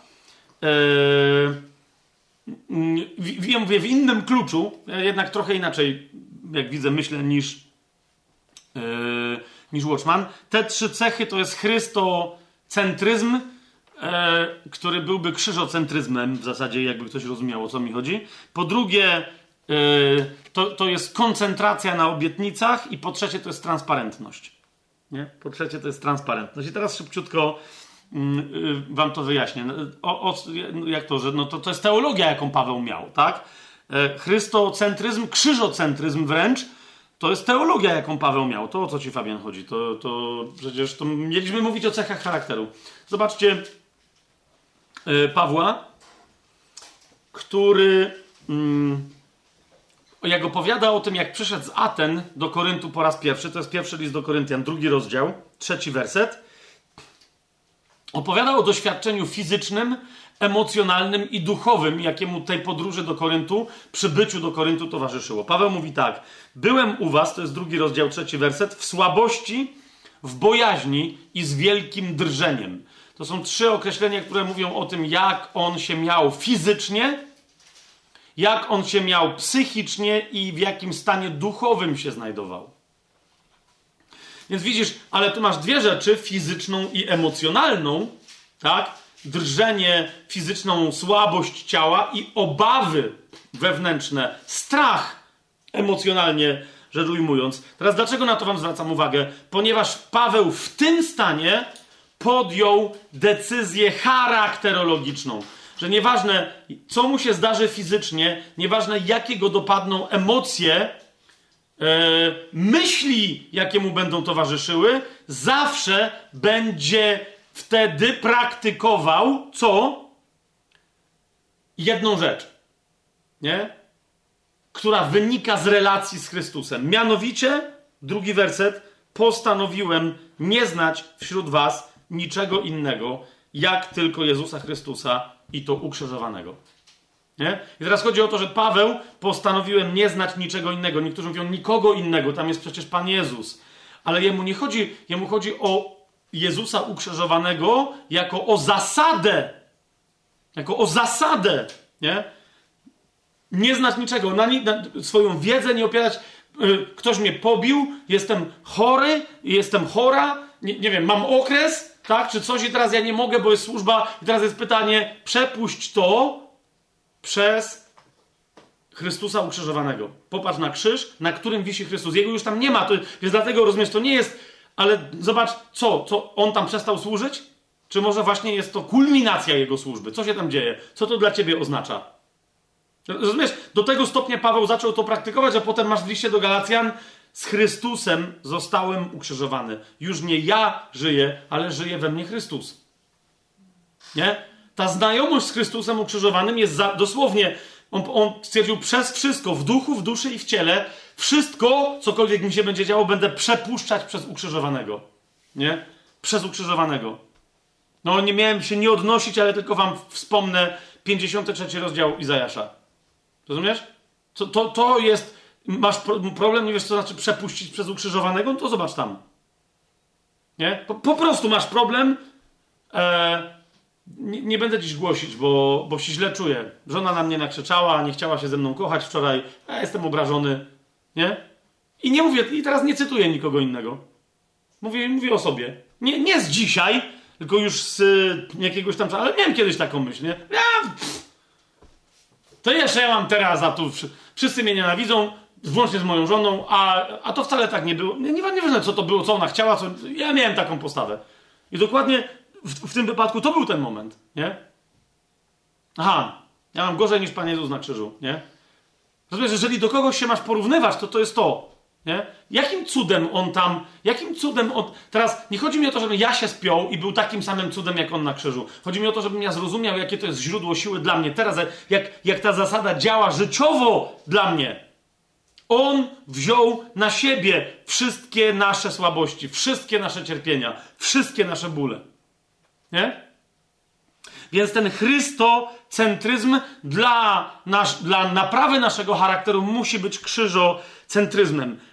Postanowiłem nie znać wśród was niczego innego, jak tylko Jezusa Chrystusa i to ukrzyżowanego. W drugim liście do Koryntian, zauważcie, jak to, e, jak to w Pawle się rozwijało, jak to pracowało. Dlatego drugi list do... Czemu zacytowałem pierwszy? Bo to, co Paweł pisze w drugim, to jest sensacja, jak pamiętasz o pierwszym. Drugi list Pawła do Koryntian, pierwszy rozdział, piąty werset. Jak bowiem w nas obfitują utrapienia Chrystusa, tak też przez Chrystusa obfituje nasza pociecha. Paweł mówi, rozumiesz, w Galacjan powie, jestem ukrzyżowany, a on tu mówi, obfitują we mnie cierpienia Chrystusa. Teraz patrz, czyli, ale rozumiesz, ale to, zauważ, jak to jest kompletnie sprzeczne z tą częścią katolickiej, rzymskokatolickiej teologii, która jest cierpiętniczą teologią. To cię musi boleć, ty musisz cierpieć. Im większe poczucie bezsensu, tym lepszą nagrodę później dostaniesz. A Paweł mówi, ale to nie, nie, rozumiesz, nie moje cierpienia obfitują, jego cierpienia we mnie obfitują, dlatego mam pociechę. Rozumiesz? Ale jednocześnie ja doświadczam tego, czego on doświadczał na krzyżu, w mniejszym stopniu, bo nie dał rady tak jak on. Rozumiesz? Ale upodobnienie mnie do niego charakterologiczne powoduje, że mi jest lepiej. Dlaczego? Bo nie można mieć lepiej niż być Chrystusem na ziemi. Jezus miał najlepiej we wszechświecie. Zawsze, w każdym czasie. Im bardziej ja jestem więc podobny do Niego, tym lepiej mam. No ale On cierpiał, Jego na krzyżu powiesili. No i? No i?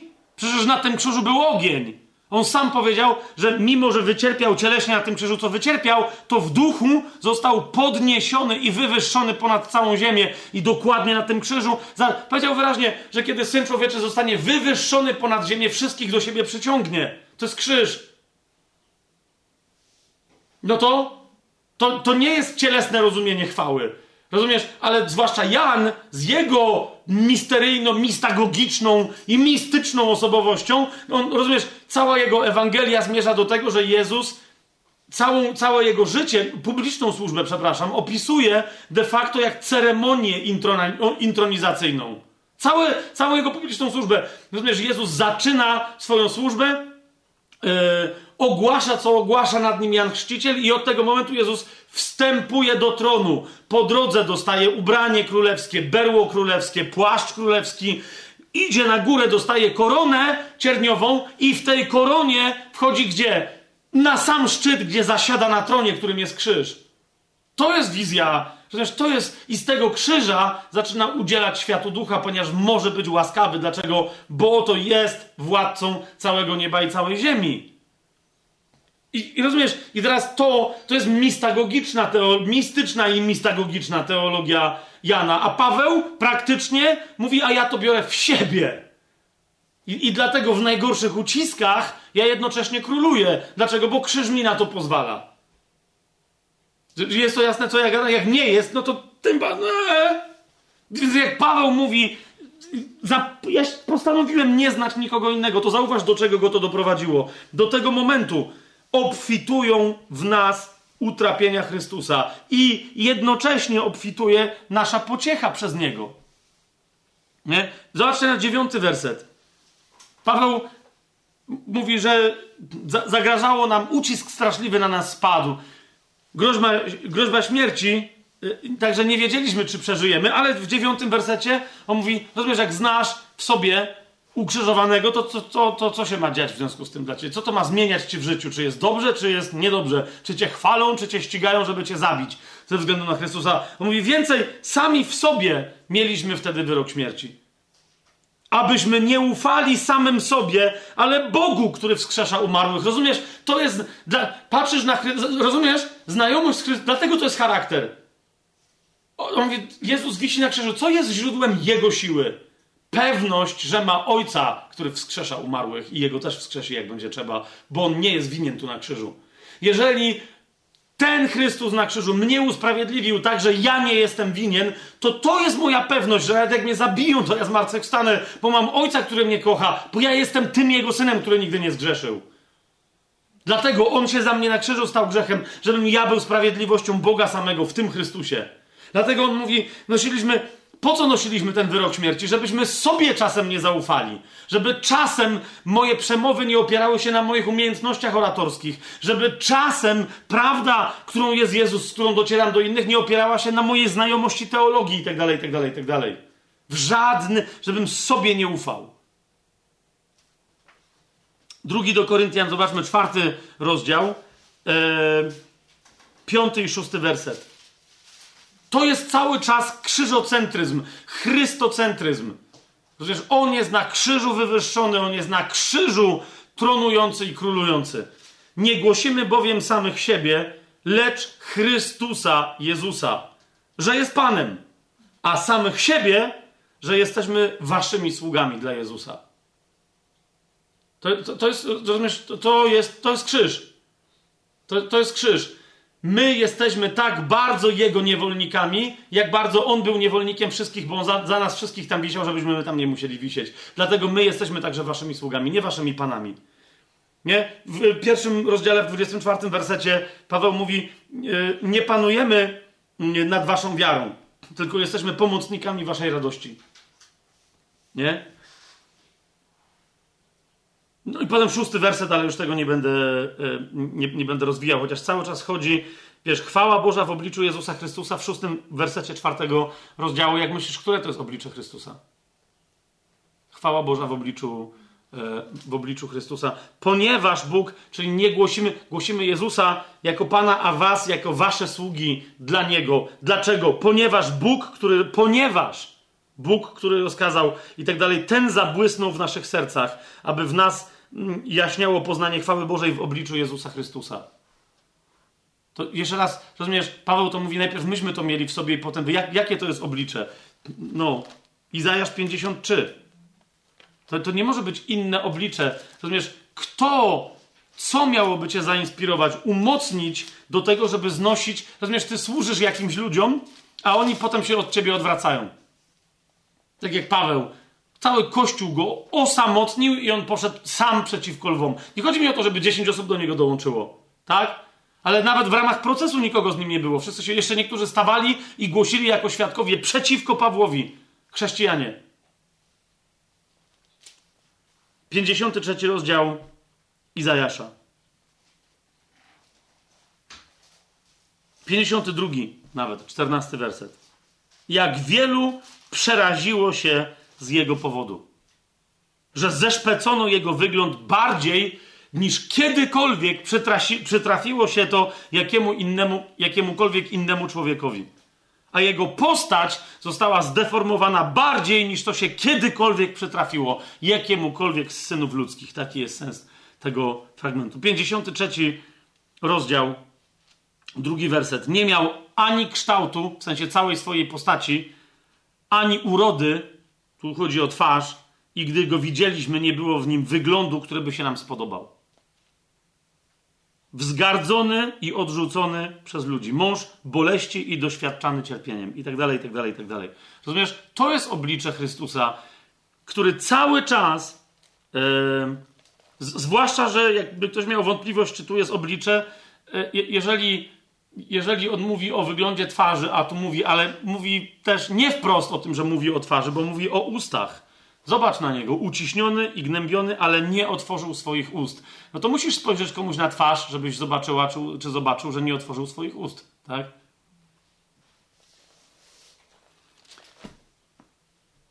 krzyżocentryzm. To, rozumiesz, to jest to, nie chodzi o nasze cierpiętnictwo, o nasze takie, niektórzy wiecie, trochę chodzą z tym Jezusem ukrzyżowanym na, na ustach, w ideologii swojej chrześcijańskiej chodzą z tym Jezusem ukrzyżowanym trochę jak fani Gladiatora albo Bravehearta, nie? że mm, jestem fanem Jezusa ukrzyżowanego, a to w ogóle to nie o to chodzi, rozumiesz? Tu idzie o to, jak ta zasada Jego ukrzyżowania w Tobie, przeprowadzając Cię przez krzyż, wybucha mocą zmartwychwstania. To jest to, bo to jest proces zmartwychwstawania. W drugim do Koryntian w czwartym rozdziale, w dziesiątym wersecie, Paweł dalej mówi, że dosłownie to jest jego fizyczne doświadczenie, to jest jego znajomość. Nieustannie, powiada, nosimy w ciele umieranie Pana Jezusa.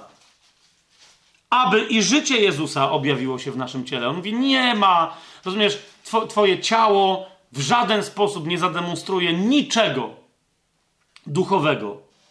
Nie, nie, widzisz, to jest dokładnie zasada charakteru pracownika pańskiego, skruszenie zewnętrznego człowieka i uwolnienie ducha. To jest to, co się najpierw musi stać. Najpierw musisz doświadczyć w sobie śmierci i zniszczenia, żeby przez to, co będzie wyglądać prawie jak śmierć twojego ciała, żeby wyszło życie. Ziarno, dopóki nie obumrze, pozostanie tylko samo, ale jeżeli obumrze, wyda owoc obfity.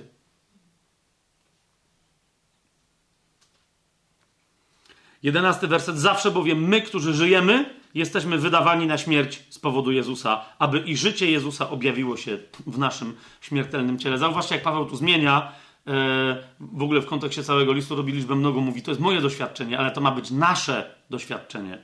My, którzy żyjemy, jesteśmy wydawani na śmierć z powodu Jezusa. Nie masz takiego doświadczenia w życiu? Prawdopodobnie, takiego czy innego rodzaju, prawdopodobnie nosisz życie Chrystusowe w sobie i nie wychodzi ono z ciebie, nie wypływa z ciebie, nie dociera do innych. Dlatego y, świat się tego nie boi i nie masz sprzeciwu. W drugim do Koryntian, w piątym rozdziale, w dwudziestym wersecie Paweł mówi, że dopiero ktoś, kto zna ukrzyżowanego, zauważ, co on tam mówi. Tak więc w miejsce Chrystusa sprawujemy poselstwo, tak jakby Bóg upominał was przez nas. W miejsce Chrystusa prosimy, pojednajcie się z Bogiem. Jak to w miejsce Chrystusa? Gdzie jest miejsce Chrystusa? Dziewiętnasty werset. Bóg bowiem był w Chrystusie, jednając świat z samym sobą, nie poczytując ludziom ich grzechów. Gdzie to było? Na krzyżu. W miejsce Chrystusa znaczy ukrzyżowani my teraz. Sprawujemy to poselstwo, które się zaczęło od Jezusa. Hmm? 18 werset. Wszystko to jest z Boga, który nas pojednał ze sobą przez Jezusa Chrystusa. Gdzie? Na krzyżu. I dał, dał nam służbę pojednania. Gdzie ona się dokonuje? Na krzyżu. Dlatego ta znajomość z, z, ukrzyżowanym ostatecznie daje ci moc ewangelizacyjną. Rozumiesz? Kiedy przez zwycięstwo zewnętrznego nad zewnętrznym człowiekiem, człowieka wewnętrznego, kiedy przez to zwycięstwo zewnętrzny człowiek zaczyna ujawniać, zaczyna pękać i zaczyna ujawniać charakter Chrystusowy, to ludzie co wtedy widzą w Twoich zachowaniach, nawet kiedy Ty nie, nie głosisz wprost Ewangelii widzą przez ciebie ukrzyżowanego i to ukrzyżowany jest obrazem, którym Duch Święty się posługuje, aby przekonywać świat o grzechu, o sprawiedliwości i o sądzie. O grzechu, bo nie wierzą we mnie i tak dalej, i tak dalej. Hmm? W drugim liście do Koryntian w jedenastym natomiast rozdziale ten chrysto i krzyżocentryzm jest też wyrażony w drugim i w trzecim wersecie troską o to, aby, aby inni również byli chrysto i krzyżocentryczni. To jest drugi do Koryntian 11, 2 i 3. Jestem bowiem zazdrosny o was Bożą zazdrością. Zaślubiłem was bowiem jednemu mężowi, aby przedstawić was Chrystusowi jako czystą dziewicę, ale boję się, by czasem tak jak wąż swoją przebiegłością oszukał Ewę, tak też wasze umysły nie zostały skażone i nie odstąpiły od prostoty, która jest w Chrystusie. Widzicie? Zaczęło się dobrze, teraz idzie o to, że umysł nadal, charakter, cały czas o tym mówimy, może odstąpić od Chrystusa. Co jedyne może się stać, kiedy będziecie przeciwni do buntu Ewy w raju. A więc kiedy wasz, kiedy będziecie się znać z tym, który się przeciwstawił, wężowi czyli Chrystusowi na krzyżu, nie? który, uczyń, który na powrót z drzewa martwego uczynił drzewo życia. Nie? Aby na powrót przykuć wasz wzrok, żeby był skoncentrowany na tym, co jest w centrum wszechświata, a więc na drzewie życia, a nie na drzewie poznania dobra i zła, na którym każdego zawsze próbuje skoncentrować diabeł. Hmm?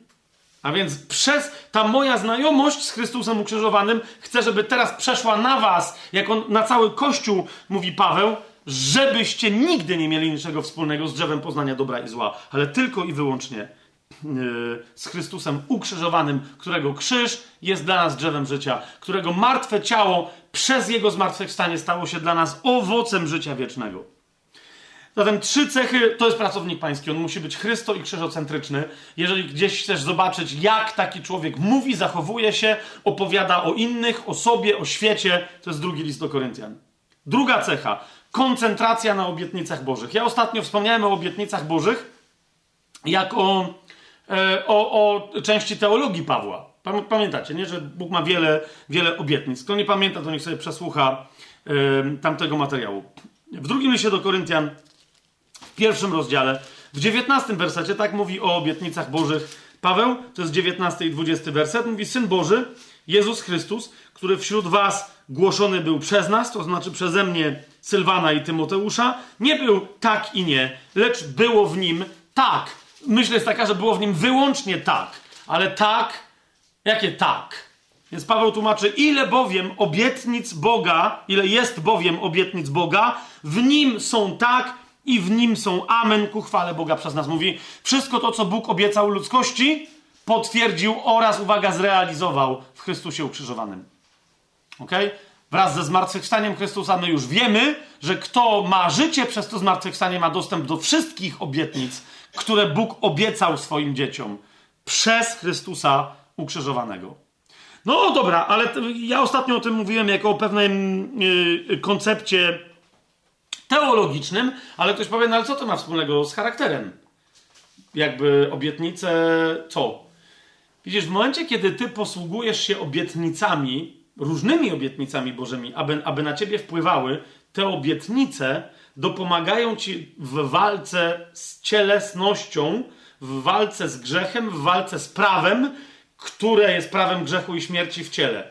Czemu? Bo obietnice są wieczne, a ciało jest doczesne. Bo obietnice niewidzialne zrealizują się kiedyś widzialnie, ale nie doświadczy ich widzialnie to ciało. Nie? Więc obietnice, znajomość obietnic powoduje, że zmienia się Twój charakter. Jak? Na przykład tak, to jest piąty rozdział, od pierwszego wersetu będę czytał. Wiemy bowiem, mówi Paweł, no a skąd to wiemy?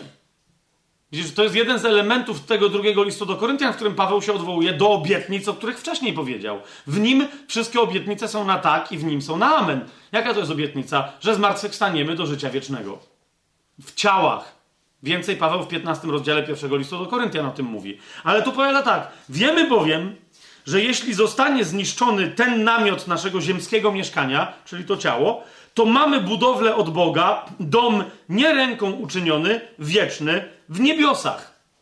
Lub też, jak e, mówią starsze tłumaczenia, w niebiesiech. Tu mi, się, tu mi zawsze się bardziej to pasuje, że mamy w niebiesiech. No, to wiemy. To jest obietnica. Wiemy to z obietnicy. I teraz zauważ, co to robi w Pawle. Dlatego w tym, w domyśle, w tym ciele, w tym sposobie mieszkania materialnego, naszej duszy, dlatego w tym wzdychamy, pragnąc przyodziać się w nasz dom z nieba. Rozumiesz, Paweł mówi, e, ponieważ karmię mój umysł obietnicami, to powoduje, że pragnienia cielesne, kiedy próbują dziubnąć mojego ducha, w odpowiedzi dostają pragnienia duchowe. I mnie w ogóle to nie interesuje, co chce ciało. Chce zjeść coś lepszego, chce coś wypić, chce czegoś doświadczyć, chce gdzieś się pojechać, obejrzeć jakiś piękniejszy widok. Czym to wszystko jest wobec tego, jak będzie doświadczać moje nowe zmartwychwstałe ciało? I Paweł mówi, to, to jest strategia na walkę z ciałem. To jest wiara w obietnicę, karmienie się tymi obiec, obie, obietnicami, nawyk czytania Słowa Bożego, żeby zapoznawać się z tym, co Bóg mi solennie, uroczyście obiecał. Hmm? Czwarty werset. Bo my, którzy jesteśmy w tym namiocie, wzdychamy. Rozumiesz, jak, na czym polega moje życie cielesne, mówi Paweł? Na tym, że wzdycham, wzdychamy obciążeni, ponieważ nie pragniemy być rozebrani, ale przeodziani. Aby to, co śmiertelne zostało wchłonięte przez życie. O co tu chodzi Pawłowi? Mówimy, wzdychamy, bo je, wiemy, że też to, co my tu robimy, to nas przeoblecze. Im więcej robimy, im bardziej zmieniamy swój umysł, stajemy się Chrystusowi. Wtedy mamy odzienie, mamy białą szatę. Pamiętacie, gdzie, nie, nie dzieje tylko Księgę Objawienia? Biała szata, którą Kościół zakłada na, na siebie, to są sprawiedliwe uczynki świętych.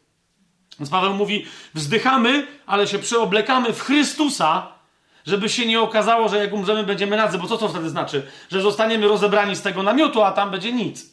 Pamiętacie tego, co przelazł na ucztę weselną i, i Pan mu mówi, no a gdzie jest twoje ubranie? Nie? Więc Paweł mówi, dobra, no to mamy czas, żeby się przeoblec. A jak się przeoblekliśmy, żeby pilnować, żeby szata była czysta, prać ją regularnie, żeby było elegancko, nie? A tym piąty werset, który nas do tego właśnie przygotował, jest Bóg, który nam dał też ducha jako zadatek. Więc to jest to. Rozumiesz? Cecha charakteru, słuchanie Boga i rozważanie.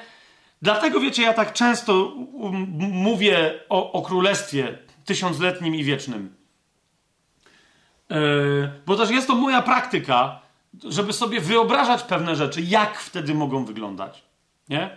I globalnie, i konkretnie. Nie?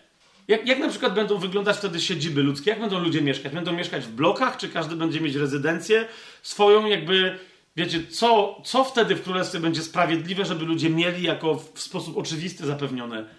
Czy basen przy domu to będzie coś takiego, czy, czy, czy nie? Czy lądowisko, no tylko dla kogo? Czy helikoptery będą latać i zanieczyszczać środowisko, czy nie? Czy może niektórzy po prostu będą sobie chodzić i jeździć na koniach szybkich, bo wiecie, że przyjedzie cała armia koni z nieba w ramach Armagedonu, tak? Więc może te konie nie wrócą do nieba, tylko już będą na ziemi jako nowoczesne, ekologiczne środki transportu, a my może się w ogóle będziemy, wiecie, teleportować no bo te ciała, pamiętaj, no Pan Jezus jak przechodził przez drzwi, a my w takich ciałach będziemy funkcjonować, to jak to będzie? Będziemy jedli czy nie? Bo wiemy, że nie będziemy się żenić ani za mąż wychodzić, no nie? Ja teraz się zastanawiam, to jak ja się spotkam z Madzią, to jak to będzie? No nie, w sensie, nie chodzi mi o to, czy będę mieć na nią ochotę, bo teraz nie, nie o to mi chodzi, w sensie takim, no bo wiadomo, to już będziemy, no ale właśnie wiadomo, czy nie wiadomo, co ja będę pamiętał ze starego życia, a co, czy, a co już nie? Czy ona będzie dla mnie bardziej, będzie mimo wszystko specjalną osobą, czy nie będzie, nie? Spotkam jakiegoś, wiecie, brata Zulusa, nowonarodzonego, ochrzczonego, zmartwychwstałego i on mi będzie tak samo bliski jak Madzia? No jakby takie, no może tak. Teraz Rozumiesz, wyobrażanie sobie, jaki to jest stan ducha, co się wtedy dzieje, kapujecie, co jest grane, to jest... Ah! Swoją drogą, już mówiłem, mojej żonie namalowała e, kiedyś taki obraz dla jednego artysty fantastycznego, nawróconego e, muzyka jazzowego polskiego. On tam się upierał na pewne rzeczy, ona tam robiła, to dla niej wreszcie namalowała. Jak zobaczyłem ten obraz, to był pierwszy raz w życiu coś takiego, taki impresja pewna, ale na temat konkret, konkretny krajobraz tam z budowlami i tak dalej, jakby z pewnej oddali. I po, pierwsza moja myśl brzmiała, to, to jest pejzaż królestwa. To, to jest, jak, jak kiedyś to dos, dosłownie, ja to, to jest prorocze, ja to kiedyś zobaczę na własne oczy. Ja to zobaczę. I do, tylko z bliska wtedy zobaczę, co to jest za budowla, czemu ona ma taką kopułę. Na tym tego nie, nie do końca widać. Ja, to będzie poranek, kiedy będę szedł łąką i ja po prostu ja zobaczę tą, zobaczę, zobaczę to. To będzie w królestwie. Potem namawiam Madzie, ale ona tam się opiera, żeby zrobiła cały cykl, żeby się modliła i, i namalowała cały cykl, który zatytułowałem Pejzaże Królestwa. Nie? Teraz to się nagrywa, pani kochana się kameruje i, i poszło. Nie? Więc o, rozumiesz, w momencie, kiedy rzeczy jeszcze niewidzialne stają się dla ciebie bardziej realne niż widzialne, zauważ, jak to zmienia twój charakter. Nie? Więc ta cecha, koncentracja na obietnicach Bożych jest taka istotna. Zobaczcie list do Filipian. E, jak to jeszcze inaczej może wyglądać? W liście do Filipian w trzecim rozdziale. W ogóle najpierw w pierwszym rozdziale. Nie? Paweł tam mówi taką rzecz, która mi się zawsze bardzo podobała w 21 e, wersecie.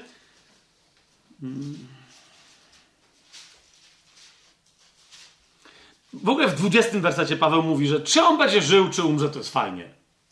Nie? Bo tak czy siak Chrystus będzie uwielbiony. Okej. Okay. Ale potem 21 werset, tu się już zaczyna jazda, jazda ostra. On mówi tak: Dla mnie bowiem życie to Chrystus, a śmierć to zysk. e, Okej, okay. czyli jakby wręcz, wiecie, lepiej byłoby mi umrzeć niż żyć, no ale Chrystus to jest też zysk, no to czyli jakby tak czy siak jest dobrze. Nie? Póki żyję, to jeszcze coś. No ale dlaczego? Lecz jeśli życie w ciele jest dla mnie owocem mojej pracy, to nie wiem, co mam wybrać. W ogóle zwróćcie uwagę na, na co Paweł tu napisał. Jeżeli życie w ciele jest dla mnie owocem mojej pracy. Co? Czy życie w ciele nie powinno być czasem możliwością przyniesienia owoców w mojej pracy? Nie będę teraz tego komentować, bo to chodzi dokładnie o to, jak żyje człowiek z przemienionym umysłem, nie? Jak żyje człowiek z przemienionym umysłem, który mógłby odejść. Tu jest, wiecie, to jest jeden z najmocniejszych fragmentów Biblii, kiedy Paweł mówi, że naprawdę to od niego zależy, czy on odejdzie, czy zostanie jeszcze. Po prostu, jeżeli on tylko zachce w sercu, żeby odszedł, to Pan go odwoła. Nie? Ale jest dalej. Dlaczego? Bo w drugim do Koryntian Paweł z, tą myślą się trochę, że tak powiem, zabawia. Nie? Ale to mówi nie, mówi, moje, mówi to moje życie w ciele jest dla mnie owocem mojej pracy. Skoro pracuję, to żyję. Nie? Żeby móc jeszcze więcej pracować, jeszcze większy owoc przynieść. No i dlatego mówi, nie wiem, co mam wybrać, bo w sumie owoc już jest wystarczający. Zauważcie, Paweł, drugi list do Tymoteusza pisze z jakiego punktu widzenia? Że on już skończył bieg. On już dobiegł do mety, już wszystko, co miał zrobić, już zrobił. Już naprawdę, już więcej Bóg nie wymyślił dla niego, a on co robi? Pisze drugi list do Tymoteusza, który następnie Duch Święty uznał za natchnione i mówi, to jest to, zamieszamy to w Piśmie Świętym. To jest bardzo dobra, że no to skończył Paweł ten bieg, czy nie skończył? Nie? Może skończył, po czym uznał, a drugie kółko jeszcze przelecę. Nie? Tam inni jeszcze się ścigają, ja ich zdubluję ich jeszcze. Niech będzie rekord świata. Jak ty, zauważ, co się dzieje, jak ty masz obietnicę od Boga, to wynika z obietnic danych wierzącym. A propos ich życia i a propos ich śmierci. Rozumiesz, co się wtedy dzieje w tym charakterze? Że ktoś, ktoś mówi, nie wiem, mam umrzeć czy mam żyć? Ilu chrześcijan dzisiaj takich znasz, którzy dosłownie siedzą i mówią, ty słuchaj, taką mam sprawę, jakbyś mi mógł doradzić się jakoś pomodlić ze mną, bo wiesz, mógłbym umrzeć, nie? I jakby jest tyle, a jednocześnie jak będę żyć, to jest tyle. Ja myślę, że niektórzy byliby zszokowani, co się tam dzieje. No zwiedzenie jak nic, ale to jest to, co Paweł mówi. I 23 werset. Jedno i drugie bowiem mnie naciska. Chcę odejść, odejść i być z Chrystusem, bo to jest o wiele lepsze. Ale pozostać w ciele jest bardziej potrzebne ze względu na was. A będąc tego pewien, Wiem, że pozostanę i będę z wami wszystkimi dla waszego rozwoju i radości wiary. Rozumiesz, co jest grane? Paweł po prostu wsiada do samolotu.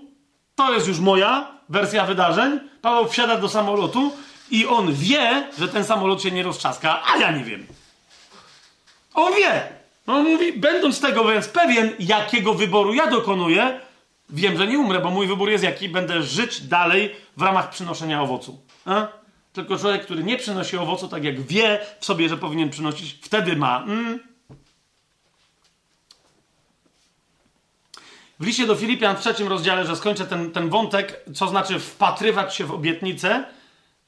W trzecim rozdziale, w trzynastym i czternastym wersecie, Paweł mówi wyraźnie, że on nie uznał swojej przemiany charakterologicznej i w ogóle duchowej i tak dalej za pełną. Nie o to chodzi, nie? Chodzi o to natomiast, że jest we, wła- we wła- biegnie we właściwym kierunku i biegnie, jest w procesie. Mówi tak, 13, trzeci rozdział, 13 werset. Bracia, ja o sobie nie myślę, że już pochwyciłem, lecz jedno czynię. Co? Zapominając o tym, co za mną, a zdążając do tego, co przede mną, biegnę do mety, do nagrody powołania Bożego, które jest z góry w Chrystusie Jezusie. Więc mówi, jedno biegnę, jedno, jedno czynię, biegnę do mety. Co to oznacza? To znaczy, że mnie nie interesuje, co było przed chwilą, co było za mną, co było wczoraj.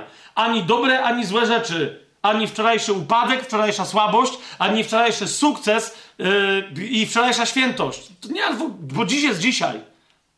A dziś mnie interesuje tylko ze względu na jutro. Wiem, co mi Bóg obiecał. To wszystko jest w Chrystusie. To jest moja meta.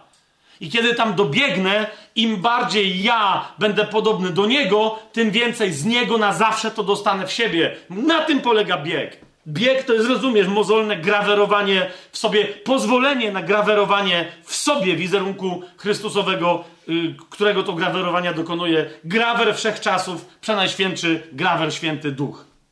Duch Święty. A my w kółko roztrząsamy, co było wczoraj, kto mi powiedział coś pięć dni temu, kto czegoś nie zrobił dla mnie i mnie tym zranił dwa lata temu i tak dalej, i tak dalej. Biegnę do mety, do nagrody powołania Bożego. Rozumiesz, że Twoje powołanie ma nagrodę, to jest obietnica. Pan Ci powiedział, że Twoje życie ma sens. Pan Ci powiedział, że za przeżycie tego życia sensowne jest ekstra nagroda i to nie jest życie wieczne. Rozumiesz, jest ekstra nagroda.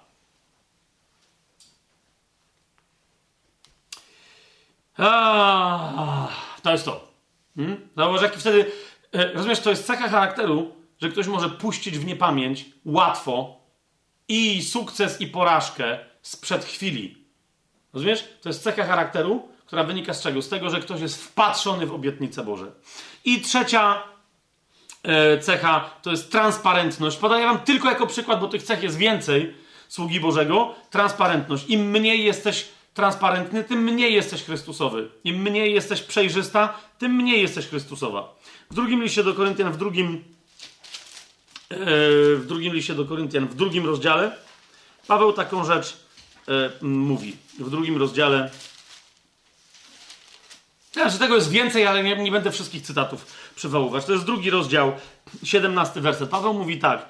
Nie jesteśmy bowiem jak wielu, którzy fałszują Słowo Boże, lecz ze szczerości, jak od Boga, mówimy w Chrystusie przed obliczem Boga. Paweł bardzo często się powołuje na Boga, mówi sprawdźcie nas i tak dalej. Nie, nie, nie wierzcie innym, sami to sprawdźcie. Nie?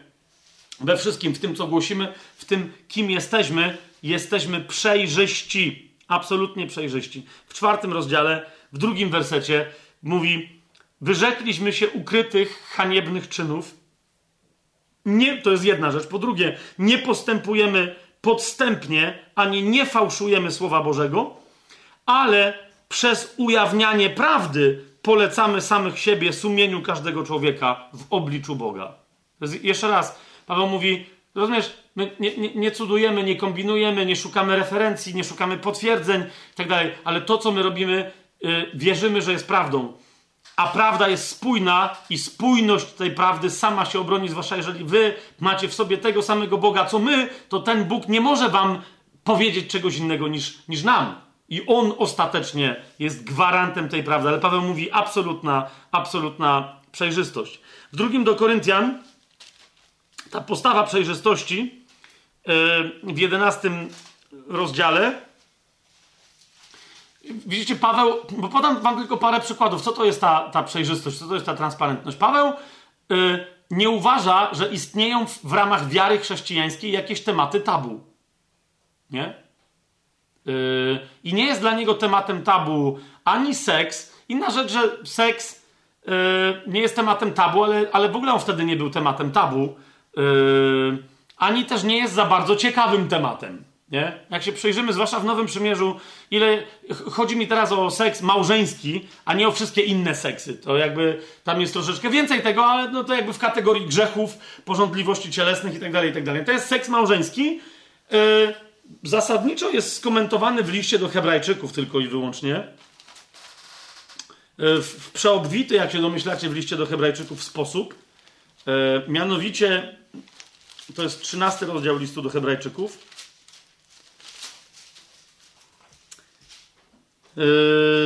Czwarty werset i to tylko początek tego wersetu. Mianowicie, małżeństwo jest godne czci u wszystkich i łoże jego nieskalane. Yy, tyle. To, to jest cały komentarz do seksu małżeńskiego. Tyle. Cała reszta stanie przed Panem i będą się musieli tłumaczyć. Małżonkowie nie będą się z niczego musieli tłumaczyć. Po prostu łoże małżeńskie jest niepokalane. Kropeczka. Jak Matka Boska Przenajświętsza w Kościele katolickim. Bez grzechu. Naprawdę, tu, tu jest dokładnie taki wyraz. Niepokalane jest łoże. Więc to nie, dlatego wiecie, niektórzy, to nie jest to, ale jest wiele innych tematów, które były wtedy tematami tabu i dzisiaj nadal są tematami tabu. I co jest interesujące, Paweł uważa, że yy, i on jest transparentny w tych tematach tabu, i wszyscy inni muszą być transparentni, więc ma gdzieś czyjeś poczucie pseudoprzyzwoitości chrześcijańskiej, że o tych rzeczach nie wolno mówić, albo nie tak, albo nie aż tak otwarcie, albo jeszcze coś. Ok? Jednym z takich tematów jest na przykład sposób głoszenia, e, sposób głoszenia prawd Bożych i tak dalej, nie? I Paweł e, uważa, że no, mimo, że on wie, co inni, jak inni komentują jego sposób mówienia, e, to nie uważa, że jest obciachem, że powie, że wie, jak, co inni na ten temat myślą, ale też nie uważa, żeby był to problem to, co inni myślą, tylko żeby wiedzieli, czemu jest tak, jak jest. Nie? W 11 rozdziale e, e, więc od szóstego wersetu poczynając aż do dziesiątego, zobaczcie jaka jest wypowiedź Pawła, swobodna. Po pierwsze, mówi, chociaż jestem prostakiem w mowie, to jednak nie w poznaniu, lecz staliśmy się jawni wobec was we wszystkim pod każdym względem. Co, co Paweł, co znaczy być prostakiem? To znaczy, że Paweł nie ubiera e, swojej wypowiedzi w figury retoryczne, nie stosuje technik oratorskich, nie buduje tej swojej wypowiedzi w ładne sekwencje, jak stoicy czy innego rodzaju filozofowie przemawiający greccy, ale on mówi: Idę, mówię spontanicznie i, jak widać mój chaos, to mówi: To mam to gdzieś. Bo, bo jestem ja, to jest dokładnie sposób mojego myślenia. Ja, teraz ja o tym myślę i wam to mówię. I teraz wy to ocencie, tak? To mówię, mnie nie brakuje poznania, ale wypowiedź może dla was więc brzmieć jak, jak prostacka, że nie poukładałem tego, że to jest chaotyczne, że gadam za długo, że za krótko mówię, czasami dwa zdania, mógłbyś to rozwinąć, a ja nagle mówię, nie, to wystarczy, bo ufam, że, że idę za duchem. Natomiast w tym wszystkim staliśmy się jawni wobec was, we wszystkim, pod każdym względem. Mówi także tu, musicie widzieć, tak ja myślę i tak mówię. Ludzie, którzy mają ułożone wypowiedzi, no właśnie, przepracowali już swój proces myślowy, a ja wam go demonstruję. No, macie wszystko, całego mnie na tacy, nawet to, w jaki sposób yy, myślę. Siódmy, czy to jest poniżające dla takiego oratora jak Paweł? Zobaczcie jego przemowę w Atenach. Oczywiście, że tak. Siódmy werset. Ale czy popełniłem grzech, uniżając samego siebie, abyście wy byli wywyższeni? Że za darmo głosiłem wam Ewangelię Bożą? Bo to jest kolejna rzecz. Temat tabu, pieniądze w kościele. Nie? Dla jednych temat tabu, bo skoro jest takim wielkim głosicielem Bożym, to powinien brać pieniądze, a nie brał. Może się bał, że dziadostwo głosi. Wiecie, w krajach latynoskich, w niektórych krajach azjatyckich, e, bliskowschodnich, e, kultura e, kościelna jest nędzna pod tym względem, według mnie, ale jest jaka jest. Każe patrzeć ludziom, ile domów, jak e, przyozdobionych, ile samochodów e, ma pastor, e, jak drogie ma garnitury, w jakich butach chodzi i tak dalej, i tak dalej, ponieważ jego status społeczny świadczy o tym, czy dobrze głosi. Skoro dobrze głosi, to ludzie mu płacą. On przy, jak on dobrze głosi i gdzieś przyjeżdża, to musi zażądać odpowiednio wysokiej ceny za swoją usługę, bo inaczej najwyraźniej jakiś dziad. Naprawdę, naprawdę tak jest. Nie, nie mówię, że to jest pełna kultura kościelna, bo są kościoły, które się z tym nie zgadzają, ale są kościoły, które mają taką kulturę. Mówią, no co zrobić? Nie? Więc niektórzy atakowali Pawła, że nie brał pieniędzy. Nie? Inni go atakowali, że może jednak brał. No nie w tym wypadku on mówi temat tabu. Jaki jest temat tabu? Miałem prawo brać pieniądze, żeby było jasne. A czemu nie brałem? No to co, też nie wiecie czemu? I on to dalej tłumaczy. Ósmy werset, patrzcie. Ograbiłem inne kościoły. Paweł mówi, jestem złodziejem. Złupiłem jak bandyta na drodze. Wziąłem im. Co myślicie, że ja nie biorę? Pewnie, że biorę. Ograbiłem inne kościoły. Biorąc od nich zapłatę, aby wam usłużyć. A, czyli Paweł mówi, że jednak gdzieś brał kasę. Ty, tu się historie dzieją. I mówi, a od was nie brałem. No i teraz masz. Czyli Paweł nie wszystkich traktował równo. Mówi, no, no. Od jednych brałem, od innych nie brałem. Od tych wziąłem dwa razy tyle, co trzeba, żebym od tamtych nie musiał brać. Czyżbyś wolał Koryntian bardziej niż no, no? I co wy na to? A może to z innym... Widzisz, o co mi... Rozumiecie, o co mi... To jest transparentność Pawła. Mówi, no, on się nie tłumaczy. Z czego to wynikało?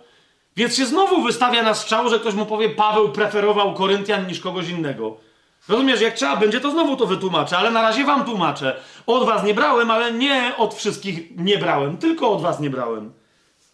A gdy byłem u was i znalazłem się w potrzebie, nikomu nie byłem ciężarem. Mój niedostatek bowiem uzupełnili bracia, którzy przybyli z Macedonii. No i teraz to jest siara, tak? Bo żeby to jeszcze przyszli z jakiegoś bogatego kraju, ale pamiętacie, co Paweł o, o Macedonii mówił? No bieda piszczy. Łysi i bidni jak myszy kościelne. Katolickie oczywiście. Pilnowałem się, aby w niczym nie być dla was ciężarem i nadal będę się pilnował. Jak prawda Chrystusa jest we mnie, tak tej chluby nikt mnie nie odbierze w granicach Achai. What? Rozumiesz, bo chodzi mi o to, że przyjrzyj się, co tu Paweł gada. Tamtych ograbił jeszcze mówi, to jest moja chluba. Że specjalnie u was No ale gdzie indziej brałeś kasę? No brałem, ale tu nie brałem i to jest moja duma w całej Achai. No w Macedonii nie, bo Macedonię ograbiałem dla Achai, ale w Achai to jest moja chluba. Co Paweł tu gada? On dokład, rozumiesz? On mówi, mówię dokładnie to, co mówię. To, co myślę. I teraz ty to rozważ. Gdzie jest, zauważ od czego się to zaczyna. Czy popełniłem grzech? To jest pytanie Pawła. Czy popełniłem grzech? No to co ty teraz myślisz? Co ty widzisz, co ja gadam? Bo ja jestem przejrzysty, nie ukryję niczego. Rozumiesz? Ale co ty teraz myślisz? Popełniłem grzech czy nie? W, w którym momencie? Potem Paweł dalej im otwarcie, przejrzyście pewne rzeczy tłumaczy, yy, a, ale wiecie, yy, nie, nie z wszystkiego się tłumaczy. Nie? On tylko dla niego nie ma tematów tabu. Pieniądze, że gdzieś brał, że gdzieś nie brał, że gdzieś je zawiózł, że gdzieś skorzystał z czego w jaki sposób. Mm, nie ma tematów tabu. W pierwszym liście do Koryntian, w dziewiątym rozdziale. Yy, Paweł dokładnie o rozmaitych kwestiach, wiecie, to, tu to jest zestaw tematów tabu, no nie? I Paweł mówi, co wy myślicie, że wy o tych tematach tabu możecie w małych grupkach po kościołach domowych gadać i mnie obgadywać i potem każdy wie, co kto gdzie gadał, ale potem, bo mnie nie ma, ale potem jak przyjadę, to wszyscy będą się patrzeć mi w gębę i uśmiechać miło, a swoje myśleć? No to ja wam mówię, jakie mam poznanie w duchu i od ludzi Chloe. Dziewiąty rozdział, pierwszy werset. Czy nie jestem apostołem? Czy nie jestem wolny? Czy nie widziałem Jezusa Chrystusa, naszego Pana? Czy wy nie jesteście moim dziełem w Panu? Rozumiecie, to są pytania, które inni sobie zadawali i różne odpowiedzi na nie udzielali. Jeśli dla innych nie jestem apostołem, to dla was na pewno jestem. Zauważcie, co Paweł mówi. W ogóle mnie nie interesuje wasza opinia na ten temat. Ja wam mówię, jaka jest moja opinia i ona się liczy. Co wy na to? Pieczęcią bowiem mojego apostolstwa wy jesteście w Panu. Taka jest moja obrona przeciwko tym, którzy mnie osądzają. Widzisz, to jest to. I Paweł dalej kontynuuje. Jak go osądzają? Czy nie mamy prawa jeść i pić? Bo ktoś powie, rozumiecie, tam zapewne to było oskarżenie, no Paweł niby tu nie korzystał z naszych dotacji, no ale u tego mieszkał, a u tej jadł, tam, rozumiesz, to jest grane, więc w sumie trochę pieniędzy nie potrzebował, bo miał gdzie mieszkać, miał co jeść, miał co pić. Ubrań jeszcze nie miał znoszonych. Nie? Czy nie mamy prawa zabierać ze sobą siostry żony? Ta siostra żona tu jest całą sensacją. Co to Paweł kogo ze sobą zabierał? I czy zabierał, czy tylko mówił, że ma prawo i straszył. Następnym razem przyjdę z babą. Nie wolno mi? I teraz, no, rozumiecie, no jemu wolno czy nie wolno, jak i inni apostołowie, bracia Pana i nawet sam Kefas. No to jest pytanie, rozumiecie, czy ludzie by mieli problem, że apostołowie chodzą z żonami, zwłaszcza, że ta żona tutaj no jest kobietą siostrą bardziej niż żoną, ale nawet jak jest żoną, to jest pytanie yy, najwyraźniej, jeżeli chodzi o żony, bo tu mówię, interpretacja jest możliwa podwójna, to, to, to jest kwestia, yy, no jak przyjdzie apostoł z żoną, no to dobra, on usługuje, to go mamy utrzymy, utrzymywać, a ją też mamy utrzymywać? Rozumiesz, to były dyskusje, nie? No to teraz weź bądź apostołem, wyruszasz w podróż pieszą dookoła Morza Śródziemnego, i nie weź ze sobą żony. No rozumiesz, jesteś też odpowiedzialny za nią, tak? A jak żona, to pewnie jest z dziećmi, bo oni wtedy tam się nie szczypali do czterdziestki, tak? Więc wiecie o co mi chodzi? No to czyli przelaz z żoną, jak z żoną, to z dziećmi. Paweł mówi, nie wolno mi, no on tam zdaje się, że nie miał, ale czy reszta miała? No i mówi, i co? I o tym się dyskusje odbywają. Że no pewnie, przylas bez żony, no to dlatego nic nie chciał. Przyjdzie z żoną, to zobaczycie. Paweł mówi, pogadajmy o tym. Czy tylko ja i Barnaba nie mamy prawa nie pracować? Nie? I tak dalej, i tak dalej. Ja nie chcę teraz tego dalej rozwijać, tylko wam pokazuję, że rozumiecie, dziś w wielu kościołach nie wolno takich rozmów odbywać. Nie? One są ucinane. Ktoś coś mówi i ktoś mówi, nie, nie, ale to kim ty jesteś teraz, żeby y, zapytać, to musimy, wiecie, za zamkniętymi drzwiami, w, w pokoiku, gdzie ci najbardziej do, do konfrontacji już nie są nie, konfrontowani, no bo są konfrontowani tylko przez jednego śmiałka, którego spacyfikują we czterech starszych i tak dalej, i tak dalej. Nie? Paweł, a Paweł, rozumiesz, a Paweł to nawet nie jest publiczne kazanie, to jest list, który przetrwał 2000 lat. I Paweł mówi, no to pogadajmy, kościele. Ja nie mam nic do ukrycia. Ja wiem, że się wam pewne moje praktyki, poglądy, myśli nie podobają. Ja to wszystko wiem. No to pogadajmy. Jak nie, to u mnie wszystko jest jawne. U mnie wszystko jest jawne. Yy, Wręcz Paweł, nawet co do ludzi, którzy. No, jeszcze raz wam przypomnę, bo ten werset cytowałem, ale na sam koniec, a propos transparentności, to jest drugi do Koryntian, piąty rozdział, jedenasty werset. Paweł mówi, że przekonuje ludzi, nie? Tam o tym strachu pańskim, ale zauważcie, dla Boga zaś wszystko w nas jest jawne. Mamy też nadzieję, że i dla waszych sumień wszystko w nas jest jawne. Nie? A on mówi, mam nadzieję, bo nie wiem, może o czymś nie napisałem, może o czymś nie wspomniałem, może jakiegoś tematu, który chcieliście, nie poruszyłem, ale mówi, to nie, to nie dlatego, że, że coś dla mnie jest w kościele, na łonie ciała Chrystusa, że coś jest tematem tabu, bo nie jest. Więc mam nadzieję, że wszystko we mnie jest jawne. Transparentność, przejrzystość, jawność cechuje charakter sługi Bożego. Nie? To jest kwestia charakteru, to jest rzecz do wypracowania no, chyba, że ktoś rzeczywiście ma jakieś rzeczy do ukrycia, no to to nie jest kwestia, to, to nie transparentność jest kwestią charakteru, tylko te rzeczy, do, które musi ukrywać, to jest sprawa yy, charakteru. Trzy rzeczy, dla których po, potrzebujemy studiować charaktery w Biblii. Po pierwsze, yy, dla poznania samego Pana, bo istotny jego charakter jest dla nas tak samo jak słowa, które wypowiadał, bo on jest charakterem, który ma odbić Boży charakter w naszych charakterach. Po drugie, ze względu na walkę starego człowieka z nowym. Po trzecie, ze względu na owocność naszego życia, czyli ze względu na naszą służbę. Jak ktoś by tam przeminął te y, rzeczy, to jeszcze ostatni raz powiem, dla pogłębienia tych dwóch, zwłaszcza ostatnich wątków i tematów, mm, które naprawdę nam pomogą w studiowaniu Biblii, charakterów w Biblii, zwłaszcza Jezusa, Pawła, innych istotnych postaci. Książka Watchmana ni Skruszenie zewnętrznego człowieka i uwolnienie ducha oraz również Watchmana ni Charakter pracownika pańskiego kształtowany dla użytku mistrza. Amen i do następnego razu.